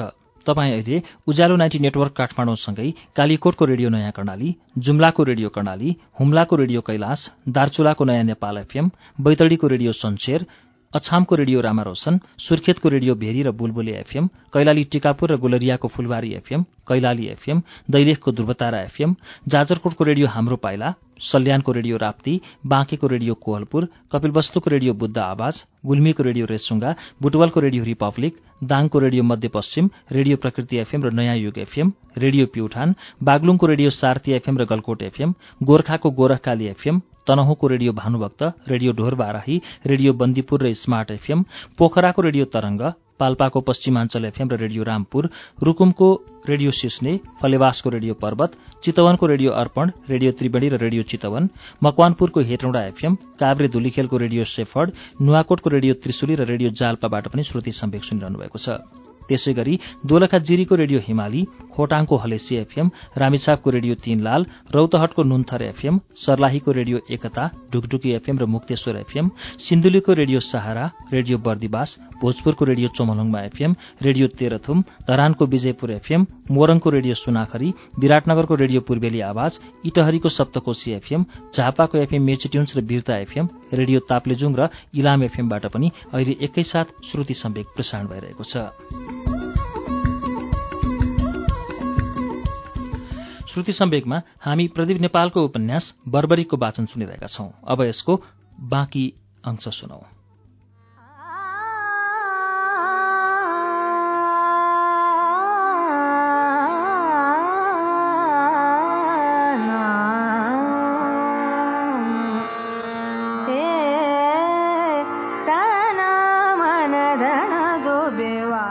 राजनीतिक वृत्त र जनता एकाकार भइसकेका छैनन् नेपालमा। क्रान्ति पूर्व पनि सरकार बनाउन सकिन्छ भन्नुको अर्थ जनताको हितमा काम गर्ने शर्तमा मात्र हो। हामीले अगाडि सारेको बहुदलीय जनवादी मान्यताले सबै कुरो जनताबाट र सबै थोक जनताका लागि भन्ने सच्चाइको उत्कोच गरेको छ। तर अझै पनि प्रजातन्त्रमा जनता सार्वभौम भएको कतै देख्न पाइएको छैन। यो विश्वव्यापी अनुभव हो। एकपल्ट मत खसालेपछि सधैँका लागि जनता राजनीतिक पार्टीको कार्यक्रममा फनफनी घुम्ने प्रणालीलाई वास्तविक प्रजातन्त्र भनिदिए आइएको छ अहिलेसम्म। यो मान्यतै गलत हो।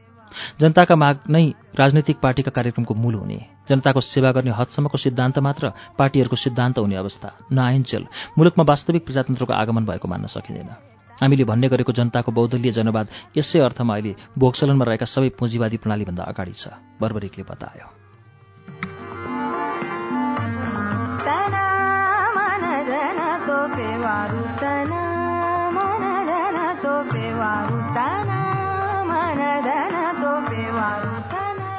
तर तपाईँको लामो प्रशिक्षण पाएको म समेत तपाईँले राजासँग नभेटिदिएको भए हुन्थ्यो भन्ने सोचमा छु अहिले पनि।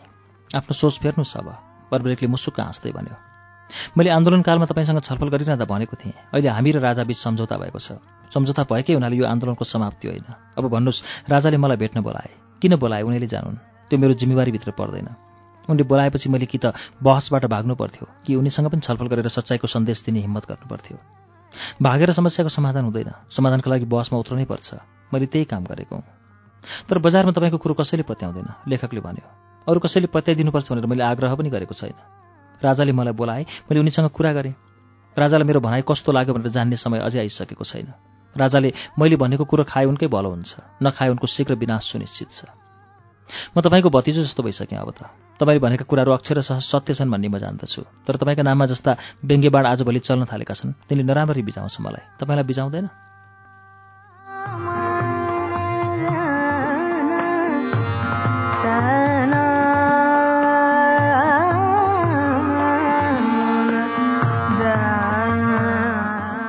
अह बिजाउँदैन। बर्बरिकले फेरि हँसिलो अनुहारले भन्यो। हिजो राजालाई चुनावी मैदानमा उत्रिन आह्वान गर्दा कतिले त्रास र कतिले शौर्यको सन्देश दिएका थिए मलाई। त्यति बेला पनि म फुर्किन सकिनँ। विश्वको कम्युनिस्ट आन्दोलन तीव्र गतिमा ओह्रालो लागिरहेको समयमा त्यो अमेरिकी पत्रिकामा काल मार्क्स लिप्स इन नेपाल भनेर मेरो लेखक परिचय दिँदा मैले कुनै अहम अनुभूत गर्न सकिनँ। नेपाली क्रान्तिमा मैले निर्वाह गर्ने भूमिकाप्रति म सधैँ सन्तुष्ट छु। मान्छेले के भन्छन् भनेर म साह्रै चिन्तित हुँदैन। प्रत्येक मान्छेलाई आफै बुझ्ने र महसुस गर्ने मौका दिनुपर्छ भन्ने मेरो मान्यता हो। यो मेरो अनुभव पनि हो। मैले कम्युनिस्ट पार्टीले बहुलवादलाई स्वीकार गर्नुपर्छ भन्दा आफ्नै सहकर्मीबाट विरोधको सामना गर्नु पर्यो बहुदलीय जनवादको मेरो प्रस्ताव पार्टीको सर्वोच्च निकायमा अल्पमतमा पर्यो तर मैले हार मानिनँ। पटक पटक छलफल गराएरै त्यसलाई मैले पार्टीको सम्पत्ति बनाएँ। त्यसैले अहिले तपाईँ हामीले कुनै चिन्ता बोकिरहनु पर्दैन। राजालाई चुनावको चुनौती दिने पनि मै हुँ र राजासँग एकान्तमा गएर भेट गर्ने पनि मै हुँ। लेखक भाइ उहाँको यो अटेर गर्ने बानी चाहिँ गजबकै छ। सीताले बिचैमा भनी म मोरङमा काम गर्दाको कुरा हो यो। हाम्रो विवाह भएको जानकारी साह्रै थोरै साथीलाई मात्र गराइएको थियो। तर मैले मभन्दा अगाडि उहाँका दुईवटा विवाह भइसकेको हल्ला सुने। पहिलो बिहे पहाडमै बाहुनकी छोरीसँग र दोस्रो चाहिँ मोरङको इटहरातिरकी इटहरातिरकी पञ्चायती स्वयंसेविकासित। यो हल्ला सुनेको महिना दिनपछि उहाँसँग मेरो भेट भयो। मैले हाँस्दै तपाईँका तिन तिन श्रीमती पो भएछन् भनेर सोधेकी थिएँ। यसो गम्भीर हुनुहोला प्रतिवाद गर्नुहोला भनेर सोचेर मैले यो कुरा उठाएकी थिएँ। उहाँले त हाँसेर तिन बिहेको अध्याय समाप्त गरिदिनु भयो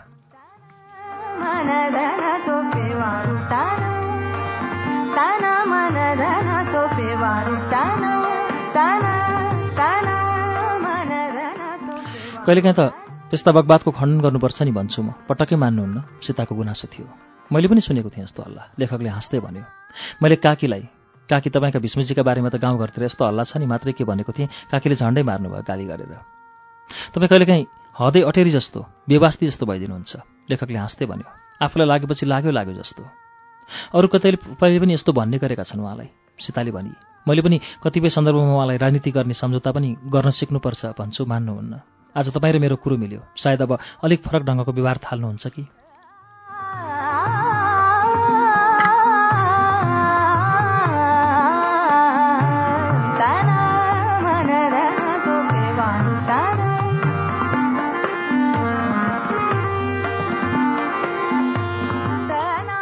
बरबरीको हाँस्यो। पूर्णिमाको जुन जस्तो हाँसो उज्यालो शान्त शीतल र शुभ्र। राजनीतिमा सम्झौता नगर्ने भए म अहिलेको जनआन्दोलनको निष्कर्षसँग सहमत हुने नै थिइनँ। सम्झौता र अडान फरक फरक विषय हुन्। नेपाली कम्युनिस्ट आन्दोलनको भविष्य यसको प्रजातन्त्रीकरणसँग जोडिएको छ। यो मान्यतामा म कसैसँग सम्झौता गर्न सक्दिनँ। प्रजातन्त्रलाई हामी जति बढी आत्मसात गर्छौँ हाम्रो भविष्य त्यति नै बढी उज्यालो हुन्छ भन्ने सच्चाइका विरुद्धमा उभिनै सक्दिनँ। तर सम्झौता गरिएको राजासँग भेट्न हुन्छ कि हुँदैन? अङ्ग्रेजी अखबारलाई मैले अन्तर्वार्ता दिनुहुन्थ्यो कि हुँदैन थियो जस्ता कुराहरू वर्तमान र भविष्यको राजनीतिका लागि असान्दर्भिक विषय हुन्। कुनै एक वा हजारले विरोध गर्यो भन्दैमा त्यसलाई मैले स्वीकार गर्नुपर्छ भन्ने दबाब मलाई मान्ने हुँदैन। तर तपाईँको मार्क्सवाद लेनिनवादले त यस्तो प्रजातन्त्रलाई मानमनी त राख्दैन नि। लेखक पनि हट्टी हुँदै गइरहेको थियो। मार्क्सवाद लेनिनवादले प्रजातन्त्रमाथि विश्वास गर्दैन भने त्यो पनि समाप्त हुन्छ। हामीले बचाउन खोजे पनि त्यो समाप्त हुन्छ। तर मार्क्स प्रजातन्त्र विरोधी थिए भनेर म मान्न तयार छैन। तपाईँलाई सायद थाहा छैन। बर्बरिक एकछिन रोकियो। मार्क्सको जीवनको एउटा ठूलो हिस्सा पत्रकार भएर बितेको थियो। उति बेलाका शासकहरूले मार्क्सको स्वतन्त्रतालाई बन्दी बनाउन गर्न सकिने जति कसरत गरेका थिए। पत्रिकामाथि प्रतिबन्ध लगाउने देश निष्कासनको सजाय दिएर मार्क्सलाई शास्ति दिने काम पटक पटक गरिएको थियो। निरङ्कुशताका कारण आफ्नै जीवनमा यति ठूलो शास्ति भोग्ने काल मार्क्स जस्ता महान दार्शनिक व्यक्तिगत स्वतन्त्रताका विरोधी भए होलान् भन्ने मलाई लाग्दैन। अध्ययन गर्न बाँकी होला। तर काल मार्क्स कुनै हिसाबमा पनि व्यक्तिगत स्वतन्त्रताका विरोधी थिएनन् भन्ने निष्कर्षतिर म जाँदैछु। त्यसका लागि मैले रिमाल कमरेडलाई स्वतन्त्रताका बारेमा मार्क्सले कतै केही भनेका छन् कि खोज्नुहोस् भनेर अराएको पनि छु।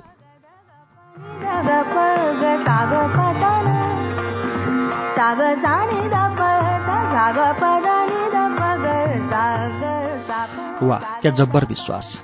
लेखक फेरि हँसिलो भयो। नेपाली कम्युनिस्ट आन्दोलनको सफल भविष्यका लागि प्रजातन्त्रको विकल्प छैन भन्ने तपाईँको ठोक्वा निष्कर्षलाई सलाम। तर अब बहस सकियो होला भन्ने ठाउँमा बर्बरिक पुग्नै आँटेको बेलामा लेखक फेरि बोल्न थाल्यो राजाको कुरो अब उठाउँदिनँ। म तपाईँका तर्कहरूसँग सहमत पनि भएँ। तर आफैले बनाएको संविधानलाई तपाईँले तिरस्कार गर्ने कुरो त ठिक भएन नि। तर मैले त संविधानलाई तिरस्कार गरेको छैन बर्बरिकले लेखकलाई सम्झाउन खोज्यो। यो चाहिँ म पनि पत्याउँदिनँ लेखक हाँस्यो। संविधान जारी भयो। सबैले यसलाई एसियाकै उत्कृष्ट संविधान पनि भने। यो उत्कृष्ट छ कि छैन त्यो भविष्यले बताउने हो।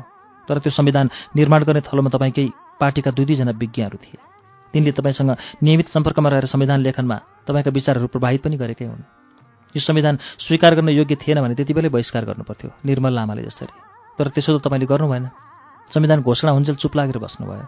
संविधान जारी भएको लगतै तपाईँले संविधान फलाना फलाना विषयमा हाम्रो सहमति छैन भन्नुभयो। म त चित्त बुझाउँला तर काङ्ग्रेसले त गोरुचुरा नै गर्यो नि। लेखक अबुझलाई बुझाउन अवश्य पनि गाह्रो हुन्छ। त्यसमाथि बुझी बुझी बुझ पचाउनेलाई बुझाउन मलाई जाँगर पनि चल्दैन। तर तपाईँलाई त मैले बुझाउनु पनि पर्छ र बुझाउन सक्छु पनि। नोटबुक निकालौँ। लेखकले आग्रहको स्वरमा भन्यो पर्दैन। मेरो कुरा सुनेपछि तपाईँलाई एकै क्लासमा कण्ठ हुने कुराहरू राख्दैछु म। मैले तपाईँलाई पटक पटक भन्दै आएको छु यो आन्दोलन विजय होइन सम्झौतामा टुङ्गिएको हो। हामी राजनीतिक दलहरूले राजासँग सम्झौता गरेका हौँ। इच्छा भए पनि नभए पनि राजाले पनि हामीसँग सम्झौतै गरेका हुन्। सम्झौतामा कतिपय विषयहरू हामीले छाडेका छौँ। राजाले पनि बाध्य भएरै भन्दा हुन्छ आफ्नो निरङ्कुश महत्वाकांक्षा त्यागेका छन्। यो आन्दोलन यतिमै रोकिनु हाम्रो बाध्यता थियो किनभने हाम्रो सहयात्री नेपाली काङ्ग्रेस यो बिन्दुभन्दा अगाडि जाने अवस्थामा थिएन। त्यसले उसका लागि यो संविधान नेपाल मात्रै होइन विश्वकै उत्कृष्ट संविधान हुन पुग्यो। हाम्रो अगाडि त दर्जनौँ मुद्दाहरू छरपष्टिएका छन्। काङ्ग्रेस मूलतः मध्यम वर्गको राजनीतिक पार्टी हो। हामी त श्रमजीवी जनताका प्रतिनिधि हौँ। त्यसैले हाम्रा मागहरू अझै पुरा भएका छन्। राज्यको कुनै धर्म हुनु हुँदैन भन्ने हाम्रो मान्यता हो। नेपालमा जति पनि भाषा प्रचलनमा छन् तिनीहरू सबै राष्ट्रभाषा हुन् र नेपाली चाहिँ राज्यको सम्पर्क भाषा हो। यिनलाई हाम्रा खुद्रा माग भनिदिए पनि हुन्छ। हाम्रो मूल माग जसलाई यो संविधानले सम्बोधन गर्नै सक्दैन त्यो राजा बिनाको प्रजातन्त्र हो। काङ्ग्रेस राजा र हामी बीचको सबैभन्दा ठूलो भिन्नता पनि यही हो। राजतन्त्रको अन्त नहुँदासम्म राज्य सत्तामा जनताको प्रत्यक्ष हस्तक्षेप हुनै सक्दैन। त्यसैले जनताको बहुदलीय जनवादको खाका कोरिरहँदा मैले जनताको भन्ने शब्दमा विशेष जोड दिएको हुँ।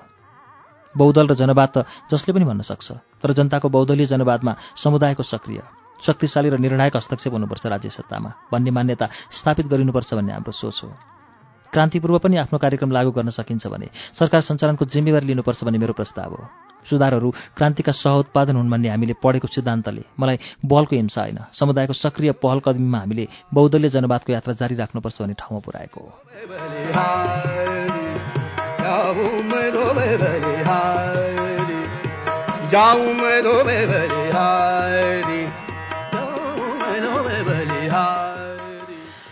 त्यो काट्टो खाने बाहुन। तातेको अनुहार रगत छाड्न खोजेका आँखा र जथाभावी घुमिरहेका हातहरू मर्काउँदै गोमाले गाली गरी हाम्रा महाराजलाई गाली गर्ने त्यसलाई मैले जाने छ। ऐ दिदी मातेर त्यसरी जथाभावी नपोला त। भीष्मजीले महाराजलाई कहिले गाली गरे? बरु तिनले त अहिले महाराजले कु गर्दैनन् पो भनेका छन्। नकरा त साखुल्य भएर त्यसले मेरा महाराजलाई गाली गर्यो। त्यो बाहुनले त्यसरी मेरा महाराजलाई गाली गर्न पाउँछ। त्यसका दिन गएका हुन् अब मैले जाने छ त्यसलाई। ओइ दिदी मेरा होटलमा बसेर जथाभावी नभएको त? होटलवालाले हकारेको भाकामा भन्यो तिमी पो दरबार पसेकी तिम्रो लागि राजा महाराजाहरूले हेरविचार गर्लान्। म त एउटा सामान्य होटल चलाउने मान्छे हुँ। यहीँ बसेर भीष्मजीलाई जथाभावी गाली गर्दा मेरो रक्षा गरिदिने कोही पनि हुँदैनन्।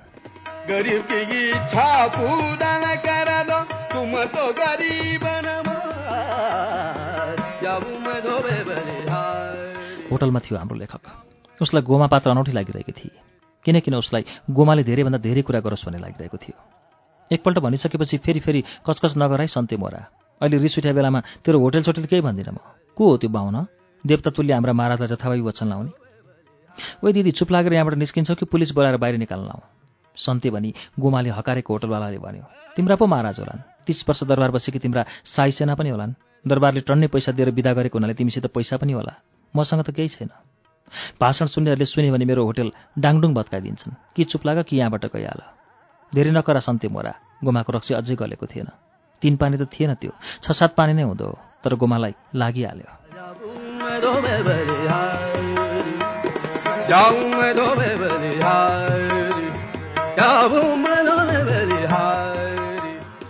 अब गए यो बाहुनका दिन। मोरा महाराजलाई गाली गर्ने?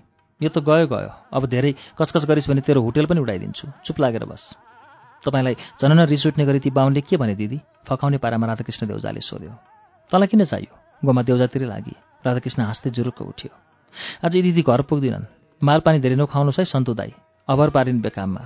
राधाकृष्ण होटलबाट बाहिर निस्कियो। राधाकृष्ण उठेको हुनाले लेखक पनि उठ्नै पर्थ्यो तर उसलाई गोमाको भाषण छोडेर हिँड्न मन लागेको थिएन। किन? लेखक स्वयंलाई थाहा थिएन। उसले च्याप्पै समात्यो राधाकृष्णलाई। भीष्मसँग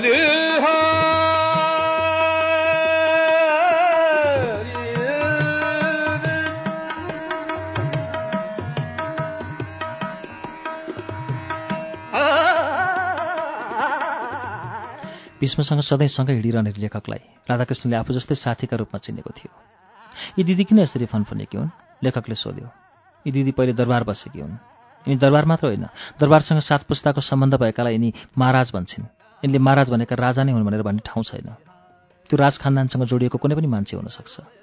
अघि भीष्मजीले राजा आफै कु गर्दैनन् तर उनका भाइ भारदारबाट कु हुने सम्भावना छ भनेर भाषण गरेपछि यिनी फनफनिएकी हुन्। रक्सी लागुन्जेल अब यिनलाई कसैले सम्झाउन र रोक्न सक्दैन। रक्सीले माथेपछि यिनी आफै आफूलाई महाराज बनाउँछन्। हिँड्नुहोस् जाउँ राधाकृष्णले भन्यो। राजा वीरेन्द्रलाई चुनावमा आउन खुला चुनौती दिएर भाषण गर्दा पनि मैले मान्छे रिसाएको देखेको थिइनँ। लेखकले भन्यो तर अधिराज कुमार भनेर भाइ भारदारको मनसाय झल्काउने एक वाक्य बोल्दा यी महिला किन यसरी बौलाएकी होलिन्? मेरो मथिङ्गल रन्थनी नै थालेको छ। एकछिन नबोली यिनका कुरा सुनाउ न। अहिले यी दिदी कराएकी होइनन्। उनले तन्काएको रक्सी र दरबारको चाकरी कराएको हो। जाउँ हिँड्नुहोस् घरतिर बरु। आज आरामले बसौँ। भोलि भीष्मजीको कार्यक्रम सिन्धुपाल्चोकको चौतारामा छ। त्यहाँ पनि पुगौँ। यसपालि एक हप्ता उहाँसँगै हिँडौँ हामी। पर्सि सिन्धुपाल्चोकमै बाह्र विषयमा पिस्करका शहीदहरूप्रति श्रद्धाञ्जली कार्यक्रम राखिएको छ। त्यहाँको कार्यक्रम सकेर उहाँ दोलखाको चरीकोट जानुहुन्छ। चरीकोटबाट रामेसापको मन्थली हुँदै उहाँ सिन्धुलीतर्फ लाग्नुहुन्छ। मन्थलीसम्म हामी पनि साथी बनौँ। म मन्थलीबाट फर्किन सक्दिनँ लेखकले भन्यो। म भीष्मजीलाई यो यात्राभरि साथ दिने योजना बनाएर उहाँको पछि पछि लागेको हुँ। आफूप्रति अत्यन्तै व्यवस्था गर्ने उहाँको बानी छ। नजिकबाट साथ दिने काममा एकजना सहयोगी चाहिन्छ भनेरै म यो यात्रामा निस्केको हुँ। आज भीष्मजी टोलीखेलमा बास बस्नुहुन्छ। हामी हाम्रो घरतिरै बसौँ। खर्च कटौतीको प्रस्ताव भयो। राधाकृष्णले हाँस्दै भन्यो भोलि बिहानै उहाँलाई होटलमै भेट्ने गरी हामी निस्क्यौँला।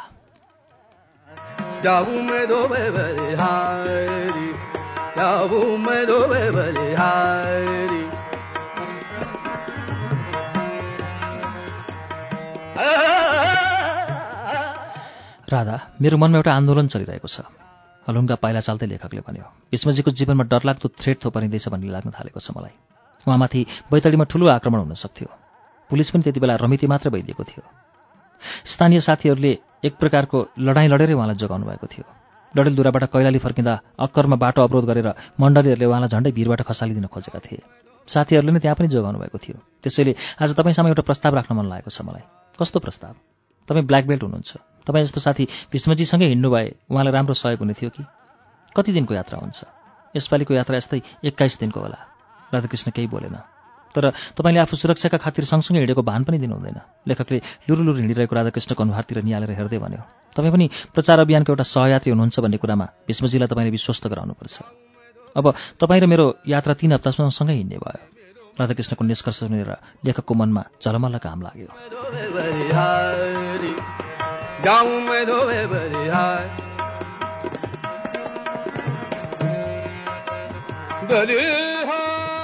तर प्रकृतिको घाम अघि नै हस्ताइसकेको थियो। थाकेको साँझमा राधाकृष्ण र लेखक घरभित्र छिरे अभियानको खर्च कटौती गर्न लेखक प्राय आफूले चिनेका साथीहरूसँग बस्थ्यो। कोही नहुँदा मात्र ऊ टोलीको सदस्यका रूपमा उपस्थित हुन्थ्यो। कहिलेकाहीँ भीष्म आफै उसको खोजीनीति गर्थ्यो। अलग्गै किन बसेर भनेर पनि खै पनि गर्थ्यो। तर लेखक भीष्मलाई सम्झाउने पारामा भन्थ्यो तपाईँलाई चाहिँदा म सधैँ हाजिर हुन्छु। अरू बेलामा म आफ्ना साथीभाइसँग बसेर प्रचार अभियानको यो यज्ञलाई सघाउने काम नै गरिरहेको हुन्छु। गन्थन मन्थनमै सास डर्यो खाना खाएपछि एकछिन भीष्म अभियानको चर्चा गरेर उनीहरू दुवैजना सुते। थाकेको हुनाले मस्त निधाएको थियो लेखक। सपना हो कि विपना हो थाहा भएन उसलाई। गोमा बनेपाबाट काठमाडौँ जाने बसमा चढी। बस खाली खाली थियो। गोमा ढोका छेउको सिटमा बसी। ठुलो ज्यान बोकेकी गोमाले बसका दुवै सिट कब्जा गरी। एकेटा मलाई दुईटी सिटको टिकट काटिदिए। कन्डक्टरको अनुहार उज्यालो भयो। बस बनेपाबाट घ्यारेर गर्दै काठमाडौँतिर लाग्यो। अनौठो त्यो त कतै नरोकी काठमाडौँ सहरभित्र छिर्यो। गरीब की इच्छा पूरा न करा दो तुम झन अनौठो अरू बसहरू जसरी आफ्नो पार्कमा नछिरेर त्यो जमलबाट उकालो पो लाग्यो झन अनौठो लाग्यो लेखकलाई राधाकृष्णको घरमा सुतेको मान्छे जमलबाट उकालो लाग्दा त आफू पनि बसको पछाडिको सिटमा बसिरहेको भेटियो सडकमा कतै नरोकी बस बुढानील कण्ठतिर लाग्यो बसले शिक्षण अस्पताललाई पछाडि पार्यो बाँसबारी छाला जुत्ता कारखानालाई पनि त्यसले पछाडि पार्यो लेखकको आँखामा एउटा ठुलो जङ्गल देखा पर्यो त्यही जङ्गलभित्र फुत्त बस्यो बस जङ्गलभित्रको ठुलो घरको फराकिलो आँगनमा उनीहरू चढेको बस छिर्यो। मातेकी गोमा बसबाट ओर्ली। उसले लेखकलाई भने ओइ आइज मसँगै। बसबाट यसो भनेर ओह्राली मान्छेहरू छ्याप्पै बसेका थिए आँगनमा। मधुर ध्वनि निकालेर सेक्सपियरकालीन सङ्गीत गुन्जिरहेको थियो वातावरणमा। सबैलाई आँगनमै छोडेर गोमा घरभित्र छिरी जाऊ मैं दो बले हारी आमै भित्र नजानु होला विदेशी महिला आएकी छन्। एउटा टहलुवाले भन्यो सधैँ जङ्गिरहने गोमा थपक्क भुइँमा बसी तर लेखक फुत्त छिर्यो टहलुवाले उसलाई रोक्नै भ्याएन। Prince you need to think seriously कालो कपाल लाम्चो अनुहार भएकी त्यो अग्ली विदेशी महिला अगाडिको सोफामा बसेको गजधम्बे मान्छेलाई सुनाउँदै थिए।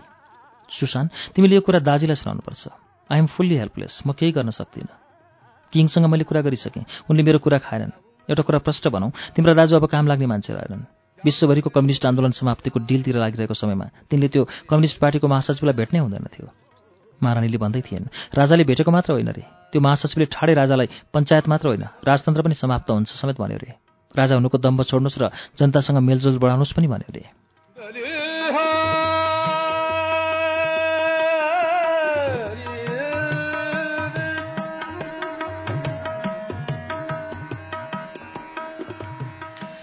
सुशान्तले कम्युनिस्ट पार्टीको त्यो महासचिवलाई गाली गरिरही। प्रिन्सले हाँ हुँ नगरी गाली सुनिरह्यो। सुशान्त यी सबै कुरा महारानीले मलाई बताउनु भएको छ। उहाँ पनि दाजीसँग दिक्क हुनुहुन्छ। But she is also helpless Prince सधैँभरि कोही पनि हेल्पलेस हुन सक्दैन। मैले मेरो राष्ट्रपतिको जिम्मेवारी पनि निर्वाह गर्नुपर्छ। यु सुड सपोर्ट मी त्यसका बारेमा तिमीले कुनै चिन्ता लिनु पर्दैन। दाजीको ताल देखेर मै भर्मलिएको छु। अहिले कम्युनिस्टको हाउ बढेर तिमी जति चिन्तित छौ त्योभन्दा कम चिन्तित छैन म। त्यसैले तिमीलाई सपोर्ट गर्ने होइन। म आफैले आफूलाई सपोर्ट गर्नुपर्ने अवस्थामा पुगेको छु। हाम्रो देशको इतिहास तिमीलाई थाहै छ। बुबा हजुरले बडो कष्टले आर्जेको यो राज्य। दाजीको कारणले फिस्सा समाप्त हुने सम्भावना झन्झन बढेको छ। तिमीले महासचिव भनेको त्यही भीष्म भन्ने मान्छेको लय लयमा लागेर त होला। दाजी हजुरले पुराना कमिज सुरुवालहरू मात्र राम्रा बनाउन पुरानो दर्जीलाई दरबार बोलाइ बक्सेछ यो त अति नै भयो। आजभोलि त प्रत्येक बिहानीले मलाई चिन्ताको उपहार दिन थालेको छ।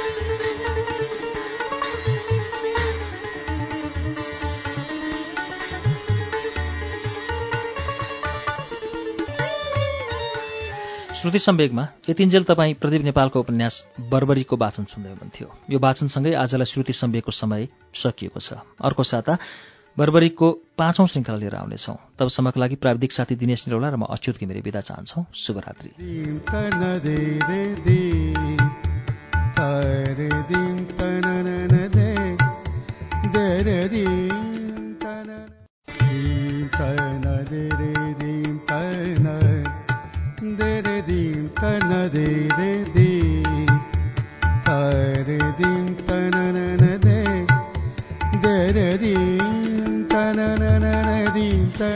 नमस्कार। उज्यालो नाइन्टी नेटवर्क मार्फत देशभरिका विभिन्न एफएम स्टेशनहरूबाट एकैसाथ प्रसारण भइरहेको कार्यक्रम श्रुति सम्वेगमा प्राविधिक साथी दिनेश निरौलासँगै म अच्युत घिमिरे बुलबुलको स्वागत छ।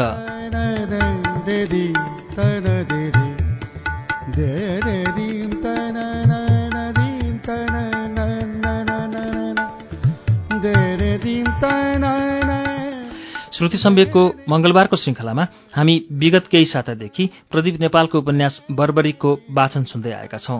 बर्बरिक बादे प्रदीप नेपालले लेख्नु भएको छ छ महिना थच्छेर बसेँ म। मेरो मनमा एउटा समग्र उपन्यास लेख्ने चाहना थियो। हिजोको सङ्घर्षकालमा मैले रत्नकुमार बान्तवाको जीवनमा आधारित देउमाईको किनारमा र हरि नेपालको जीवनमा आधारित नवैलाउने फूल लेखिसकेको थिएँ।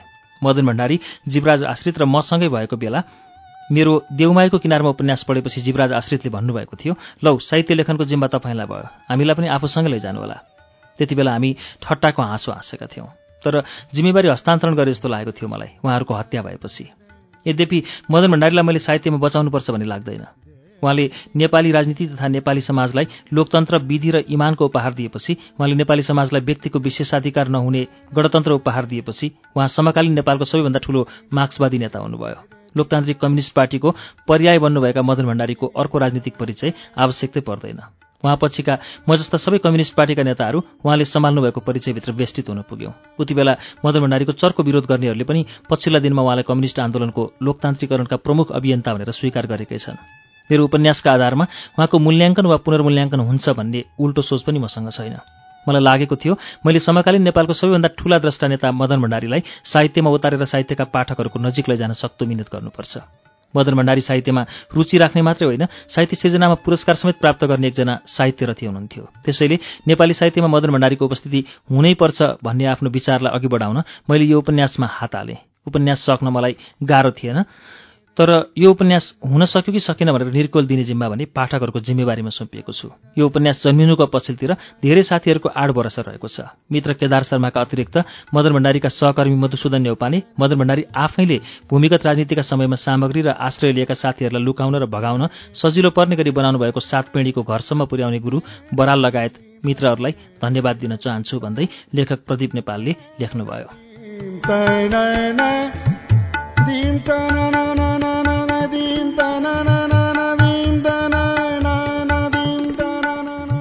बर्बरिकको पाँचौं श्रृङ्खलाको वाचन अब सुरु हुन्छ।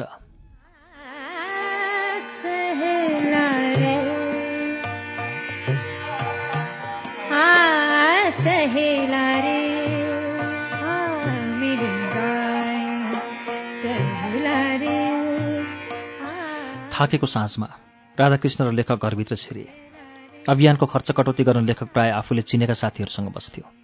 कोही नहुँदा मात्र ऊ टोलीको सदस्यका रूपमा उपस्थित हुन्थ्यो। कहिलेकाहीँ भीष्म आफै उसको खोजनीति गर्थ्यो। अलग्गै किन बसेको भनेर खै पनि गर्थ्यो। तर लेखक भीष्मलाई सम्झाउने पारामा भन्थ्यो तपाईँलाई चाहिँदा म सधैँ हाजिरै छु। अरू बेलामा म आफ्ना साथीभाइसँग बसेर प्रचार अभियानको यो यज्ञलाई सघाउने काम नै गरिरहेको हुन्छु गन्थन गन्थनमै सास टर्यो। खाना खाएपछि एकछिन भीष्म अभियानको चर्चा गरेर उनीहरू दुवैजना सुते। थाकेको हुनाले मस्त निधाएको थियो लेखक। सपना हो कि विपना हो थाहा भएन उसलाई। गोमा बनेपाबाट काठमाडौँ जाने बसमा चढी। बस खाली खाली थियो। गोमा ढोका छेउको सिटमा बसी। ठुलो ज्यान बोकेकी गोमाले बसका दुवै सिट कब्जा गरी।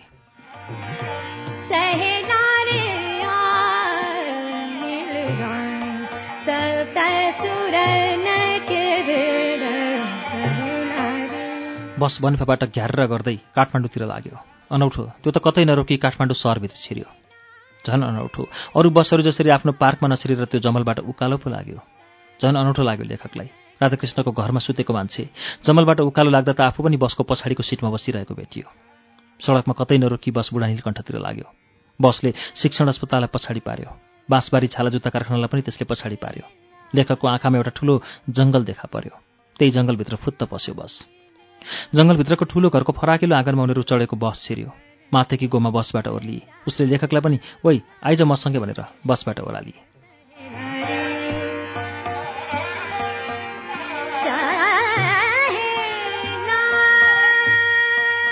मान्छेहरू छ्याप्पै बसेका थिए आँगनमा। मधुर ध्वनि निकालेर सेक्सपियरकालीन सङ्गीत गुन्जिरहेको थियो वातावरणमा। सबैलाई आँगनमै छोडेर गोमा घरभित्र छिरी आमै भित्र नजानु होला विदेशी महिला आएकी छन्। एउटा टहलुवाले भन्यो। सधैँ जङ्गिरहने गोमा थपक्क भुइँमा बसी तर लेखक फुत्त छिर्यो टहलुवाले उसलाई रोक्नै भ्याएन। Prince you need to think seriously कालो कपाल लाम्चो अनुहार भएकी त्यो अग्ली विदेशी महिला अगाडिको सोफामा बसेको गजधम्बी मान्छेलाई सुनाउँदै थिए। सुशान्त तिमीले यो कुरा दाजीलाई सुनाउनुपर्छ। आई एम फुल्ली हेल्पलेस म केही पनि गर्न सक्दिनँ। किङसँग मैले कुरा गरिसकेँ। उनले मेरो कुरा खाएनन्। एउटा कुरा प्रष्ट भनौँ। तिम्रो दाजु अब काम लाग्ने मान्छे रहेनन्। विश्वभरिको कम्युनिस्ट आन्दोलन समाप्तिको डिलतिर लागिरहेको समयमा तिनले त्यो कम्युनिस्ट पार्टीको महासचिवलाई भेट्नै हुन दिन्थ्यो। महारानीले भन्दै थिइन् राजाले भेटेको मात्र होइन रे। त्यो महासचिवले ठाडै राजालाई पञ्चायत मात्र होइन राजतन्त्र पनि समाप्त हुन्छ समेत भन्यो रे। राजा हुनुको दम्ब छोड्नुहोस् र जनतासँग मेलजोल बढाउनुहोस् पनि भन्यो रे।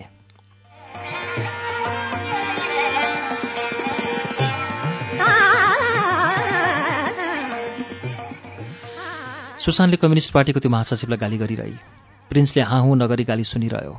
सुशान्त यी सबै कुरा महारानीले मलाई पनि बताउनु भएको छ। उहाँ पनि दाजीसँग दिक्क हुनुहुन्छ but she is also helpless Prince सधैँभरि कोही पनि हेल्पलेस हुन सक्दैन। अहिले मेरो राष्ट्रप्रतिको जिम्मेवारी पनि निर्वाह गर्नुपर्छ। यु सुड सपोर्ट मी त्यसका बारेमा तिमीले कुनै चिन्ता गर्नु पर्दैन। दाजीको ताल देखेर मै भरल लिएको छु। अहिले कम्युनिस्टको हाउ बढेर तिमी जति चिन्तित छौ त्योभन्दा कम चिन्तित छैन म। त्यसैले तिमीलाई सपोर्ट गर्ने होइन। म आफैले आफूलाई सपोर्ट गर्नुपर्ने अवस्थामा पुगेको छु। हाम्रो देशको इतिहास तिमीलाई थाहै छ। बुबा हजुरले बडो कष्टले आर्जेको यो राज्य। दाजीको कारणले फिस्स समाप्त हुने सम्भावना झन्झन बढेको छ। तिमीले महासचिव भनेको त्यही भीष्म भन्ने मान्छेको लैलैमा लागेर त होला। दाजी हजुरले पुराना कमिज सुरालहरू राम्रा बनाउन पुरानो दर्जीलाई दरबार बोलाइ बक्सेछ। यो त अति नै भयो। आजभोलि त प्रत्येक बिहानीले मलाई चिन्ताको उपहार दिन थालेको छ।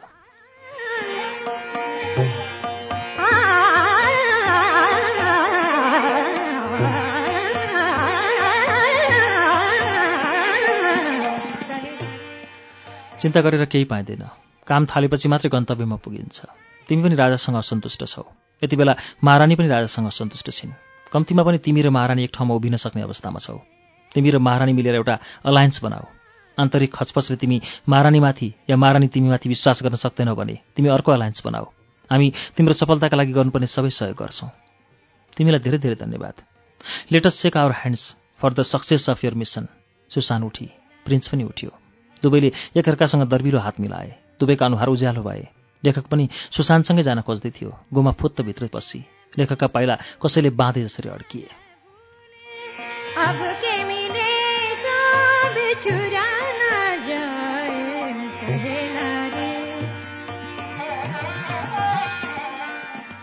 महाराज त्यो कम्युनिस्टे पातकीले मेरा महाराजलाई मनपरी गाली गर्यो।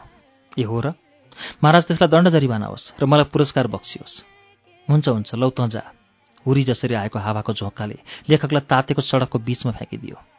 गोमाको महाराजले लौ जा तँ भनेर लेखकलाई बाटोतिर उडाइदिए जस्तो भयो। लेखक झसङ्ग भयो। बाहिर बाक्लो सन्नाटा थियो। उसले सम्झियो यो घर त राधाकृष्णको हो र नौ बजीतिर ऊ यो ओछ्यानमा निधाएको थियो।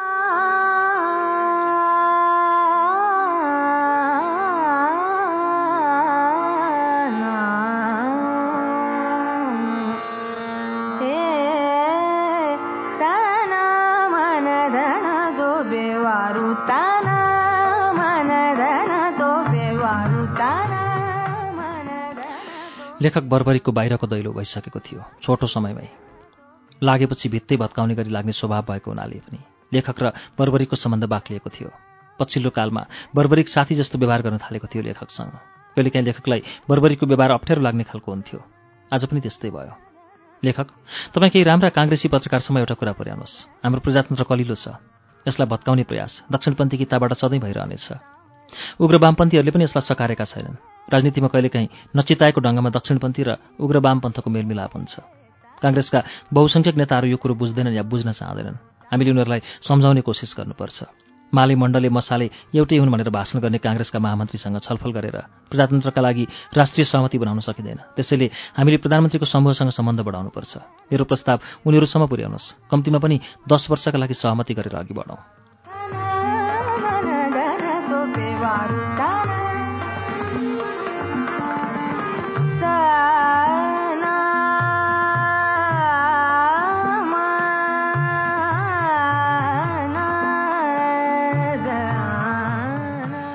बर्बरीको कुरो सुनेर छक्क पर्यो लेखक। काङ्ग्रेससँग सहकार्य गर्ने अन्कनायो लेखक। तपाईँको यो प्रस्ताव तपाईँहरूकै पार्टीका लागि स्वीकार्य होला। तल कार्यकर्ताहरू मरेर खटेका छन्। सबै ठाउँमा काङ्ग्रेससँगै भिडन्त हुँदैछ। अथवा काङ्ग्रेसले तपाईँहरूको प्रस्ताव मान्ला? उनीहरूले अहिलेसम्म तपाईँहरूलाई राजनीतिक मान्यता समेत दिएका छैनन्। उनीहरू कसरी होच्यार भनिरहेछन्? मुसाका दुलाबाट निस्केका भुसेनाहरू भनेर। तपाईँकै कार्यकर्ताले पनि मान्य छैनन्। काङ्ग्रेसले मरेकाटै मान्नेवाला छैन। लेखकले सिधै नाही त भनेन। तर प्रस्ताव मलाई समेत मन नपर्दो भनेर सन्देश दिन खोज्यो।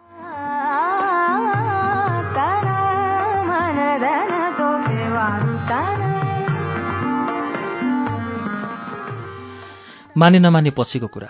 बर्बरिकले सम्झाउँदै भन्यो हामी सिधै काङ्ग्रेसको नेतृत्वसँग वार्ता आरम्भ गरिराखेका पनि छैनौँ। बजारमा एउटा प्रस्ताव पठाइदिउँ अलिक जिम्मेवार तरिकाले। एउटा भाषण गरेर पनि यसलाई बजारमा फाल्न सकिन्थ्यो। त्यसो गर्नु असम्मानजनक हुन सक्छ। तर नेपाली काङ्ग्रेसको असल कार्यकर्ता जस्तो पत्रकारको कानमा खुसुक यो जानकारी हालिदिन पाइयो भने उनीहरूको नेतृत्वको मूड थाहा हुन्छ। उनीहरू सकारात्मक देखियो भने सिधै दुई पार्टीका अध्यक्षको तहमा वार्ता गराउन पनि सकिन्छ। उनीहरूले वास्तै गरेनन् भने जनताका बीचमा हाम्रो चासो सिधै पुर्याउन सकिन्छ। राजनीतिक रूपमा हामीलाई कुनै घाटा हुने छैन। जहाँसम्म आफ्ना कार्यकर्ताको कुरा हो हामीले तिनलाई दक्षिणपन्थी खतराका बारेमा राम्ररी वैचारिक प्रशिक्षण दिनुपर्छ।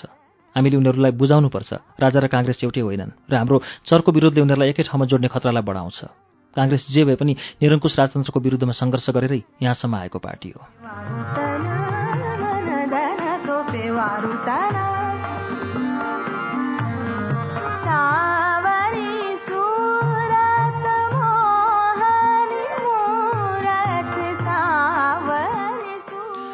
दुई महासचिव या महामन्त्रीको बीचमा वार्ता गराउन सकिँदैन।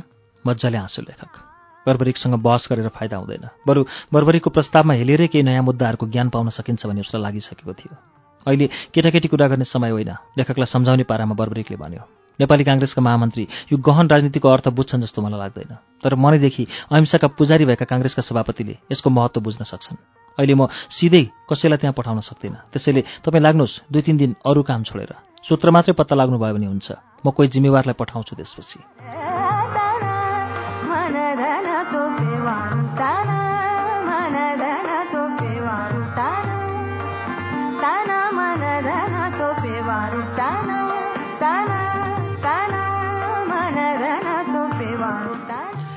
लेखकलाई गाह्रो थिएन। काङ्ग्रेस पक्षका पत्रकारहरूसँग सम्पर्क गर्न।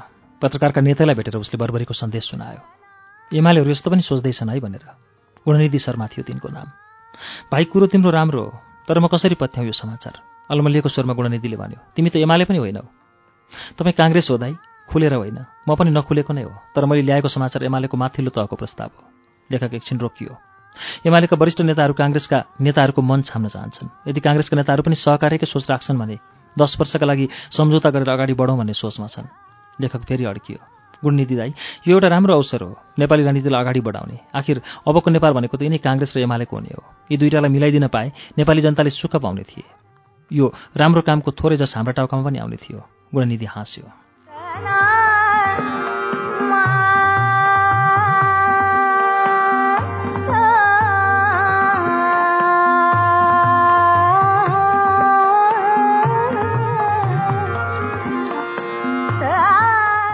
हेर भाइ मैले भनेको नेताहरूले खान्छन् भनेर त म दाबी गर्न सक्दिनँ तर पनि नेताहरूसम्म कुरो पुर्याउला गुणनिधिले भन्यो। एमालेवालाहरू यो कुरो सिधै अध्यक्षमा पुगोस् भन्ने चाहन्छन्। किन? किनकि काङ्ग्रेसका महामन्त्रीमा कम्युनिस्ट विरोधी मानसिकता छ भन्ने उनीहरूको निष्कर्ष हो। नेताहरूको भावना बुझेकै हुनाले मैले तपाईँसँग अनुरोध गरेको हुँ किनभने काङ्ग्रेस पार्टीका सभापतिसँग पञ्चायती निरङ्कुशताको कालदेखि नै तपाईँको राम्रो सम्पर्क रहिआएको छ भन्ने मलाई थाहा थियो। फेरि हाँस्यो गुणनिधि मनमोहनजीले सिधै अराउनु भएको तिमीलाई? होइन तपाईँ यसमा लाग्नुहुन्छ भने अराउने नेताको नाम पनि म भनिदिन्छु। म आजै किसुनजीलाई भेट्छु? तर एमालेबाट को आउँछ भनिदिउँ स्वयं महासचिव आउनुहुन्छ भन्नुहोला।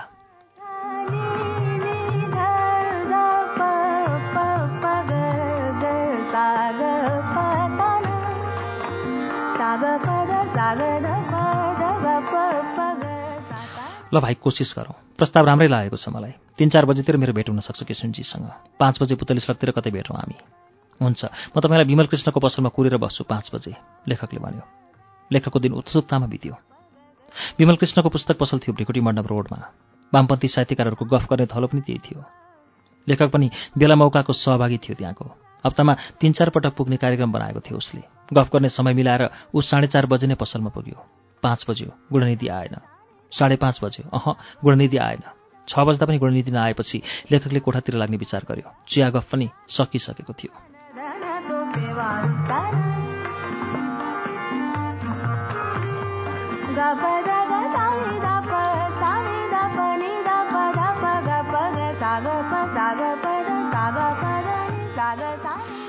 सडकको पेटीमा निस्कियो लेखक। एकपल्ट उसका आशाका आँखाले पुतली सडकको मोडतिर निहाले। पद्मोदयको मोडमा गुणनिधिको अग्लो शरीर फुत्त देखिन्छ कि भन्ने लागिरह्यो उसलाई। तर अह गुणनिधिको अत्तो पत्तो थिएन। लेखकलाई एकपल्ट पुतली सडकको पेटी नाप्न मन लाग्यो। आजै आफ्नो प्रस्तावको जवाफ पाउन ऊ निकै हुटुटिएको थियो। तर ठाउँ ठाउँमा उभिएर गुणनिधिको प्रतीक्षा गर्दा पनि गुणनिधिको अनुहार छेउछाउमा देख्न नसकेपछि लेखक सरासर कोठातिर लाग्यो।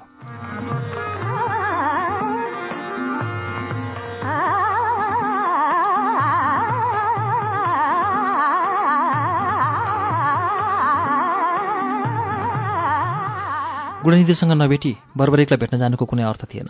कि सहकारी हुन्छ कि हुँदैन भन्ने टुङ्गै लिएर जानुपर्ने थियो उसले। त्यसैले बिहानको खाना खाएपछि ऊ सरासर गुणनिधिको डेरातिर लाग्यो। आऊ भाइ आऊ। उसैलाई पर्खिरहे जसरी गुणनिधिले लेखकलाई स्वागत गर्यो। दाइले हिजो त मलाई बेसरी टेन्सन दिनुभयो। लेखकले गुनासो गर्यो। म यो प्रस्तावको पक्षको मान्छे हुँ। किसुनजीलाई जसरी पनि मनाउँछु भन्ने लागेको थियो।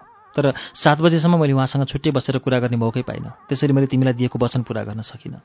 लेखक हिजोको भेटघाटको गन्थनमा अल्मलिने मनस्थितिमा थिएन। त्यसैले उसले सिधै आफ्नो चासो पोख्यो। दाइ सम्भावना कस्तो देख्नुभयो तपाईँले? हेर भाइ यो यति सजिलै हुने काम होइन। किसुनजीले यति बेला स्वार्थी लोभी र फटाहरूको घेराबन्दीमा हुनुहुन्छ। तिनीहरूले किसुनजीलाई पन्ध्र सालको निर्वाचनको सपना देखाइरहेका छन्।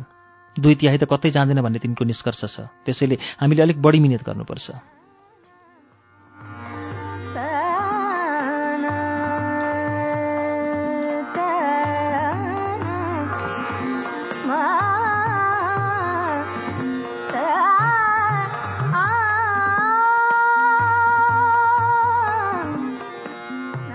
खिस्रिक्क पर्यो लेखक त्यसो भए यो अभियान सम्पन्न हुन्न लेखक पिरोलियो अहिले पन्ध्र साल होइन भन्ने म जान्दछु तर हाम्रा बुढा नेताहरू त्यो जान्दैनन्। तिस वर्षमा नेपाल र विश्वकै राजनीति कहाँबाट कहाँ पुगिसक्यो भन्ने जानकारी हाम्रा नेताहरूको मथिङ्गलमा घुस्नै सकेको छैन। तर निराश भइहाल्ने बेला पनि भएको छैन। हामीले सम्भावनाहरू खोज्नुपर्छ र त्यसमा लाग्नुपर्छ। गुणनिधिको पाको कुराले लेखकको अनुहार उज्यालियो।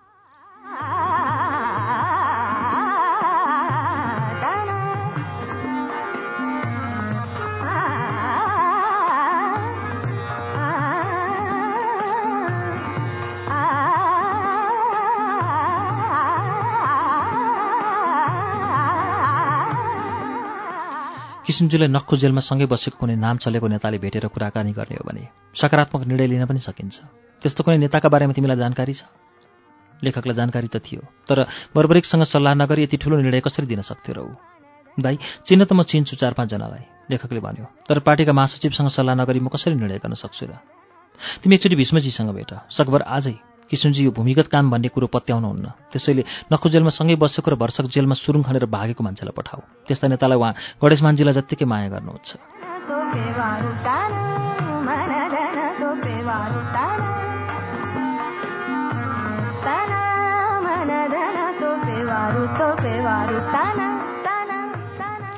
लेखक बेलुका भेट्न आउने गरी कोठाबाट बाहिरियो।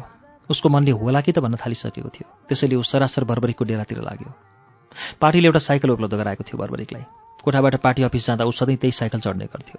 लेखक घरको गल्लीमा छिर्दा उसले बर्बरिकलाई साइकल पुस्दै गरेको देख्यो। साइकल त आफैले पुस्नु पर्दैन होला नि लेखकले ठट्यौली हुन खोज्दै भन्यो। आफ्नो काम सकेसम्म आफैले गर्नुपर्छ। आफूले गर्न नसक्दा मात्रै अरूलाई लगाउने हो। ठट्टाको उत्तर दिँदै बर्बरिकले सोध्यो अलिअलि गाडी गुड्यो? पार्टी अफिस जान साह्रै हतार छैन भने आधा घन्टा जति समय मलाई दिनुहोस् न। लेखकले भन्यो अलिकति रिपोर्टिङ र एउटा निर्णय गर्नुपर्ने भयो। साइकललाई स्ट्यान्डमा टेकाएर बर्बरिक डेराभित्र छिर्यो।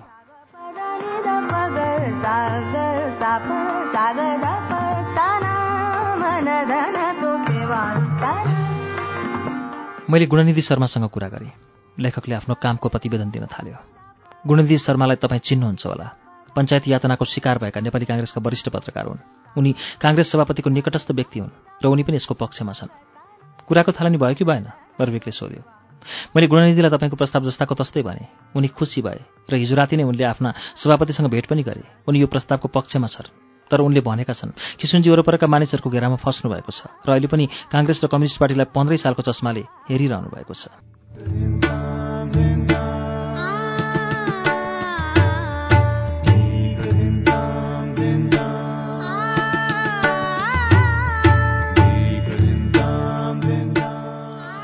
कार्यक्रम श्रुति सम्वेकमा अहिले तपाईँले सुनिरहनु भएको वाचन प्रदीप नेपालको उपन्यास बर्बरिकको वाचन हो। यसको बाँकी अंश केही बेरमा वाचन हुनेछ। उज्यालो सुन्दै गर्नुहोला।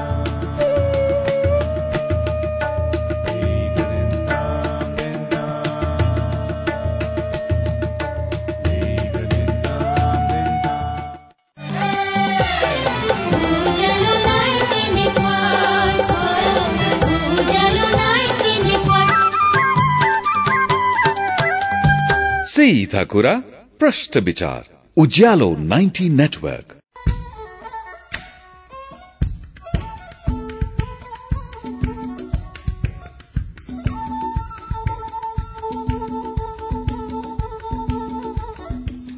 कार्यक्रम श्रुति सम्वेकमा पुनः स्वागत छ। तपाईँ अहिले उज्यालो नाइन्टी नेटवर्क काठमाडौँसँगै कञ्चनपुरको रेडियो राष्ट्रिय कालीकोटको रेडियो नयाँ कर्णाली जुम्लाको रेडियो कर्णाली हुम्लाको रेडियो कैलाश दार्चुलाको नयाँ नेपाल एफएम बैतडीको रेडियो सन्सेर अछामको रेडियो रामारोशन सुर्खेतको रेडियो भेरी र बुलबुले एफएम कैलाली टिकापुर र गुलरियाको फुलबारी एफएम कैलाली एफएम दैलेखको ध्रुवतारा एफएम जाजरकोटको रेडियो हाम्रो पाइला सल्यानको रेडियो राप्ती बाँकेको रेडियो कोवलपुर कपिलवस्तुको रेडियो बुद्ध आवाज गुल्मीको रेडियो रेसुङ्गा बुटवलको रेडियो रिपब्लिक दाङको Radio Madhyapashchim radio Prakriti FM र नयाँ युग एफएम रेडियो प्युठान बागलुङको रेडियो सार्थी एफएम र गलकोट एफएममा पनि एकैसाथ श्रुति सम्वेक सुन्दै हुनुहुन्छ।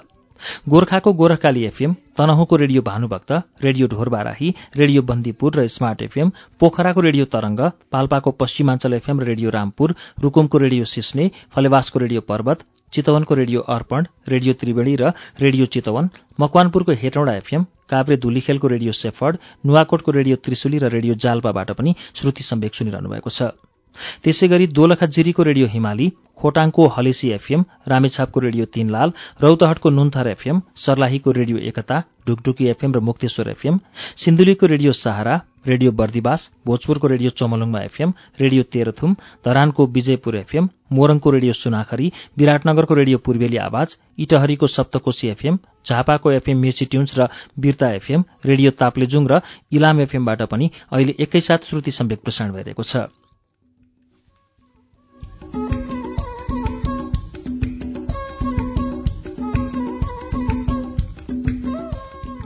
श्रुति सम्वेकमा हामी आज प्रदीप नेपालको उपन्यास बर्बरीको वाचन सुनिरहेका छौं।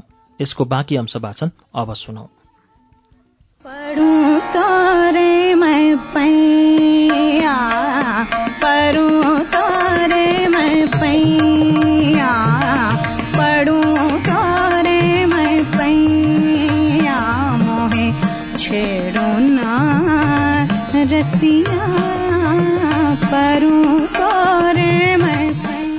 साइकललाई स्ट्यान्डमा टेकाएर बर्बरिक डेराभित्र छिर्यो। मैले गुणनिधि शर्मासँग कुरा गरेँ। लेखकले आफ्नो कामको प्रतिवेदन दिन थाल्यो। गुणनिधि शर्मालाई तपाईँ चिन्नुहुन्छ होला। पञ्चायत यातनाको शिकार भएका नेपाली काङ्ग्रेसका वरिष्ठ पत्रकार हुन्। उनी काङ्ग्रेस सभापतिको निकटस्थ व्यक्ति हुन् र उनी पनि यसको पक्षमा छन्। कुराको थालनी भयो कि भएन? मैले गुणनिधिलाई तपाईँको प्रस्ताव जस्ताको तस्तै भने। उनी खुसी भए र हिजो राति नै उनले आफ्ना सभापतिसँग भेट पनि गरे। उनी यो प्रस्तावको पक्षमा छन्। तर उनले भनेका छन् किसुनजी वरपरका मानिसहरूको घेरामा फस्नु भएको छ र अहिले पनि काङ्ग्रेस र कम्युनिस्ट पार्टीलाई पन्ध्रै सालको चस्माले हेरिरहनु भएको छ।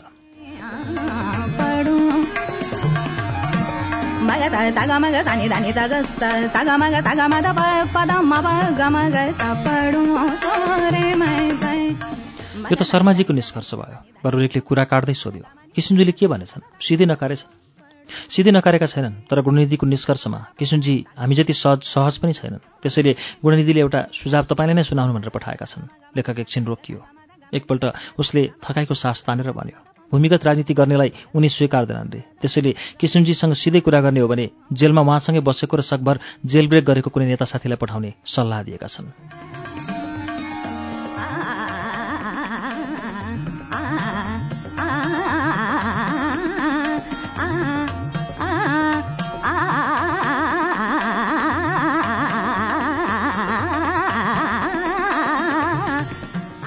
बर्बरिकले एकछिन गमेर भन्यो नाम चलेका साथीहरू आफ्नो चुनाव क्षेत्रबाट क्षेत्रतिर लागिसक्नुभयो। यसपालि गौरव कमरेड उठ्नु भएको छैन र मैले सुनेअनुसार नखु जेलमा किसुनजीसँग उहाँको सम्बन्ध पनि राम्रै थियो।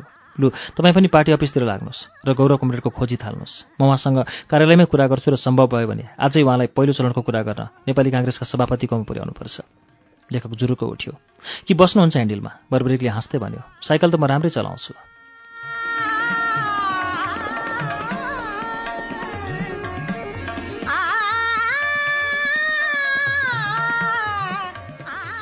त्यो रहर पनि नगरौँ। लेखक पनि सँगै हाँस्यो। सकभर गौरवजी पार्टी कार्यालयमै हुनुहोला। नभए विद्यार्थीको कार्यालयमा हुनुहोला। उहाँले दिन बिताउने भनेको यिनै दुई ठाउँमा त हो। त्यसैले तपाईँ साइकल चढेर जानुहोस्। म पहिले विद्यार्थीको केन्द्रीय कार्यालयमा छिरेर पार्टी अफिसतिर आउँछु। मेलमिलापको सम्भावना कमजोर हुन थालेको लाग्दै थियो लेखकलाई तर पनि उसले बर्बरीको निर्देशन पालना गर्न आनाकानी गरेन।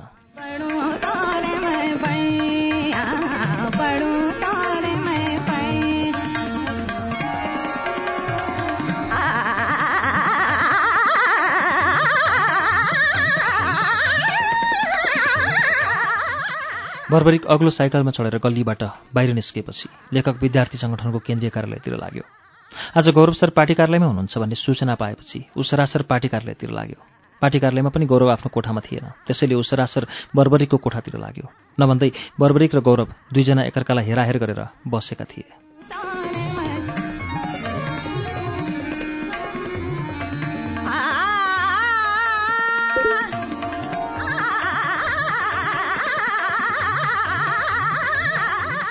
म आउन सक्छु लेखकले सोध्यो। आउनुहोस् अनि छलफलमा भाग पनि लिनुहोस्। यो अभियानको एउटा हिस्सा तपाईँ पनि हो बर्बरिकले भन्यो। यसरी यो एउटा प्रस्ताव लिएर तपाईँ भट्टराईजीसम्म पुग्नुहोस्। गुणनिधि शर्मालाई पनि तपाईँ चिन्नुहुन्छ। सायद कुनै समयमा तपाईँ र उहाँसँगै भद्रगोल जेलमा पनि बस्नुभएको थियो होला। गुणनिधि शर्मा यो प्रस्तावप्रति सकारात्मक हुनुहुन्छ। सकभर सहकार्य गर्ने हुँदै नभए केही प्रमुख नेताहरूका बीच चुनावी प्रतिस्पर्धा नगराउने। त्यो पनि हुन सकेन भने दुई पार्टीका अध्यक्षलाई हामीले चुनौती नदिने गरी कुरा गर्नुहोस्। पढूं तोरे मैं पै मग दानी दानी दा गा नि गा दानी दानी दा गा मग सा गा मा दा गा मा नि दा गा मा सा नि दा गा दा नि म दा प पढूं तोरे मैं सा गा मा दा प सा गा मा दा प पढूं तोरे मैं पै सा गा गा दा गा मा हाम्रो अध्यक्ष त धरानबाट सजिलै चुनाव जित्नुहुन्छ। लेखक फ्याक्ट बोलिहाल्यो। त्यसै हुनाले त अरूमा नमिले पनि अध्यक्षमा कुरो मिल्न सक्छ। उहाँहरूलाई काठमाडौँमा जित्न गाह्रो छ। हामीलाई सुनसरीमा चुनौती दिने कोही छैन। क्षेत्र पनि दुवै एक एक नम्बर नै परेका छन्। बर्बरिक बोल्दा बोल्दै रोकियो। यो प्रस्ताव हारजितको होइन। जनआन्दोलनका शक्तिहरू मिले है भन्ने सन्देशको लागि हो। र मलाई लाग्छ यसमा भट्टराईजीले हुँदैन भन्ने ठाउँ कतै बाँकी रहँदैन। बर्बरिक एकछिन रोकियो। लेखक अब तपाईँको काम गौरवजीलाई गुणनिधि शर्माजी कहाँ पुर्याउनेमा सीमित रह्यो? सकेसम्म चाँडो उहाँहरूको भेट गराइदिनुहोस्। म निर्वाचन अभियानमा दौडाउनु अघि नै यसको एउटा टुङ्गो सकभर सकारात्मक टुङ्गो लागिसक्नुपर्छ।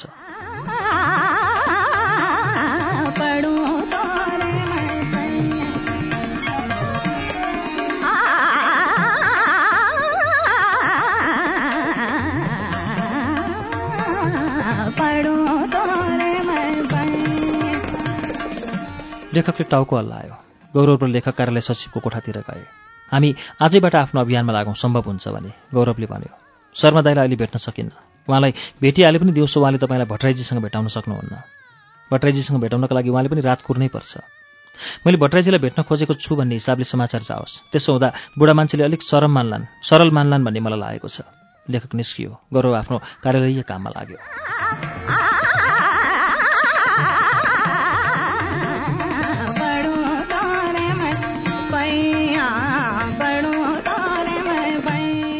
साढे तिन बजीतिर लेखक फर्कियो। के भयो? गौरवको स्वरमा स्वाभाविक उत्सुकता थियो। भरे सात बजी गुणनीति शर्माले तपाईँलाई बालोटार लानुहुनेछ र उहाँले नै तपाईँलाई कुराकानी सकेपछि डेरामा पुर्याउनुहुनेछ। म चाहिँ तपाईँलाई शर्मादाईको जिम्मा लाएर बिदा हुनेछु। बालोटारमा त भिड होला। त्यहाँ कसरी कुरा गर्न सकेला र? आज एक दिनका लागि व्यवस्था मिलाएको छु भन्नुहुन्थ्यो शर्मा दाईले छ बजेपछि नै किसनजी फुर्सद दिनुहुन्छ भन्नुहुन्थ्यो शर्मा दाईले तपाईँले नक्खु जेलमा माया गरेको र सुरुङ खनेर भाग्ने एकजना भाइले भेट्न खोज्नु भएको छ अलग्गै भनेर कुरा मिलाउनु भएको छ अरे। साँझ भरिसको थिएन। बालोटार छिर्दा। बालोटारसँग अभ्यस्त भइसकेको गुणनिधि शर्माले गौरवलाई टुङ्गैमा पुर्यायो सरासर।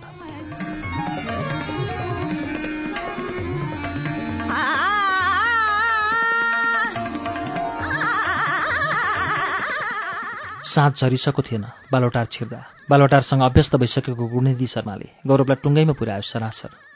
नमस्कार प्रधानमन्त्रीज्यू। गौरवले शिष्टाचार पालन गर्यो। नमस्कार नमस्कार गौरव बाबु। आउनुहोस्। तपाईँलाई स्वागत छ। बोल्दा बोल्दै भट्टराईजी आफ्नो सोफामा बसे। गौरवले गुणनिधितिर हेऱ्यो।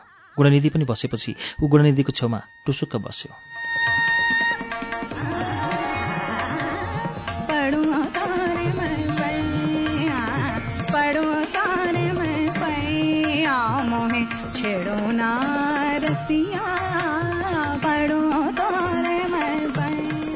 गौरव बाबुले राहत लिनुभयो। भट्टराईजीको प्रश्न सुनेर गौरव छक्क पर्यो। आफू नेपाली राजनीतिमा दुर्गामी असर पार्ने प्रस्ताव लिएर छलफल गर्न आएको मान्छेलाई बुढा त राहत लिए नलिएको कुरातिर पो ध्यान त्यान्न थाल्छन् त। लिएको छैन प्रधानमन्त्रीज्यू। के क्रान्तिकारी बहिष्कार गर्ने? होइन त्यत्तिकै ढिलो भयो। गुणनिधिजी गौरवजी हाम्रो देशको एकजना बहादुर मान्छे हो। मलाई समेत पत्तै नदिई नखुजेलमा त्यत्रो सुरुङ खन्नुभयो। प्रधानमन्त्रीजी गौरवजी एउटा सदाशयको प्रस्ताव लिएर आउनुभएको छ। त्यता लाग्ने कि मौका छोपेर गुणनीतिले कुरालाई मुद्दातिर ल्याउन खोज्यो।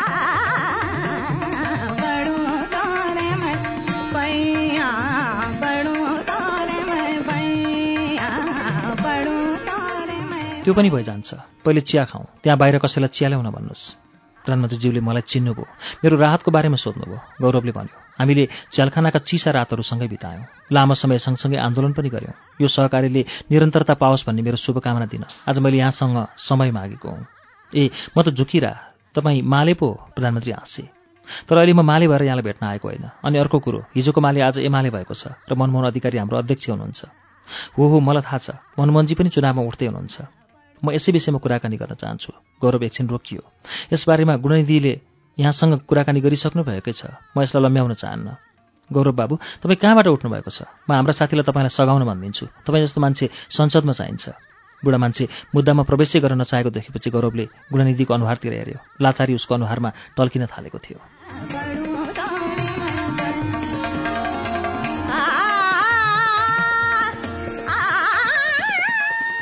पढूं गौरवजी पार्टीको एउटा प्रस्ताव लिएर आउनुभएको छ सहकार्यको। गुणनिधिले अगाडि सर्दै भन्यो उहाँलाई यसो कुरा राख्न सक्ने राख्न दिने कि? तपाईँहरू धेर वार्ता गर्नुहुन्छ किसुनजीले हाँस्दै भने ल भन्नुहोस् न त। किसुनजी म वार्ता गर्न आएको होइन। गौरवले आदरको भाकामा भन्यो मसँग तीन प्रस्ताव छन्। पहिलो सकिन्छ भने मिलेर चुनाव लडौँ। त्यो सकिन्न भने केन्द्रीय पदाधिकारीहरूबीच चुनावी सहकार्य गरौँ। त्यो पनि सकिन भने दुई पार्टीका प्रमुख अध्यक्ष र सभापतिका लागि सहकार्यको व्यवस्था गराउँ। हाम्रा महासचिवको प्रस्ताव छ। दस वर्ष हाम्रा दुई दल सहकार्य गरेर अघि बढ्यो भने यो बहुदलीय प्रजातन्त्रको भविष्य उज्जवल हुने कुरा सुनिश्चित हुन्छ। म यही सुनाउन यहाँ आएको हुँ।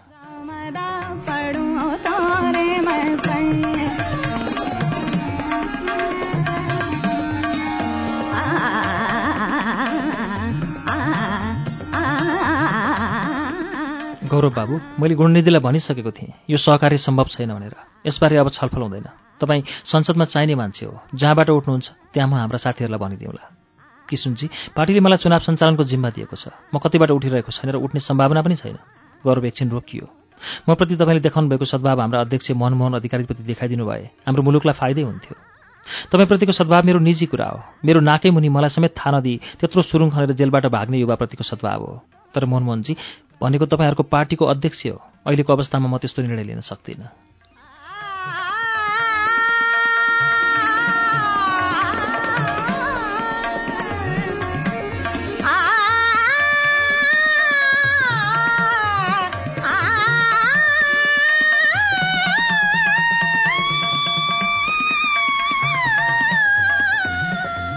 त्यसो भए म बिदा पाऊँ।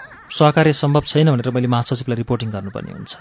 नमस्कार गौरवले उठेर भन्यो। म पनि जाउँ किसुनजी गुणनिधिले अनुमति माग्यो। जानुहोस् जानुहोस् गौरव र गुणनिधि मसँगै बालोटारको ढोका बाहिर निस्किए। दुवैको मन उदास थियो।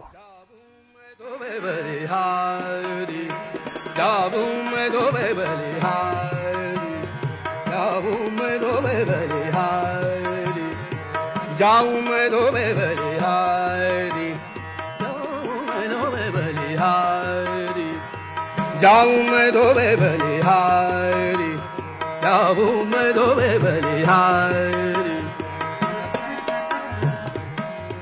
बिगार्ने भए फटाहारले किसुनजीलाई गुणनिधिले सुस्केराको भाकामा भन्यो। गौरवजी किसुनजीलाई काठमाडौँको क्षेत्र एकतर्फी रूपमा छोड्न मिल्दैन। एकतर्फी त छाड्नै सकिन्न गौरवले अड्किएर भन्यो। बरु भोलि तपाईँ एक्लै भेटेर कुरा गर्नुहोस् न सुनचरी र काठमाडौँको सहकार्यका बारेमा। दुवै पार्टीले एकअर्काको अध्यक्षलाई सम्मान गरेको देखिने गरी क्षेत्र छोड्न सकिन्छ। गौरव फेरि एकछिन रोकियो। सुनचरीको एक नम्बर क्षेत्र जित्न हामीलाई कुनै गाह्रो हुँदैन। तर यहाँ किसुनजीलाई जित्न सजिलो होला जस्तो मलाई लाग्दैन। र हाम्रो महासचिव काङ्ग्रेसका महामन्त्रीभन्दा काङ्ग्रेसका सभापतिलाई सहकार्य गर्न सकिने मान्छे ठान्नुहुन्छ। महासचिवजीको सोचाइ सही हो। म फेरि एकपल्ट किसुनजीसँग भेटेर सबै कुरो प्रश्न राख्ने कोसिस गर्छु। गुणनिधि शर्माको स्वर नाम्चेको बतास जस्तो चिसो थियो।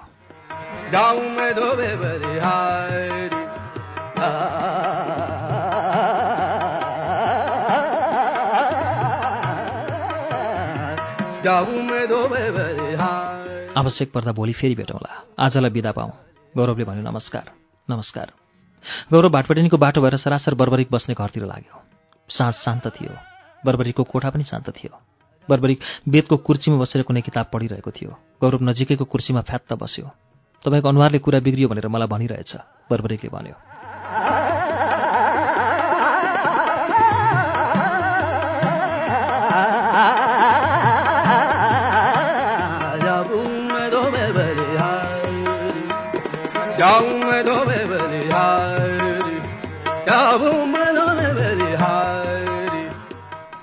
भट्टराईजीले सहकार्यको प्रस्ताव भन्ने शब्दावली सुन्ने बित्तिकै हुन्न हुन्न भन्नुभयो।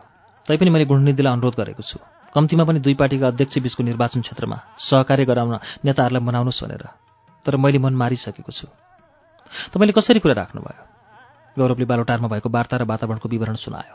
उसले विदाईको क्षणमा गुणनिधि शर्माको अनुरोध र आफ्नो जवाफ पनि जस्ताको तस्तै सुनायो। हामी एक नम्बर जित्न सक्छौँ? उसले सोध्यो। कठिन छ तर हजारको आसपासले जित्छौँ। गाउँ सबै जित्छौँ। नगरमा काङ्ग्रेसले जित्छ। हाम्रो मत पनि सन्तोषजनक आउँछ।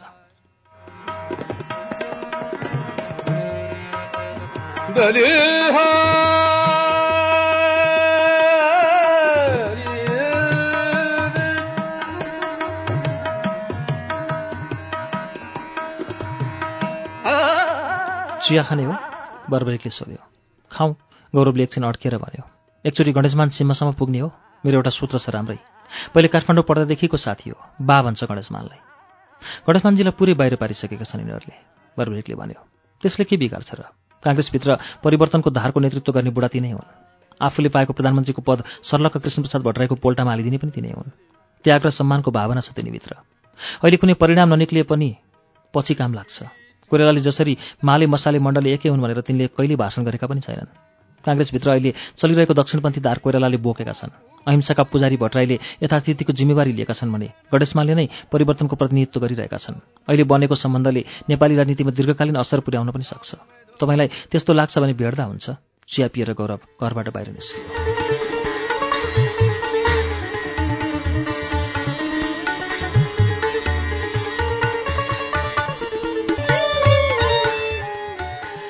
प्रदीप नेपालको उपन्यास बर्बरिक तपाईँ सुन्दै हुनुहुन्थ्यो।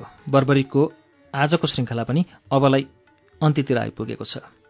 बर्बरिक उपन्यास यसै वर्ष दुई हजार सत्तरीमा पहिलो संस्करण प्रकाशित भएको उपन्यास हो।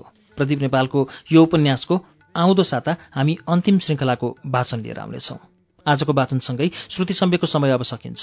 कार्यक्रमबारे तपाईँका सल्लाह सुझाव वा प्रतिक्रियाका लागि हाम्रो ठेगाना कार्यक्रम Shruti Sambeg Ujyalo ninety network post box number छ चार छ नौ काठमाडौँ। इमेलका लागि S H R U T I Shruti at U N N dot com dot एनपीमा प्रतिक्रिया दिन सक्नुहुन्छ।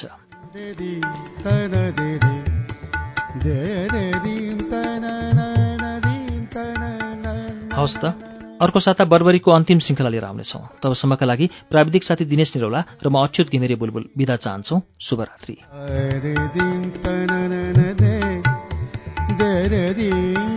ತನ ನನ ನದಿ ತನ ದೇ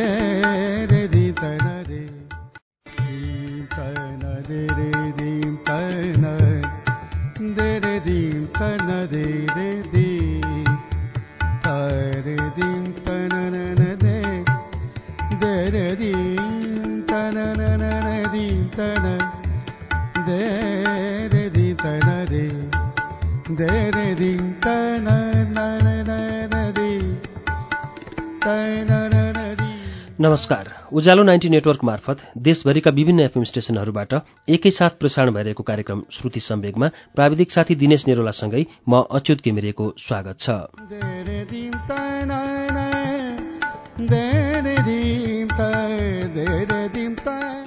श्रुति सम्वेकको मंगलबारको श्रृङ्खलामा हामी विगत केही सातादेखि प्रदीप नेपालको उपन्यास बर्बरीको वाचन सुन्दै आएका छौं।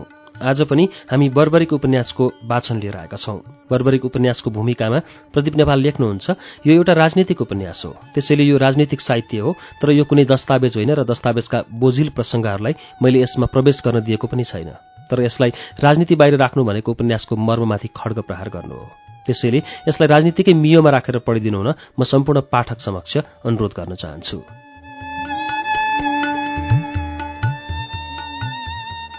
प्रदीप नेपालको बर्बरिक उपन्यासको छैठौं तथा अन्तिम श्रृङ्खला वाचन अब सुनौ।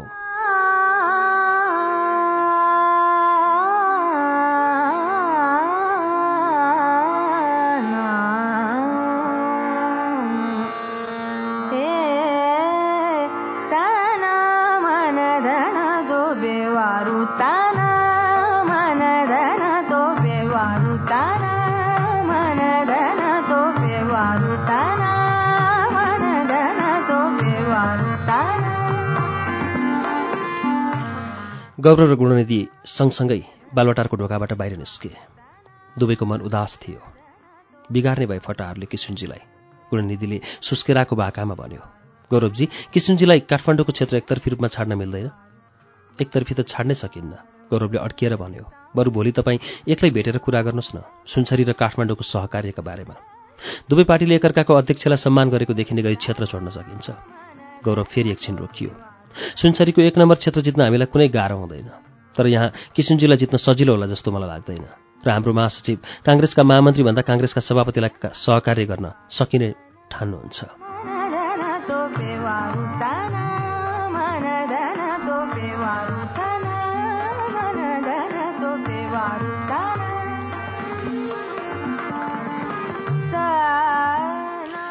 महासचिवको सोचाइ सही हो। म फेरि एकपल्ट किसिमजीसँग भेटेर सबै कुरो प्रष्ट राख्ने कोसिस गर्छु। गुणनिधि शर्माको स्वर नाम्चेको बतास जस्तो चिसो थियो। आवश्यक पर्दा भोलि फेरि भेटौँला। आजलाई बिदा पाऊँ गौरवले भन्यो। नमस्कार। गौरव भाटपटिनीको बाटो भएर सरासर बर्बरिक बस्ने घरतिर लाग्यो।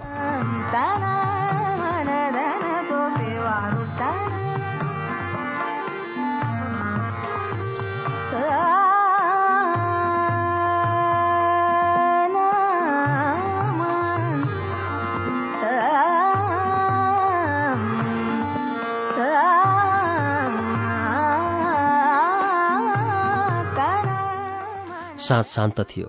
बर्बरीको कोठा पनि शान्त थियो। बर्बरिक बेदको कुर्चीमा बसेर कुनै किताब पढिरहेको थियो।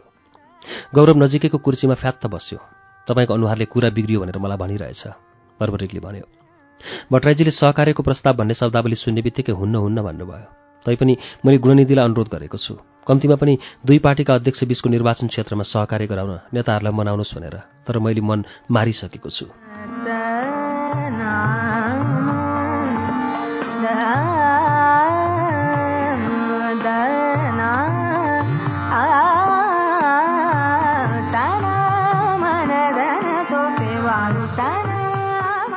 तपाईँले कसरी कुरा राख्नुभयो?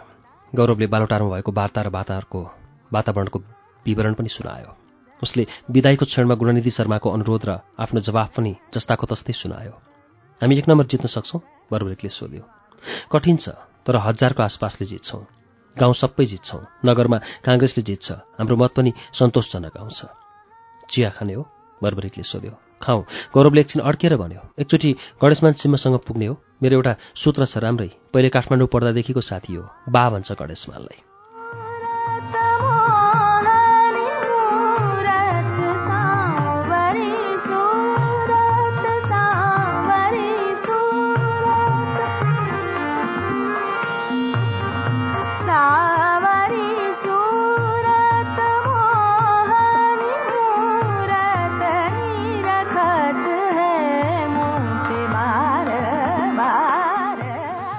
गणेशमानजीलाई पुरै बाहिर पारिसकेका छन् यिनीहरूले। त्यसले के बिगार्छ र? काङ्ग्रेसभित्र परिवर्तनको धारको नेतृत्व गर्ने बुढा तिनै हुन्। आफूले पाएको प्रधानमन्त्रीको पद सर्लक्क कृष्णप्रसाद भट्टराईको पोल्टामा हालिदिने पनि तिनै हुन्। त्याग र सम्मानको भावना छ तिनीभित्र। अहिले कुनै परिणाम ननिक्ले पनि पछि काम लाग्छ। कोइरालाले जसरी माले मसाले मण्डले एकै हुन् भनेर तिनले कहिले भाषण गरेका पनि छैनन्। काङ्ग्रेसभित्र अहिले चलिरहेको दक्षिणपन्थी धार कोइरालाले बोकेका छन्। अहिंसाका पुजारी भट्टराईले यथास्थितिको जिम्मेवारी लिएका छन् भने गणेशमाले नै परिवर्तनको प्रतिनिधित्व गरिरहेका छन्। अहिले बनेको सम्बन्धले नेपाली राजनीतिमा दीर्घकालीन असर पुर्याउन पनि सक्छ। तपाईँलाई त्यस्तो लाग्छ भने भेट हुन्छ भेट्दा हुन्छ। चिया पिएर गौरव घरबाट बाहिर निस्कियो।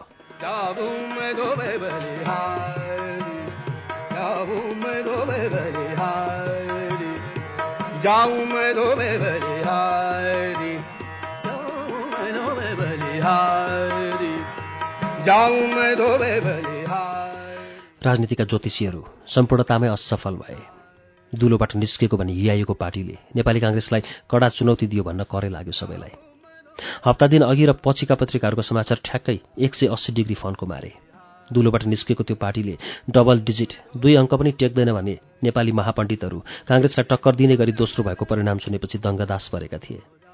चुनावको विश्वास हुँदो रहेनछ। चुनावको परिणाम सुनेपछि महापण्डितहरूले निष्कर्ष निकाले।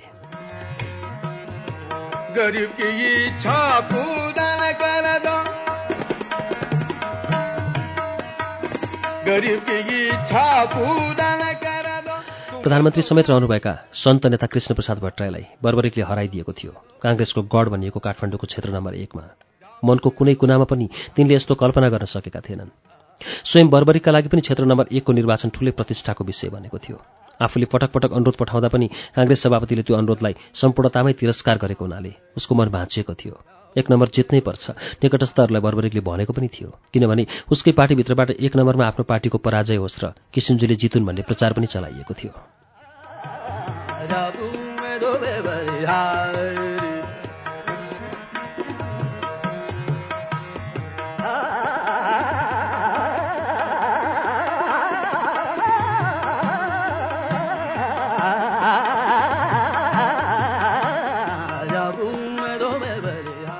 संसद सुरु भयो।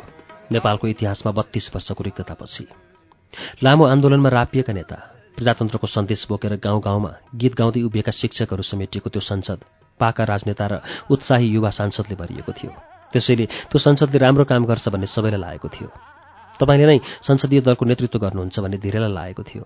लेखकले बर्बरिकलाई सुनायो। तर तपाईँ नेता त के? उपनेता पनि हुनु भएन किन यस्तो गर्नुभयो? जाऊं मैं धोबे बलिहारी तूने मेरो मन गरली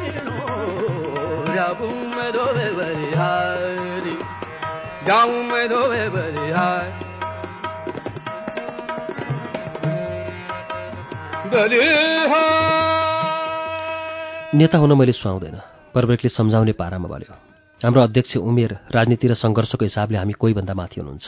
त्यसैले मैले उहाँलाई दलको नेता प्रस्ताव गरेको रह्यो उपनेताको कुरा। हाम्रा केही साथीको अत्यन्तै चर्को माग रह्यो उपनेतामा। त्यसैले मैले त्यसलाई पनि छोडिदिएँ। त्यसले त तपाईँको संसदीय भूमिकालाई कमजोर बनाउँदैन भूमिका पदै निर्धारण गर्दैन। भूमिका निर्धारण गर्ने भनेको निष्ठा र क्षमताले हो। सिंहको संसदले एक दिन मेरो यो मान्यतालाई आत्मसात गर्छ भन्ने मलाई लागेको छ।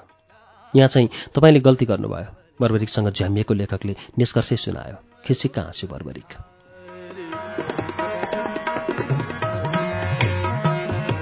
गरीब की इच्छा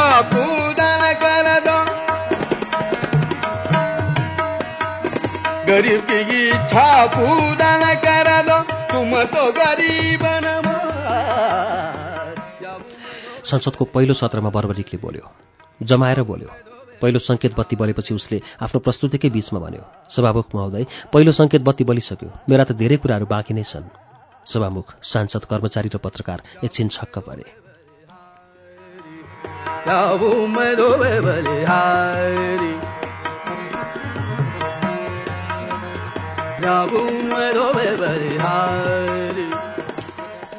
तर बर्बरिकले त्यो आश्चर्यलाई व्यवस्था गर्दै भन्यो नेपाली काङ्ग्रेसले बहुमत ल्याएर उसले सरकार चलाउँदैछ। अब हामी विपक्षमा बसेर विपक्षी बेन्चमा बसेर रचनात्मक भूमिका खेल्नका लागि तयार छौँ। यदि सरकारले जनताका लागि राम्रा कामहरू गर्छ भने त्यसप्रति हाम्रो सकारात्मक दृष्टिकोण रहनेछ। होइन उसले नकारात्मक कामहरू गर्यो भने हामी त्यसको तत्काल प्रतिवाद गर्नेछौँ। सत्तापक्षका साथीहरूलाई पनि म सन्देश दिन चाहन्छु। तपाईँहरूले कुन सत्य सम्झिरहनुपर्छ भने हामीले जति जनताको समर्थन प्राप्त गरेका छौँ त्योभन्दा बढी जनताको समर्थन प्राप्त गर्नेहरू अढाई फिट देब्रेतिरको लहरमा बसिरहेका छन्। उनीहरू निरङ्कुशता र अत्याचारको विरोध गरेर यहाँसम्म आएका हुन्। तपाईँहरूले थाहा पाउनुपर्छ जनताले तपाईँहरूलाई प्रतिपक्षमाथि शासन गर्ने अधिकार दिएका छैनन्। तपाईँलाई त सरकार चलाउने अधिकार मात्र दिएनन्। राम्ररी बुझ्नुहोस्। बन्दुकको बलमा देशमा रचाइ गर्न हिजोका राजाले पनि सकेनन्। आजका तपाईँहरूले पनि सक्नुहुन्न। बन्दुकले मृत्यु दिन्छ। विजय होइन। र अन्तिम निष्कर्षमा त्यो मृत्यु विपक्षी होइन। स्वयंको हुनेछ।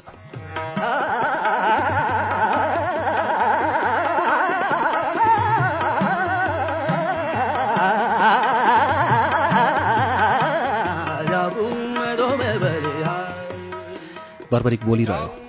तर सङ्केत सूचक बत्ती बलेन। लट्ठ परे जस्तो भयो सभाभवन सभामुख महोदय यहाँले मलाई थोरै भए पनि अतिरिक्त समय उपलब्ध गराइदिनु भयो। यसका लागि धन्यवाद। बर्बरिक बस्यो। सांसदहरूको ढ्यापढ्यापले सभाभवन गुन्जायमान भइरह्यो। अतिरिक्त समयसम्मै नयाँ नौलो केही थिएन। सधैँ जसरी साढे सात बजे साँझ ओर्लियो थाल्यो काठमाडौँ सहरमा।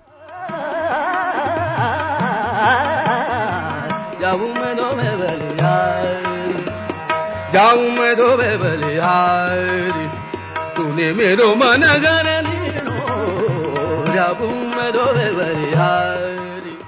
लेखक काँधमा फुर्के झोला बोकेर हस्याङ फस्याङ गर्दै हिँड्दै थियो सडकमा। उसको गतिले उसको गन्तव्य पनि निर्धारित गरिसकेको थियो। बर्बरीको डेरामा पुगेपछि बैठकमा राखिएको बेतको कुर्सीमा ढ्यास्स बस्यो लेखक। दिदी एक कप मिठो चिया खाउँ खानुपर्ने त लड्डु थियो तर आजलाई चियाले चित्त बुझाउँ के भयो त्यस्तो सीताले सोधी। के भएन भन्नुहोस् न अनौठो भयो। भीष्मजीले आमसभालाई जसरी लठ्याउनुहुन्थ्यो शब्द शब्दको चिरफार गर्ने मान्छेहरू बसेको संसद पनि त्यसै गरी नै लट्ठियो आजभोलि लेखकको ड्युटी मेरो गीत गाउने काममा सीमित भएको छ सीता। लेखकको कुरा सुन्नतिर नलागी चियापानीको काममा लाग। बरुडीकले केही पनि नभए जस्तो गरी भन्यो।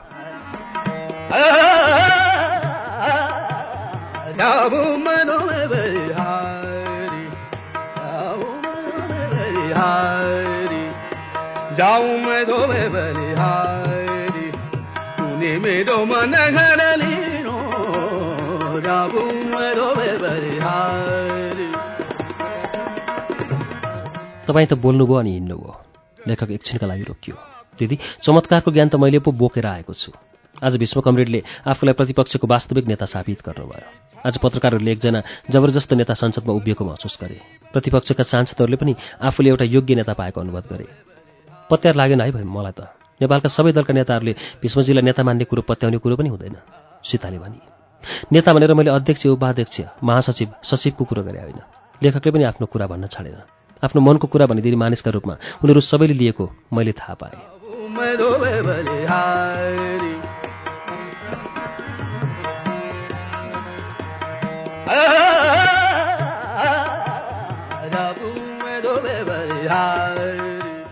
कुनै सांसदलाई जस नदिने पत्रकारले समेत यो मान्छेले संसद पनि खाने भयो भनेर सकारात्मक टिप्पणी गरेको मैले सुने। हामीलाई उपलब्ध गराइएको काठे घरको सानो कोठामा आज तपाईँको गीत नगाउने पत्रकार नै थिएनन्। अर्को एउटा गम्भीर कुरो पनि सुन्नुहोस्। मैले गुणनिधिको मुखबाटै सुनेको। गुणनिधि सभामुखका पनि साथी हुन्। संसद सकिएपछि सभामुखको कक्षमा तपाईँका बारेमा भएको छलफलको तस्विर चित्र गुणनिधिजीले मलाई दिएका थिए। तपाईँहरूको दलको प्रमुख सचेतकले बर्बरिकजीलाई कम्तीमा पनि महिनाको दुई पटक संसदमा बोल्न दिनुपर्ने भयो भनेर सभामुखसँग अनुरोध गरिदिए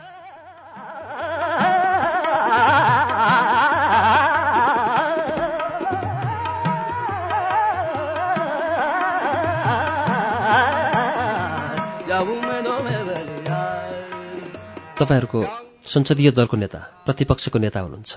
उहाँले समय पाइहाल्नुहुन्छ। उहाँबाट पुगेन भने हामीले दलको उपनेताका लागि पनि अलग्गै व्यवस्था गरेका छौँ।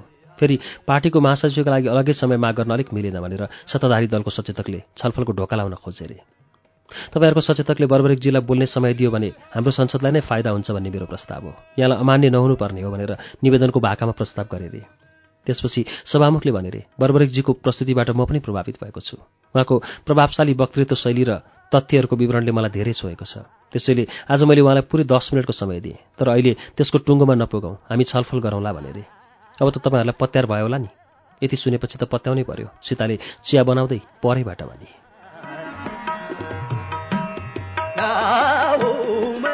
बलिहारी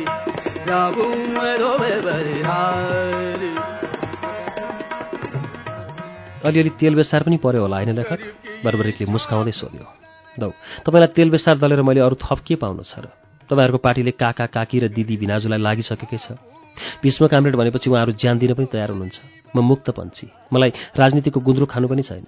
मैले त तपाईँको जिम्मेवारी बढ्यो है अब भनेर सचेत मात्रै गराएको हुँ। लु यसै खुसियालीमा मिठो चिया खाउँ। सीताले चियाको कप बर्बरिक र लेखकको अघि सार्दै भने। सार्वजनिक मञ्चमा दाइँ गरेको आफ्नो पतिको संसदीय भूमिका जान्ने उत्सुकता सीताको मनभित्र टुसो भनेर पलाएको थियो। त्यसैले उसैले भने लेखक भाइ त्यसो भए आज भीष्मजीको बोलीमा सदन गरमायो होइन त।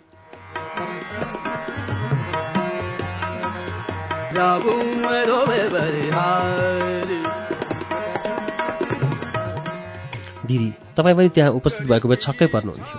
लेखकले रौसिँदै भन्यो उहाँले सबै मुद्दामा काङ्ग्रेसलाई भित्तैमा पुर्याइदिनु भयो पञ्चायतको मूल्याङ्कन गर्दै उहाँले भनिदिनु भयो निरङ्कुशता नभएको भए जनतामाथि तानासाई नलादिएको भए जनतालाई अधिकारबाट वञ्चित नगरिएको भए मान्छेलाई रोग भोग र अशिक्षाको खाडलमा जाग्न भागीरथ प्रयत्न नगरेको भए पञ्चायत ढल्ने नै थिएन। अहिलेका प्रधानमन्त्री कम्युनिस्ट फोबियाबाट ग्रसित हुनुहुन्छ र उहाँले त्यही गरिरहनु भएको छ। पञ्चायतले आफ्नो अवसानका लागि जे जे गरेको थियो। सभामुख महोदय म बेलबारीका निर्दोष जनतामाथि भएको गोलीकाण्डको चर्चा गर्न खोजिरहेको छु।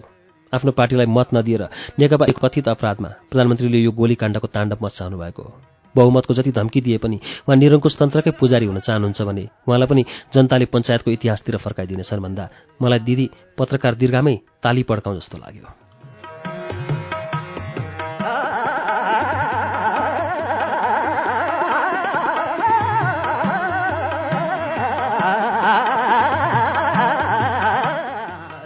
खै भाइ यति नै भने मेरो लागि कुनै नौलो कुरा भएन सीताले भने।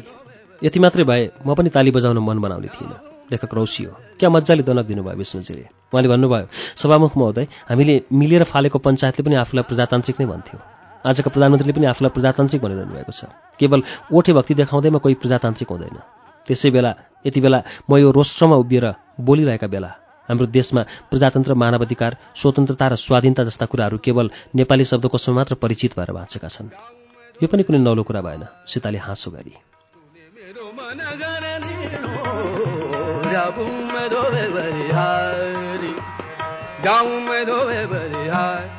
लेखकले भन्यो दिदी जसको सिङ्गो बसोबास भीष्मजीसँग भइरहन्छ त्यसका लागि उहाँका कुन कुरा पो नौलाउँदा हुन्? लेखकले हाँस्दै भन्यो त्यसैले अब म पनि आफ्नो अन्तिम भनाइ राख्दै यहाँहरूसँग विदा माग्दछु। शुभामुख महोदय समय दिनुभयो। यसका लागि धन्यवाद। तर मैले यो रोस्ट्रमबाट बोलेका कुराहरू दिएका उदाहरणहरू भैँसीको अगाडि बाँसुरी बजाए जस्ता नहुन्। धन्यवाद। यसपालि भने बर्बरी हाँस्यो लेखकलाई क्यारिकेचर गर्न पनि आउँदो रहेछ। व्यङ्ग्य गर्न पनि आउँदो रहेछ। अब ख्यालठट्टा बन्द। अलिकति कामको कुरा गरौँ।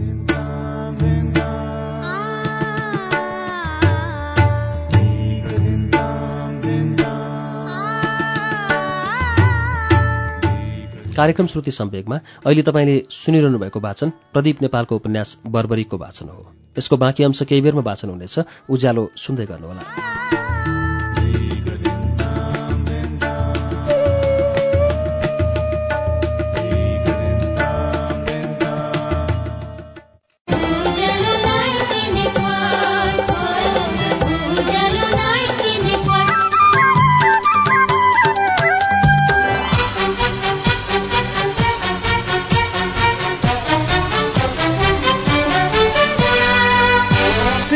कुरा प्रश्न विचार उज्यालो 90 नेटवर्क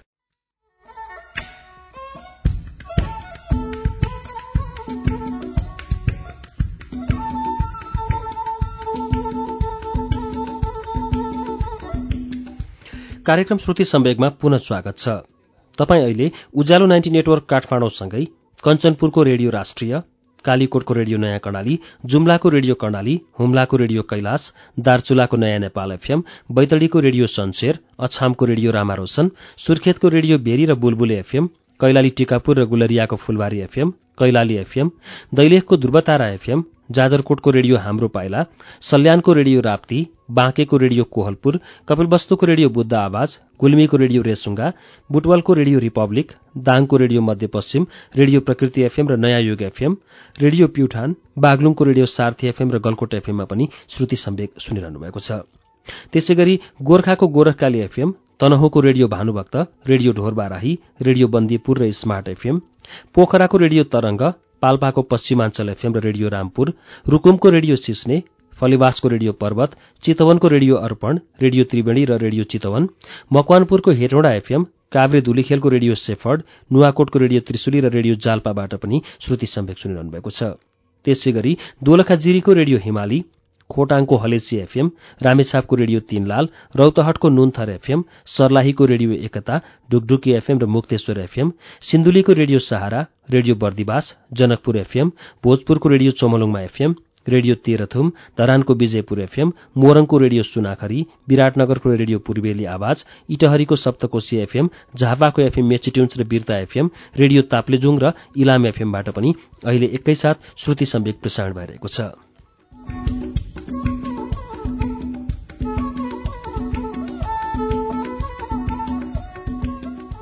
श्रुति सम्वेगमा हामी आज प्रदीप नेपालको उपन्यास बर्बरीको वाचन सुनिरहेका छौं।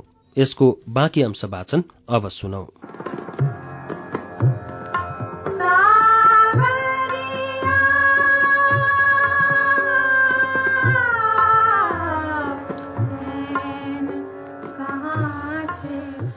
त्यसो भए सबै समाप्त भयो अब। पिरोलिएको स्वर थियो यो। अब के बाँकी रहेर? उत्तर पनि प्रति प्रश्न थियो। सत्य पत्ता लगाउन तपाईँहरूले विशेष चासो देखाउनु नै भएन। लेखकले उद्विग्न नभई आरोप लगायो। यति बेला ऊ आफ्नो अगाडि बसेका र बर्बरीको हत्यापछि प्रमुख बनेका तीनजना नेताहरूसँग बहस गर्दै थियो।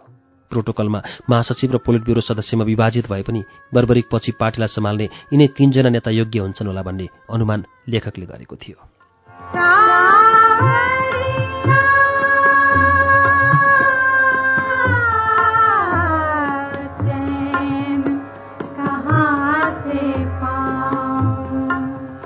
त्यस्तो होइन लेखकजी। हामीले गर्न सक्ने जति काम गऱ्यौँ तर राजनीतिक हत्याको खोजी त्यति सजिलो हुँदो रहेनछ।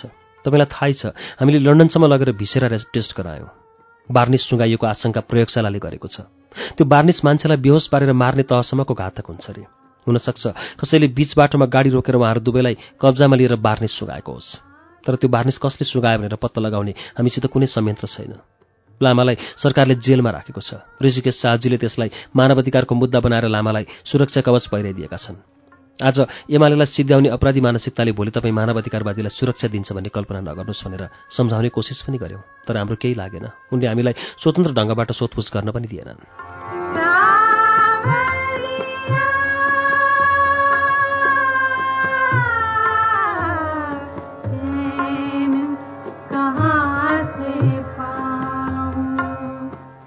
उग्र कम्युनिस्ट विरोधी सुशासनको नाम पनि उठेको छ। यो षड्यन्त्र जन्माउनेको आशंकाको घेरामा। लेखकले विवेकको कुरा काट्दै भन्यो यो हत्याकाण्डपछिको तनावबाट रिल्याक्स गर्न नेपालका गृहमन्त्रीलाई लिएर ऊ शुक्ला फाटातिर लागेकी थिए भन्ने जानकारी पनि अखबारमा आइसकेको थियो। चिनिया क्रान्तिको विरोध गर्दै पश्चिमतिर लागेकी सुशान कम्युनिस्ट सखाप अभियानको सदस्य भएर नेपाल छिरेकी हो भन्ने सामान्य विश्लेषण पनि तपाईँहरूले गर्नुभएकै होला। कम्युनिस्ट शब्द सुन्ने बित्तिकै वाकवाके लाग्ने सुसान नेपालमा नयाँ उचाइबाट कम्युनिस्ट आन्दोलनको विकास हुने सम्भावना देखेर यता आएकी हो भन्ने जानकारी पनि तपाईँहरू सबैलाई थाहा भएकै थियो होला। सिङ्गो मुलुक समवेदनाको सुस्केरा काटिरहेको समयमा छानबिनको काममा असहयोग देखाउँदै सुशानको पछि पछि सैर सपाटामा लाग्ने गृहमन्त्रीतिर तपाईँहरूको चासो गएको देखिएन। तपाईँहरू प्रधानमन्त्रीको विरुद्ध एकोरिएर लाग्नुभयो। तर सुरक्षा र शान्तिको प्रमुख जिम्मेवारी बोक्ने गृहमन्त्रीतिर तपाईँहरूले आँखै लाउनु भएन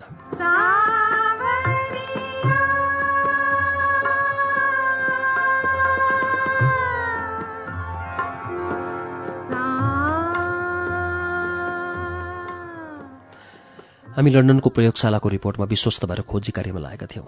त्यो दिनको दर्के झरी पाँच किलोको चिया पसल र त्यहाँबाट दासढुङ्गा पुग्दाको दूरी त्यहाँ मान्छे लुकेर बस्ने ठाउँको खोजीमा हामीले आफूलाई केन्द्रित गऱ्यौँ हत्याको एकमात्र साक्षीलाई मानवाधिकारको नाउँमा शाहजीले छुनै नदिएपछि अनि ती शाहलाई प्रधानमन्त्रीले काखीमा च्यापेपछि स्वाभाविक रूपमा हाम्रो आक्रोश प्रधानमन्त्रीतिर केन्द्रित भयो। तपाईँले उठाउनु भएको गृहमन्त्रीतिर हामीले ध्यान पुर्याउन नसकेकै हो गिरिशले लेखकको कुरा सकार्दै भन्यो।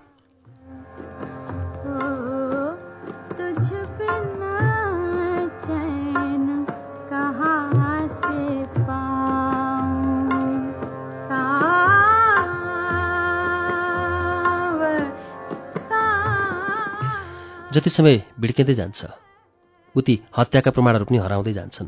लेखकले तिनैजना नेताहरूको अनुहारमा पालै पालो हेर्दै भन्यो राजनीतिक हत्याका अपराधी पत्ता लगाउने काम जटिल हुन्छ भनेर। कम्तीमा पनि तपाईँहरू अल्छी भएर बस्न मिल्दैन। तपाईँहरूले आफ्नो तर्फबाट धेरै काम पनि गर्नुभयो तर परिणाम प्राप्त नभइन्जेल त्यो धेरैको खासै अर्थ हुँदैन। अहिले तपाईँहरूको हातमा भिसेरा रिपोर्ट छ। त्यसले बार्निस सुँगाएको प्रमाणित गरेको छ। तर त्यसले त्यही सुँगाइएको बार्निसका कारण उहाँहरूको हत्या भएको र चालकले खोलामा गाडी खसाल्दा भीष्मजीको मृत्यु भइसकेको भनेर किटानी गरेको छैन। तपाईँहरू यही मुद्दामा केन्द्रित हुनुपर्छ। हत्या बार्ने सुगाएकै कारण हुनुपर्छ। हत्यामा चालकको प्रत्यक्ष वा अप्रत्यक्ष हात हुन सक्छ। प्रत्यक्ष यस अर्थमा कि उसलाई किनिएको होस्। अप्रत्यक्ष यस कारण कि उसलाई धम्काइएको होस्। चालक आफैले अप्ठ्यारो स्थानमा गाडी रोकेर आफूभन्दा बलिया दुईजनालाई बार्ने सुगाए भन्नु मूर्खता मात्र हुन्छ। तर गिरिशजीले अनुमान गरे जस्तै कुनै बजारमा कुनै अप्ठ्यारो स्थानमा हत्याराले गाडीमा लिफ्ट लिएको हुनसक्छ झमझम पानी परेको त्यो उदास दिनमा सडकमा अलपत्र परेर हामीलाई लैजाऊ लैजाऊ भनेर अनुनय विनय गरिरहेका नेपाली नागरिकलाई बर्बरिक र कुशलजीले गाडी रोक्न लगाएरै लिफ्ट दिनुभएको पनि हुनसक्छ।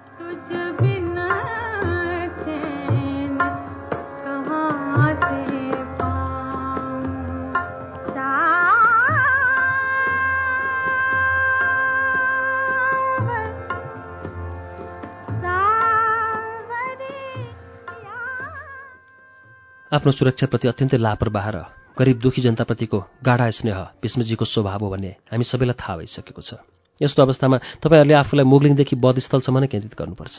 यति बेला प्रतिभाशाली कम्युनिस्ट नेताहरूको हत्याको अभियान आरम्भ भएको अन्तर्राष्ट्रिय राजनीतिक परिदृश्यतर्फ पनि तपाईँहरूको ध्यान जानुपर्छ। दक्षिण अफ्रिकाका प्रतिभाशाली कम्युनिस्ट र नेल्सन मण्डेलाबाट भावी दक्षिण अफ्रिकाको योग्य नेताको परिकल्पना गरिएका क्रिस हानीको हत्यापछिको यो दोस्रो हत्या हो। बर्बरीको हत्यालाई क्रिस हानीको हत्याभन्दा कमजोर तहको बनाउन सकिँदैन। यी दुवै प्रतिभाशाली कम्युनिस्ट नायकहरू आफ्नो गोलार्धका सृजनशील एवं सचेत नायकहरू थिए।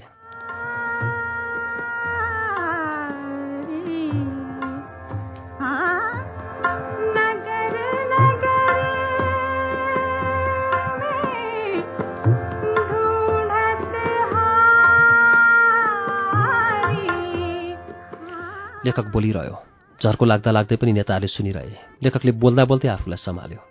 कतै म नेताहरूको दिमाग त चाटिरहेको छैन एक्लै बकबक गरेर। उसले आफैसँग सोध्यो नेताहरूले कुनै प्रतिक्रिया दिन नचाहेको।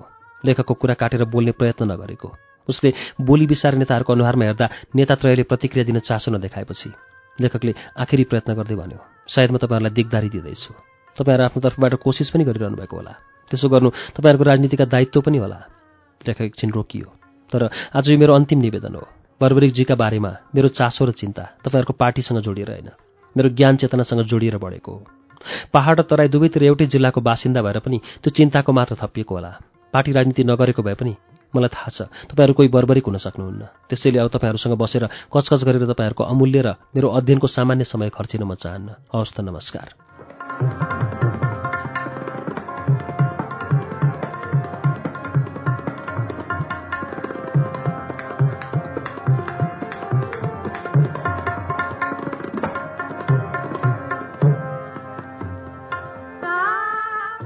झन् चर्को आक्रोश पोखिएला भनेर लेखक फटाफट बाहिर निस्क्यो।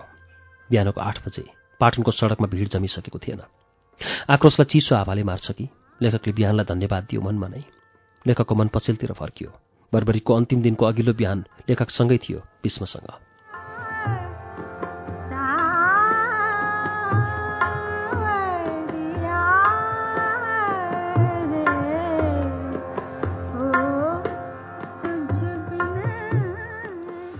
तपाईँले यात्राका सन्दर्भमा आफ्नो सुरक्षालाई पहिलो नम्बरमा राख्नुपर्छ। पार्टीको पाँचौँ महाधिवेशनले तपाईँलाई कार्यकर्ताको नेता तर सहकर्मीहरूको दुश्मन बनाइदिएको छ। पार्टीभित्रको सर्वोच्च निकायमा तपाईँले प्रस्ताव गरेको विचारको पक्षमा जम्मा जम्मी एक थान सहयोद्धाको मात्र समर्थन रह्यो। तेह्रजनाको स्थायी कमिटीमा आठजनाको विरोध दुईजनाको सुझाव र एकजनाको दर्बिलो समर्थन तपाईँले पाउनुभएको थियो। पार्टी बाहिर त तपाईँका दुश्मनहरूको एउटा ठुलै जमात तयार भइसकेको छ। कालमार्क्स लिभ्स इन नेपाल भनेर अमेरिकाको छातीमै ढुङ्गे अक्षर छापिएपछि त्यताको वक्रदृष्टि पनि तपाईँका गतिविधिमा निहालिन थालेको छ। दसजनाले पनि जित्दैनन् भनेको चुनावमा तपाईँले आफ्नो पार्टीलाई सात गुणा बढाएर प्रमुख प्रतिपक्षी बनाएपछि त्यो अन्तर्राष्ट्रिय बुर्जुवा नेतृत्व तपाईँसँग झनै बढी चिसिएको छ। देशभित्रै पनि भीष्मको गतिमा ब्रेक लाउन सकिएन भने नेपाल पनि पश्चिम बङ्गाल हुन्छ। पश्चिम बङ्गाल मात्रै होइन त्योभन्दा बढी दीर्घजीवी हुन्छ भन्ने बहस राजनीतिक वृत्तमा यति बेला चर्को गरी चलिरहेको छ।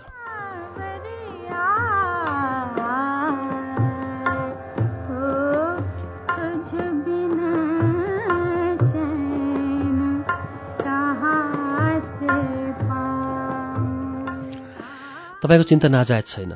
तर महाधिवेशन पश्चात मसित एउटा ठूलो कार्यकर्ता पङ्क्तिसँगै उभिन आइपुगेको छ। हिजो तपाईँ र म देश दौडामा हिँडेको बेला तिरस्कारको आँखा तर्ने प्रहरीका अधिकारीहरू जिल्ला जिल्लाका प्रशासकहरू यति बेला मलाई नमस्कार गर्ने भइसकेका छन्। बिचमा एकछिन रोकियो। वातावरण खालि नकारात्मक छैन। त्यसमा सकारात्मक सुवास पनि उठ्न थालेको छ।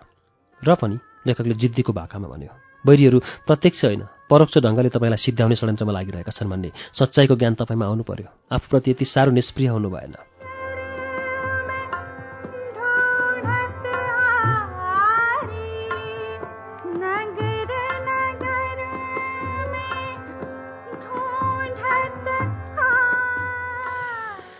यसपालि म जाँदैछु। अहिले सबै व्यवस्थापन गर्ने समय छैन हामीसँग। बर्बरिकले भन्यो।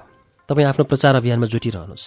म पोखरा र चितवनको कार्यक्रम सकेर काठमाडौँ फर्किन्छु अनि बसेर कुराकानी गरौँला र पार्टीभित्रको सुरक्षा प्रणालीका बारेमा एउटा विधि निर्माण गरौँला। अहिले नै त्यो काम किन गर्न सकिँदैन? लेखकले जिद्दी गर्यो। किनभने हतारमा त्यस्तो काम गर्न सकिँदैन। बर्बरिकले सम्झाउने भाकामा भन्यो। भोलि बिहान म र कुशल कमरेड पोखरा जाँदैछौँ। गुरुजी पनि लामो समयदेखि मसँग हिँडिरहनु भएको छ।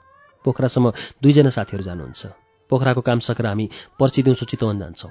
चितवनमा राष्ट्रिय स्तरको महिला भेलाको आयोजना गरिएको छ। त्यहाँसम्म पोखराबाट एकाध साथीहरूलाई साथमा लिइहालिन्छ। त्यहाँपछि बुटवल जाने र बुटवलबाट सिधै काठमाडौँ आउने कार्यक्रम बनाइएको छ। यतिका लागि स्थायी कमिटीको बैठक राखेर नयाँ निर्णय गर्न सकिँदैन। गर्नु पनि हुँदैन। तपाईँहरूले मलाई आफूप्रति आसक्ति भाव भएको नेताको चिनारी गराउने मौका पनि दिनु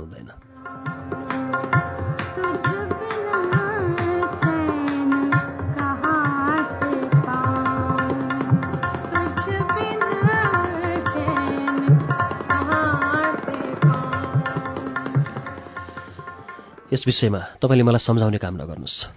लेखकले भन्यो यो काम अनावश्यक परिश्रम मात्र हुनेछ। तपाईँले सायद आफूले गरेको कामको गाम्भीर्य अझै बोध गर्न सक्नुभएको छैन। अहिले राजाले जति मिठो मुखले तपाईँसँग बोले पनि नयाँ संविधानमा भएका त्रुटिहरू केलाउँदै तपाईँले उठाउनुभएका मुद्दाहरूले तपाईँ गणतन्त्रको परेदारो भन्ने कुरा उनले बुझिसकेका छन्। यस्तो स्थितिमा उनी तपाईँप्रति मित्रभाव राख्नुपर्ने आवश्यकता पनि देख्दैनन्। यो चुनावमा कम्युनिस्ट पार्टीले पाएको दर्विलो समर्थनको मूल अभियन्ता तपाईँ हुनुहुन्छ भन्ने पनि सबै खाली बरीले महसुस गरिसकेका छन्। नराम्रो नठान्नुहोला लेखक एकछिन रोकियो।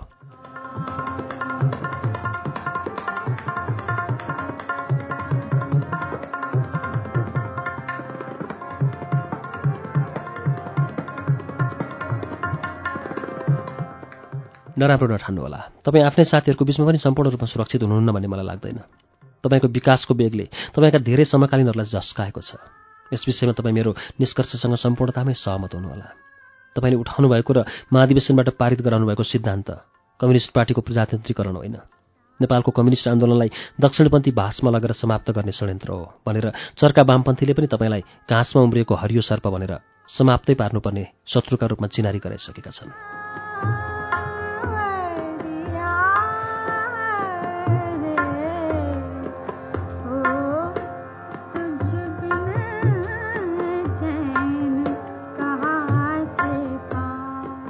यी त झन् छेउकुनाका दुश्मन भए तपाईँले राजपरिवार भनेको राजा रानी र युवराज युवरागी मात्रै हुन् भनेर दरबारीहरूको ठूलो पङ्क्तिलाई शत्रु बनाउनु भएको छ। राजालाई नागरिक हुने चुनौती दिनुभएको छ।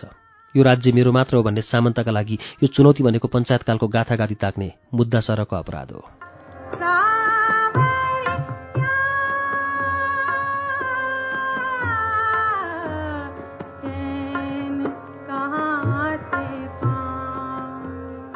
लेखकले एकछिन बर्बरीको मुखमा निहालेर हेरेपछि भन्यो म सायद धेरै देखिरहेको हुन सक्छु तर तपाईँको आफूप्रतिको व्यवहार सोच्न समेत नसकिने लापरवाहीपूर्ण छ। अब तपाईँको लेक्चर समाप्त पारौँ। मैले वचन दिएँ। यो भ्रमणबाट फर्किएपछि तपाईँका सबै खाले चिन्ताहरूलाई एकै ठाउँमा भेला गरेर म पार्टीमा छलफल गराउँछु बर्बरिकले भन्यो।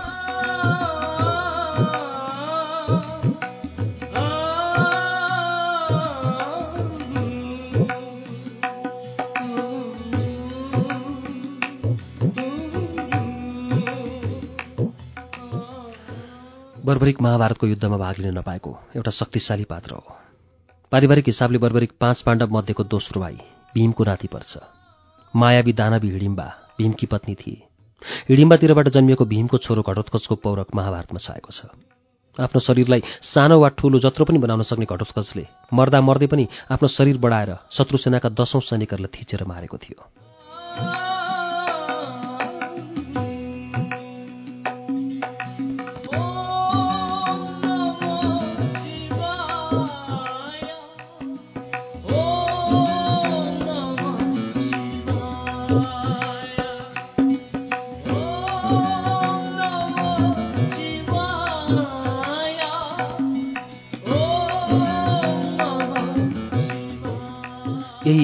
घटोत्कचका छोराको नाम थियो बर्बरिक।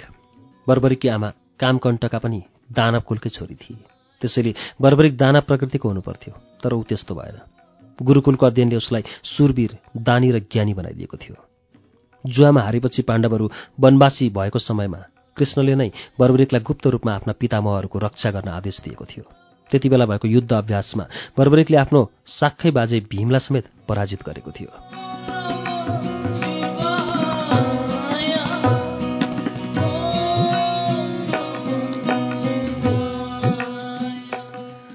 पाण्डव वंशको तेस्रो पुस्ताको बर्बरिक महाभारतकालीन युद्धमा कसैबाट पनि पराजित हुन नसक्ने शक्तिशाली युवक थियो। सामान्य हिसाबबाट हेर्दा उसले युद्धमा पाण्डवको पक्षबाट युद्ध लड्नु पर्थ्यो। तर बर्बरिक आफ्नो गुरुको आदर्श पालन गर्दै जो कमजोर हुन्छ उसैको पक्षबाट युद्ध लड्ने घोषणा गर्छ। महाभारतको युद्धमा कौरवहरू हार्ने र निश्चित रूपमा पाण्डव पुत्रको जित हुने कुराको जानकारी कृष्णलाई मात्र हुन्छ। उसले पाँच पाण्डवलाई बर्बरिक अपराजय भएको कुरो जानकारी गराउँछ र युद्धको अन्तको समयमा पाँचै पाण्डवले बर्बरिकबाट मारिनुपर्ने स्थिति आउने भविष्यवाणी गर्छ।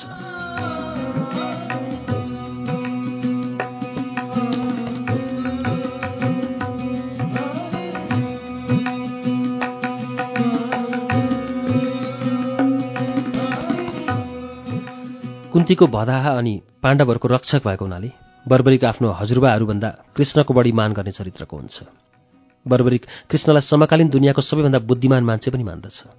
आफूप्रतिको भक्ति जानेको कृष्णले पाण्डव कुलको रक्षाका लागि बर्बरिकलाई दिव्य ज्ञान दिएर युद्धबाट भाग लिन वीरत्व ल्याउँछ र आसुरी प्रवृत्तिको बलशाली युवक बर्बरिकलाई महात्मा बर्बरिक बनाएर महाभारत युद्धको रमिति बनाउँछ।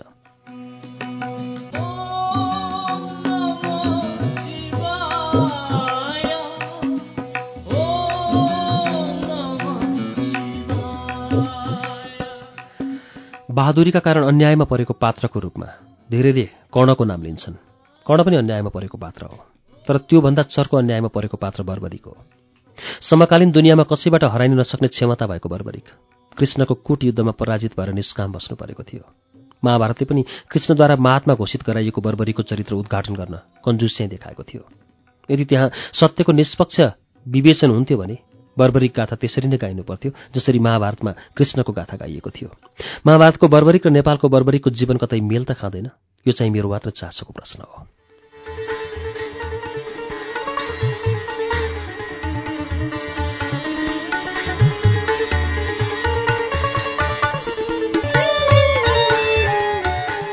श्रुति सम्वेकमा यतिन्जेल तपाईँ प्रदीप नेपालको उपन्यास बर्बरिकको वाचन सुन्दै हुनुहुन्थ्यो। यो वाचनसँगै आजलाई श्रुति सम्वेकको समय सकिँदैछ। कार्यक्रमबारे तपाईँका सल्लाह सुझाव वा प्रतिक्रियाका लागि हाम्रो ठेगाना कार्यक्रम Shruti Sambeg Ujyalo ninety network post box number छ चार छ नौ काठमाडौँ। इमेलका लागि S H R U T I Shruti at U N N dot com dot N P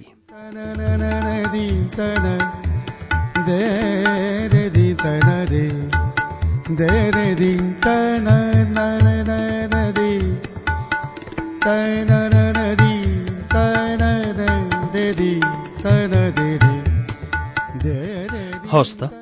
बर्बरिकको छैठौँ तथा अन्तिम श्रृङ्खलाको वाचनसँगै अब बर्बरिकको वाचन यहीँ पूरा भएको छ। अर्को सातादेखि मङ्गलबारको श्रुति सम्वेगमा अर्को कुनै गद्दी लिएर आउनेछौँ। तबसम्मका लागि प्राविधिक साथी दिनेश निरौला र म अच्युत घिमिरे बिर्बु बुलबुल विदा चाहन्छौ। शुभरात्रि।